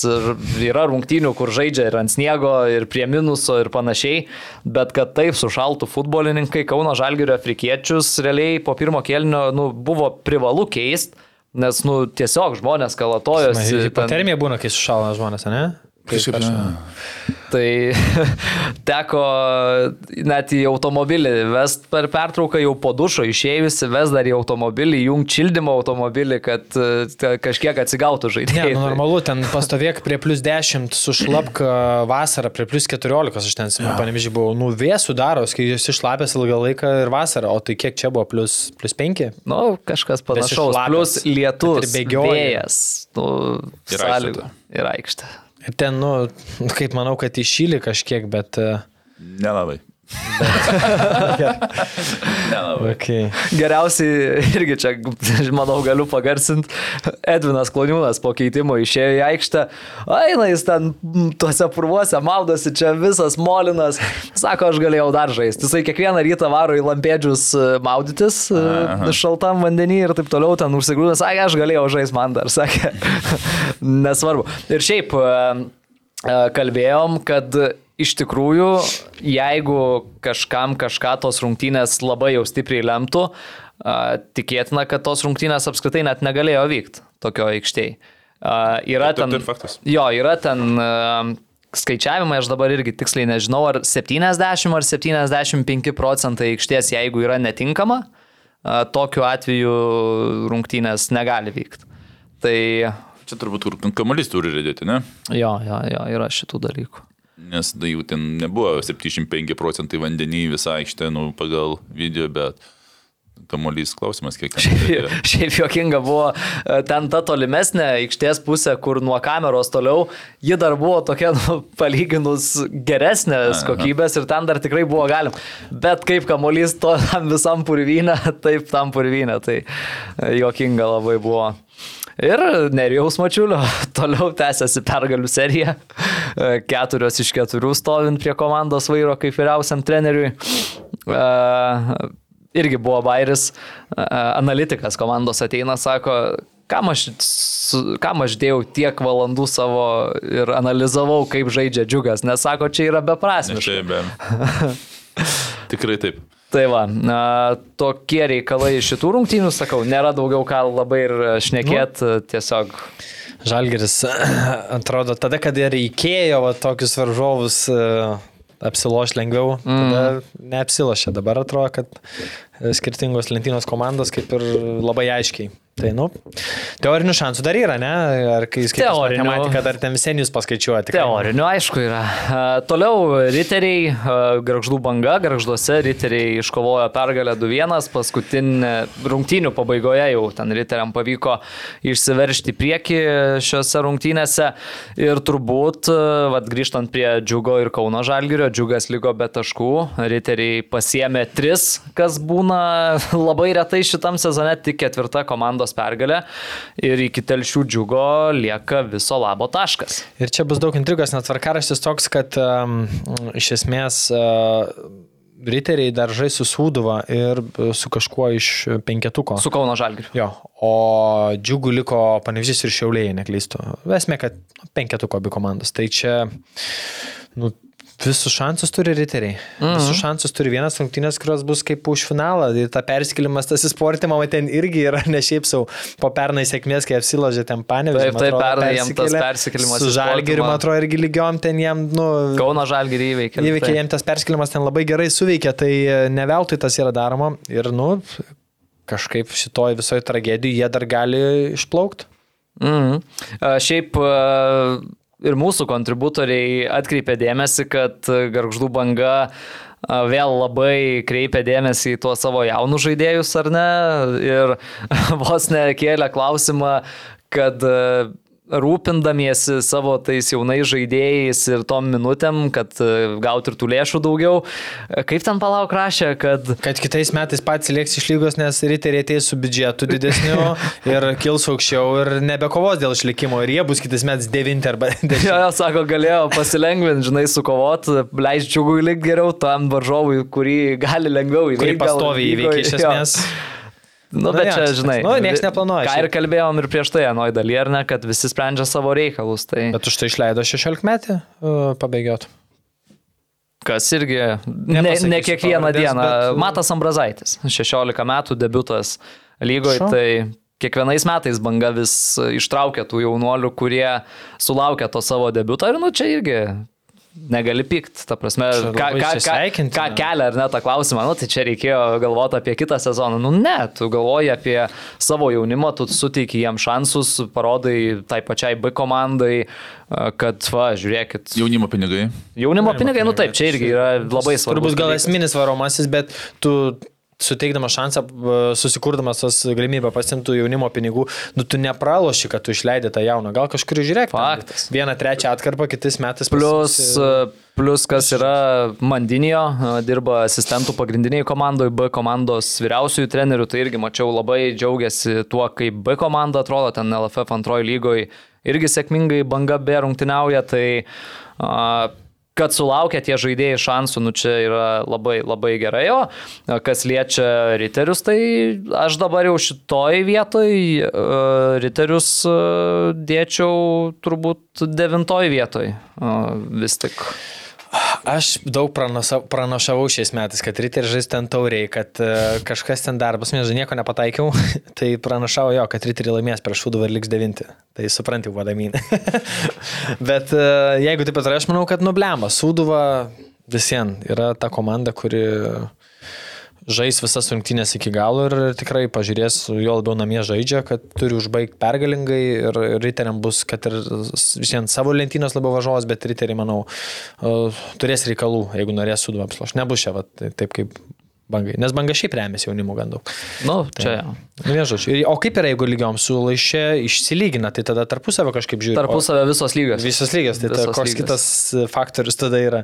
Reikia žiūrėti nuostatose, kas Jo. toliau nurodyta. Tai, Keturias lygias. Žinai, gali būti tada įmuštų praleistų įvarčių skirtumas. Manau, iki kortelių nedais. Gerai, palikim a, Panevežio triumfą patį paskutinį, tai dar vienos rungtynės. Vilniaus Žalgiris lygiosiom 2-2 sužaidė su Šiauliais. Rungtynės, kuriuose Šiauliai du kartus atsilikinėjo, rungtynės, kuriuose buvo pelnytas ir penktas įvartis, kurio, e, kurio neįskaitė iš karto. Iš tikrųjų teisėjas pakėlęs vėliavėlę ir užfiksavęs nuošalę, varas ten ilgai na, tikrino ir e, kodėl tas ilgai buvo, irgi teko bendrauti su teisėjais. Tai žinot visi apie tą epizodą, apie ką kalbu. Nuošalė. Tai tame epizode VAR tikrino ne tik nuošalę, bet prieš tai dar dvi situacijas, kuriuose galimai buvo žiūrima dėl pažangos. Tai aš irgi komentuodamas sakiau, kad kaip ilgai čia VAR užtrunka, bet ne, ten nėra vien tik tai nuošalės epizodas. Žiūri visą ataką nuo jos pradžios, sakė, ten buvo dvi situacijos, kur dar galėjo ir pražangą švilpt.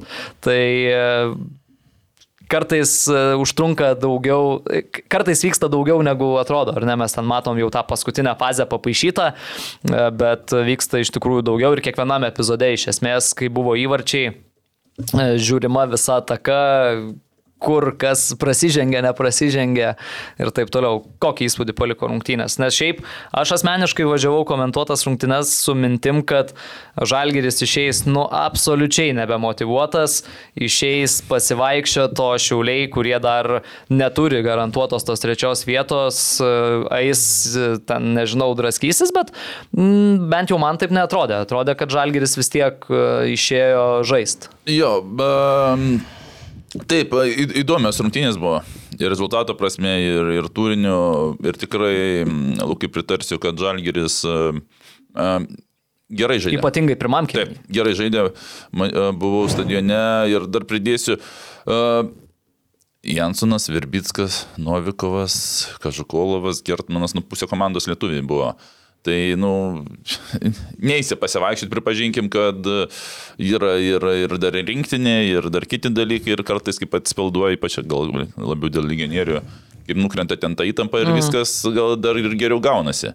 Tai tikrai gerai, žal, šiauliai atkarpom labai gerai žaidė, būtent kur mušė įvarčius, antrajame kelne, ten kur buvo atkarpa, kaip įmušė įvartį, Taip, taip, ten taip. buvo ir atakos. Darė lygius. Jankauskas turėjo kiek progų. Taip, tai Gertmano vėl grįžo puikios rungtynės ir Kažukovas patiko Novikovas įmušė, tai visi, kas, kas, kas, kas grįžo į pagrindinę, visi, aš sakyčiau, tuose Pasižymėjo. pasižymėjo iš gerosios pusės. Čiaulių, čiuliu atkarpas. Jansonas tarti dar buvo. Jansonas, tai minėjau, aha, Jansonas Verbickas. Taip, penki. Nu, Mhm, jo, jo. išvardinai. Penki ant suolo buvo tik tai pažalgeriai. Žaidėjai, Šeši, žaidėjai. šeši du vartininkai. Keturi buvo. Penki. Ne, iš viso buvo septyni Septyni, oficialiam protokole. Ir penki, Penki penki žaidėjai. Penki žaidėjai. kodėl tai. kažkas rašė šeši ir aš... Ne, žinai, Tai kas buvo. Ne, buvo, aš ir transliacijoje minėjau, kad e, protokole oficialiam buvo septyni žaidėjai, o toj grafikoje, kurią Žalgeris Skelia. dalinosi į sociotinklus, ten buvo šeši, Mikuliūno nebuvo. Jo, dažnai ten, kaip ir čia buvo su Novikovu, kad jo nei, nei startė buvo, nei ant soliuko finaliais buvo startė, ten tiesiog buvo sumaišytas su kažkokiu Kazlausku traumuotu ar kažkuo ten. Nežinau, tokių pasitaiko ten tam jo maketė šiais metais. Ne, ne, ne pirmą kartą. Gražių įvarčių buvo. Jo, šiaip Romanovskio, tai fantastika. Man iškai Bet Romanovskio, ar ne? Nu, aišku, Varas viską žiūrėjo, vadinasi, nieko blogo Pražanga nebuvo. tai. Jo, ta pražanga, kur Egidijus Vaitkūnas gulėjo ar ne. nepadaręs patkatą ir paskui, nu vis tiek tas judesys ranka buvo toks. Na, tai, aš nežinau. Nu, aš aišku, sakau, var, var peržiūrėjo, nu nieko blogo neižvelgia, bet taip plika akim žiūrint, e, pagal mane tai ten labai diskutuotina. Bet varas yra. Nu, tai sakau, varas yra ir viską, viską išsprendžia. Nu, vad, kai tą smūgį uždėjo a, Romanovskis, tai kad ir gal čia dabar tokia atkarpa jo, ne, nu, ne tokia kaip čia visą žibėjo sezoną, bet jam buvo pirmą metis, kur nutups kitais metais. Vat man toks buvo po to, nes įvartis tikrai iš ties. Šiaip Romanovskis, e, mačiau socialiniuose tinkluose, seku tą vieną Lenkų agentą, kuris čia buvo atvežęs į Kauno Žalgirį tą Rudinilsoną, dar kažkokį žaidėją. Mhm. Tai tas agentas dabar pristatė, kad Romanovskis tapo jo klientu. Tai Visgi gal nukeliaus į manau, Lenkija visai, visai gal... Tai gal nebe į pirmą, į ekstra klasę gal? Visai gal reali kryptis. Skirtingi sezonai buvo. ne, Dar geresnis geresnis. Dar geresnis. dar Ne tai, kad geresnis. skirtingi, bet dar geresnis. Tai ant tiek geresnis, kad ten čia betūnas, ant kurio dėm, kad čia mušį įvarčius šiemet į šešėlį nuėjo baisiai, kai... Na, nu, bet žinai, kai, kai tau e, Romanovskis ir e, Jankauskas sugeneruoja kiek... Tai aš ką 20 sakau, kad, įvarčių. nu, niekas nesikėjo turbūt, kad jie tiek muš ir tiek asistuos e, viens kitam iš esmės, kad e, ten tiesiog, nu, negali vis kiekvienas rungtynės ten muš 3-4 kažkas, nu, mažiau šansų turi, šebitunas jų nesumušė, bet, nu, fantastika dėl, dėl Romanovskio lygiaus. Tai žiūrėsim, kaip jų sezonai, e, kaip kitą sezoną, kur jie nutups ir, ir, ir kur bus. Nu ir aišku, Šiauliam labai svarbus taškas kovoje dėl tos trečiosios Taip. vietos, nes prieš rungtynes Hegelman jau buvo pavyję taškais juos, aišku, Šiauliai Dviem turėjo rungtynėm. rungtynės atsargoj, tai ir dabar turi, bet turi jau vieną tašką ir e, pranašumą. Tai... Tai Bet tos rungtynės vienas atsargojo, vienas su Sūduva, kitas su Panevežiu, tai taip, ta atsarga tokia, žinai. Tie klausimas, koks dabar Panevežys bus, žinai, e, kokios jų nuotaikos, kaip ten žiūrės. Ir... Mm. Nes rungtynė dar nemažai, liko keturios, ne, ar penkios? Keturios. panevežiai keturios. Tai dar daug. Tai kaip jie čia vertins, ar duos kažkam dar jaunesniem bėgioti, ar užbaigs mm. ten su vos nerekordiniu taškų skaičium ir ten pers, persvara ten 15 taškų iki žalgerio, nu įdomu, žinai, nes e, manau, kad visi kiti, ten šiauliai, kas dar liko Kauno žalgeris sužaisti, ar ten tie patys relegationo komandos, tai džiaugiasi, kad jau dabar užtikrino Panevežys ir gal gaus Panevežį, kuris, nu, kaip pernai žalgeris, kiek išvaistė taškų ir su Panevežiu, ir su Kauno žalgeriu, kurių ten su šiauliaisgi ten 3-0 gavo pernai. taip, taip, taip. Tai kurių ten nuvargė, nemotivuoti ir panašiai, žinai. Tai Tai va, na, tiek apie šitas rungtynes ir tada... šlapia tas- buvo dar pridėsiu. Jo. Žiūrovų pusės buvo labai šlapia. Labai šlapia. Šiaip nesustojo visas rungtynes lyt. Tai. Ne. Ta prasme, supranti, bet tada toki, tokiais momentais, kai šį sezoną tas oras dar lepina, va, supranti, gan kiek tas infrastruktūros klausimas yra opus. Mm. Ne, ten pastogėlių daug žmonių buvo palindę, bet nu, su gerais norais ten ne, ne, nepririnksi daug. Nu, žodžiu, tad ne apie tą patį čia. Ok, ir e, paskutinis e, akcentas, e, panevežys, reikėjo to taško vieno, kad užsitikrint čempionų titulą. Ta tašką panevežys Kauno LFF treniruočio centre prieš Hegelman paėmė. Nežinau, man tas pagrindinis akcentas, ką jau ir su Edgaru kalbėjom, tas visas fonas tampa čempionais tokiam stadione kur lyja, šlapia, nu, lytų aišku visur ir tam pačiam Dariaus ir Grieno stadione, kur apdovanojimas vyktų ar ne, vis tiek lytų ant galvos žaidėjam ir apdovanojantiem, bet a, pats vaizdas. Dabar galvoju, o, mm, iš esmės, e, ir LFF stadione, nu, vaizdas nebūtų koks. Ir 20 ten tušiam stadione nebuvo tas vaizdas, ne, ne ką geresnis, ten kad ir oras gal toks buvo. Čia labiau tas gal yra žiūrovų klausimas, nu, namie būtų žaidę, gal būtų kiek kitaip, nes tikrai būtų suėję tų žmonių daug, kaip ir Marijampolė, kai 17 laimėjo, ten rekordinis lankomumas buvo to sezono ir ten aš kaip pažiūrėjau šią nuotrauką, tai wow, utopija ten buvo tada, ten pilnas tas visas centrinė ir net e, kiek nepastogų kažkiek sėdėjo. Tai čia va tas labiau klausimas, gal jeigu ir, ir būtų panevežėtas vaizdas, būtų kitas, bet kuri komanda ten, nežinau, Vilniaus Žalgeris, Šiauliai ar Kauno Žalgeris, jeigu laimėtų išvykos rungtynėse, pas nieką turbūt nebūtų toks vaizdas, jų čia toks wow, nu nesuvažiuotų ten 400 ten Žalgerio net fanų kažkur NFA ten žiūrėt kaip kelia taurė, žinai. Tai čia tas labiau, o kad ten tas NFA gardas didelis iš esmės nėra gražus, tai visi tą žinom, bet tiesiog nenuskylo panevežiu, kad va, tas istorinis titulas e, toje aplinkoje, kur, kur nei privažiuos, nei oras patrauklus važiuoti. Nu, ką padarysi, istorijos nuotraukos nu, nuguls tokios.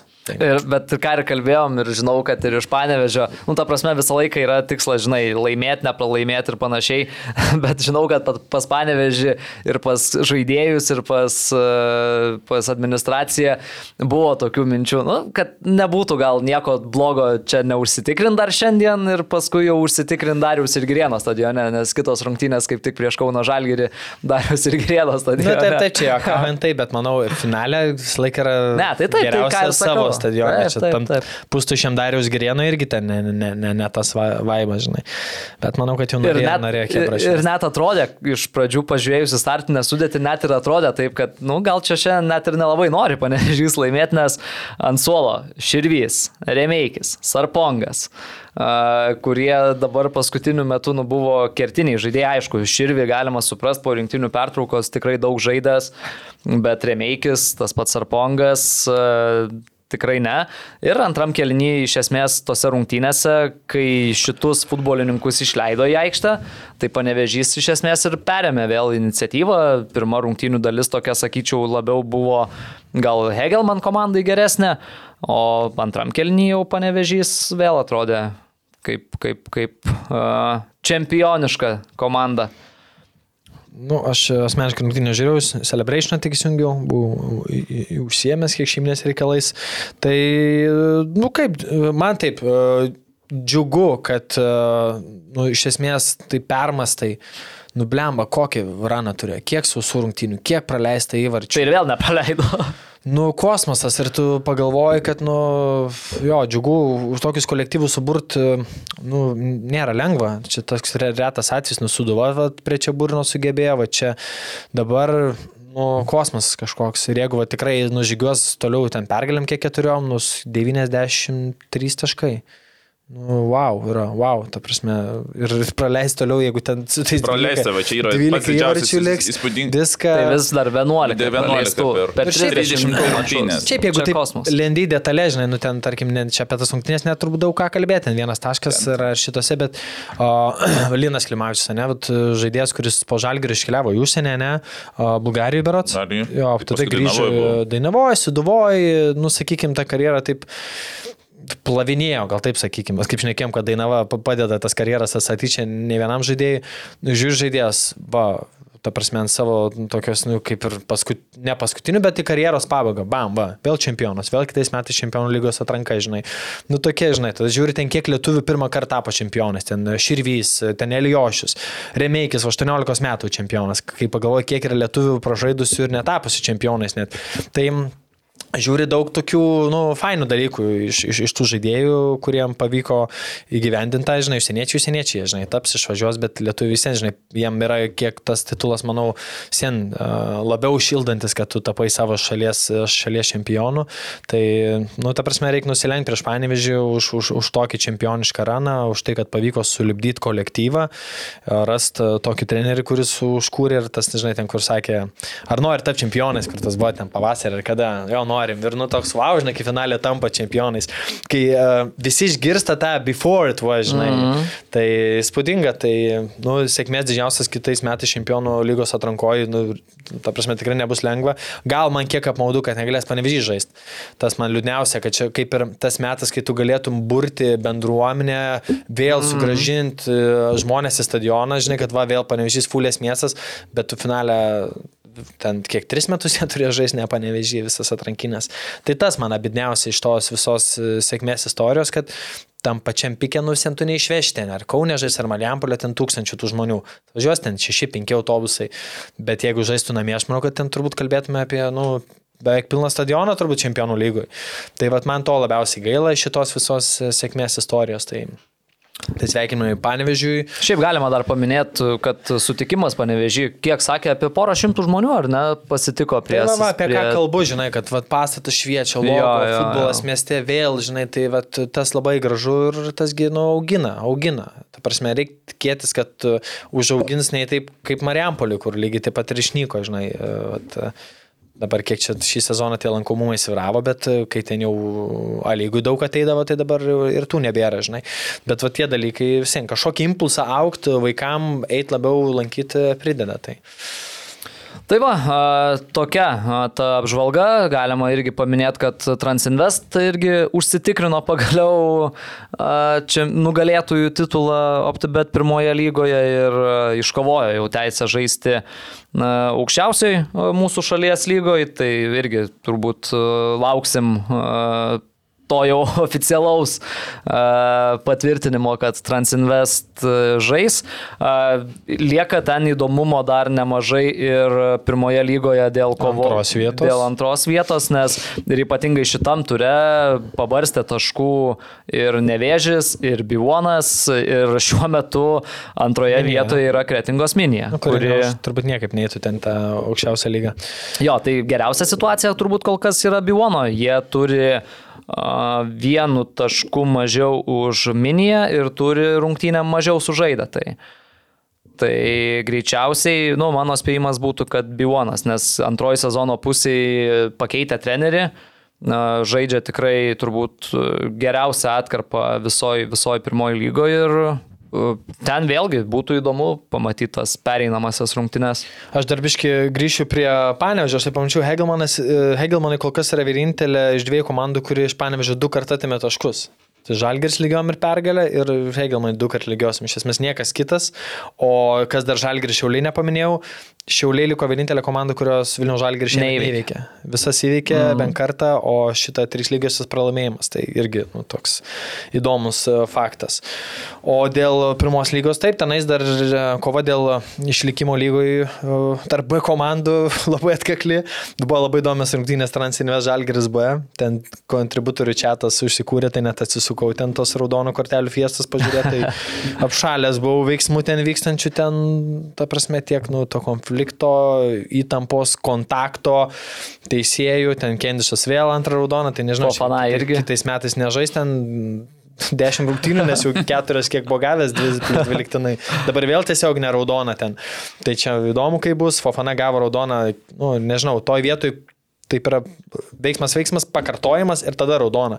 Tai, nu, gali tik interpretuoti, kas ten buvo per tą pakartojimą, už ką tą raudoną, nes net panašu, kad niekas nesuprato. Kendišo raudoną ten visiškai pelnytai, suprantu, buvo jau už tas eilinės emocijas, bet tiesiog pratrūko, nes ten gavos antras epizodas, kur nunešė žaidėją baudos aikšteliai ir nič nieko. Ta prasme, kokios reakcijos žaidžiam, tai ten ir Vareika gavo geltoną, mačiau, ir, ten, ir, ir tas žaidėjas, kurį nuskynė, ten atrodė, kad, nu, lemba, ten teisėjai nežinau, ką padarys, tai labai įdomios rungtynės buvo. O žinant, kad ten žalgirių buvo, nu, svarbu išlaikyti tą vietą, tai Labai lemiančios rungtynės buvo. Tai finalė devyniesi užbaigė tas, tas rungtynės, bet Transinvestam nepavyko dar ten iškovoti pergalės ir, ir užsitvirtinti. Vienu žodžiu. Nu, tai užsitvirtino. Jo, vėliau 4-1 babrunga. Tai daug dar įdomybių tenais ir visko dar gali būti. Tai va šiaip labai įdomu, kas ta, žinai, antra komanda, kuri peržaidinės. Sakau, Bivonas, Nevėžis, Minija. Trys, trys pretendentai nu, neužilgo paaiškės. Aš suprantu, B1 turėtų norą į tą, ne, kaip mes šis su Margevičius, kaip pas mus. Taip, taip, tikrai. Jie kaip išreiškia, kad tikslas, tai jeigu jie eitų, jie... Tai kurie sakė, Kaunė žaistų, ne? Jo Kauno yra. Ar... Nu, taip, taip, taip. Ar visai gina? ne, ne, ne, Kauno. Tai va, tokia šiandien podkasto pabaiga. Dar kartą padėka visiems mūsų kontributoriam. Taip. Kas dar neprisijungėt, prisijunkit, nes jau artėja tas metas, kai vėl turėsim informacijos ir apie perėjimus. Jau Jaras jau vieną porciją spėjo ir paserviruot mūsų prenumeratorių grupėje apie Žalgirio e, žaidėjų situaciją ir galimus pokyčius. Tai su laiku tų dalykų vis daugės.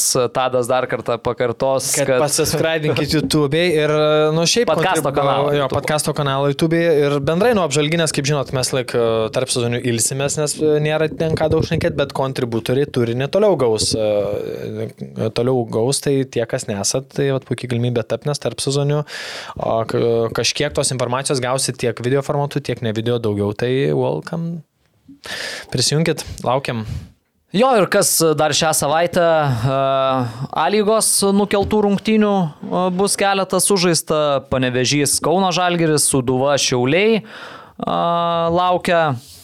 Jau rytoj įrašinėjom šiandien antradienis, tai jau rytoj trečiadienį šitos rungtynės bus šią savaitę ir kiti tie mačai Kauno Žalgeris Hegelman, kur nukelta, Šiauliai panevežys irgi kur nukelta, tai tų rungtynių tikrai netrūksta, taip pat Kauno sporto haliai futsal čempionų lyga.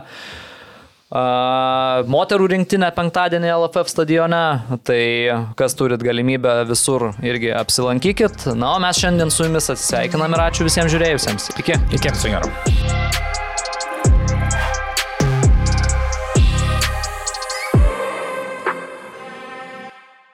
OptiBet, lošimo automatai, OptiBet. Dalyvavimas azartiniuose lošimuose gali sukelti priklausomybę.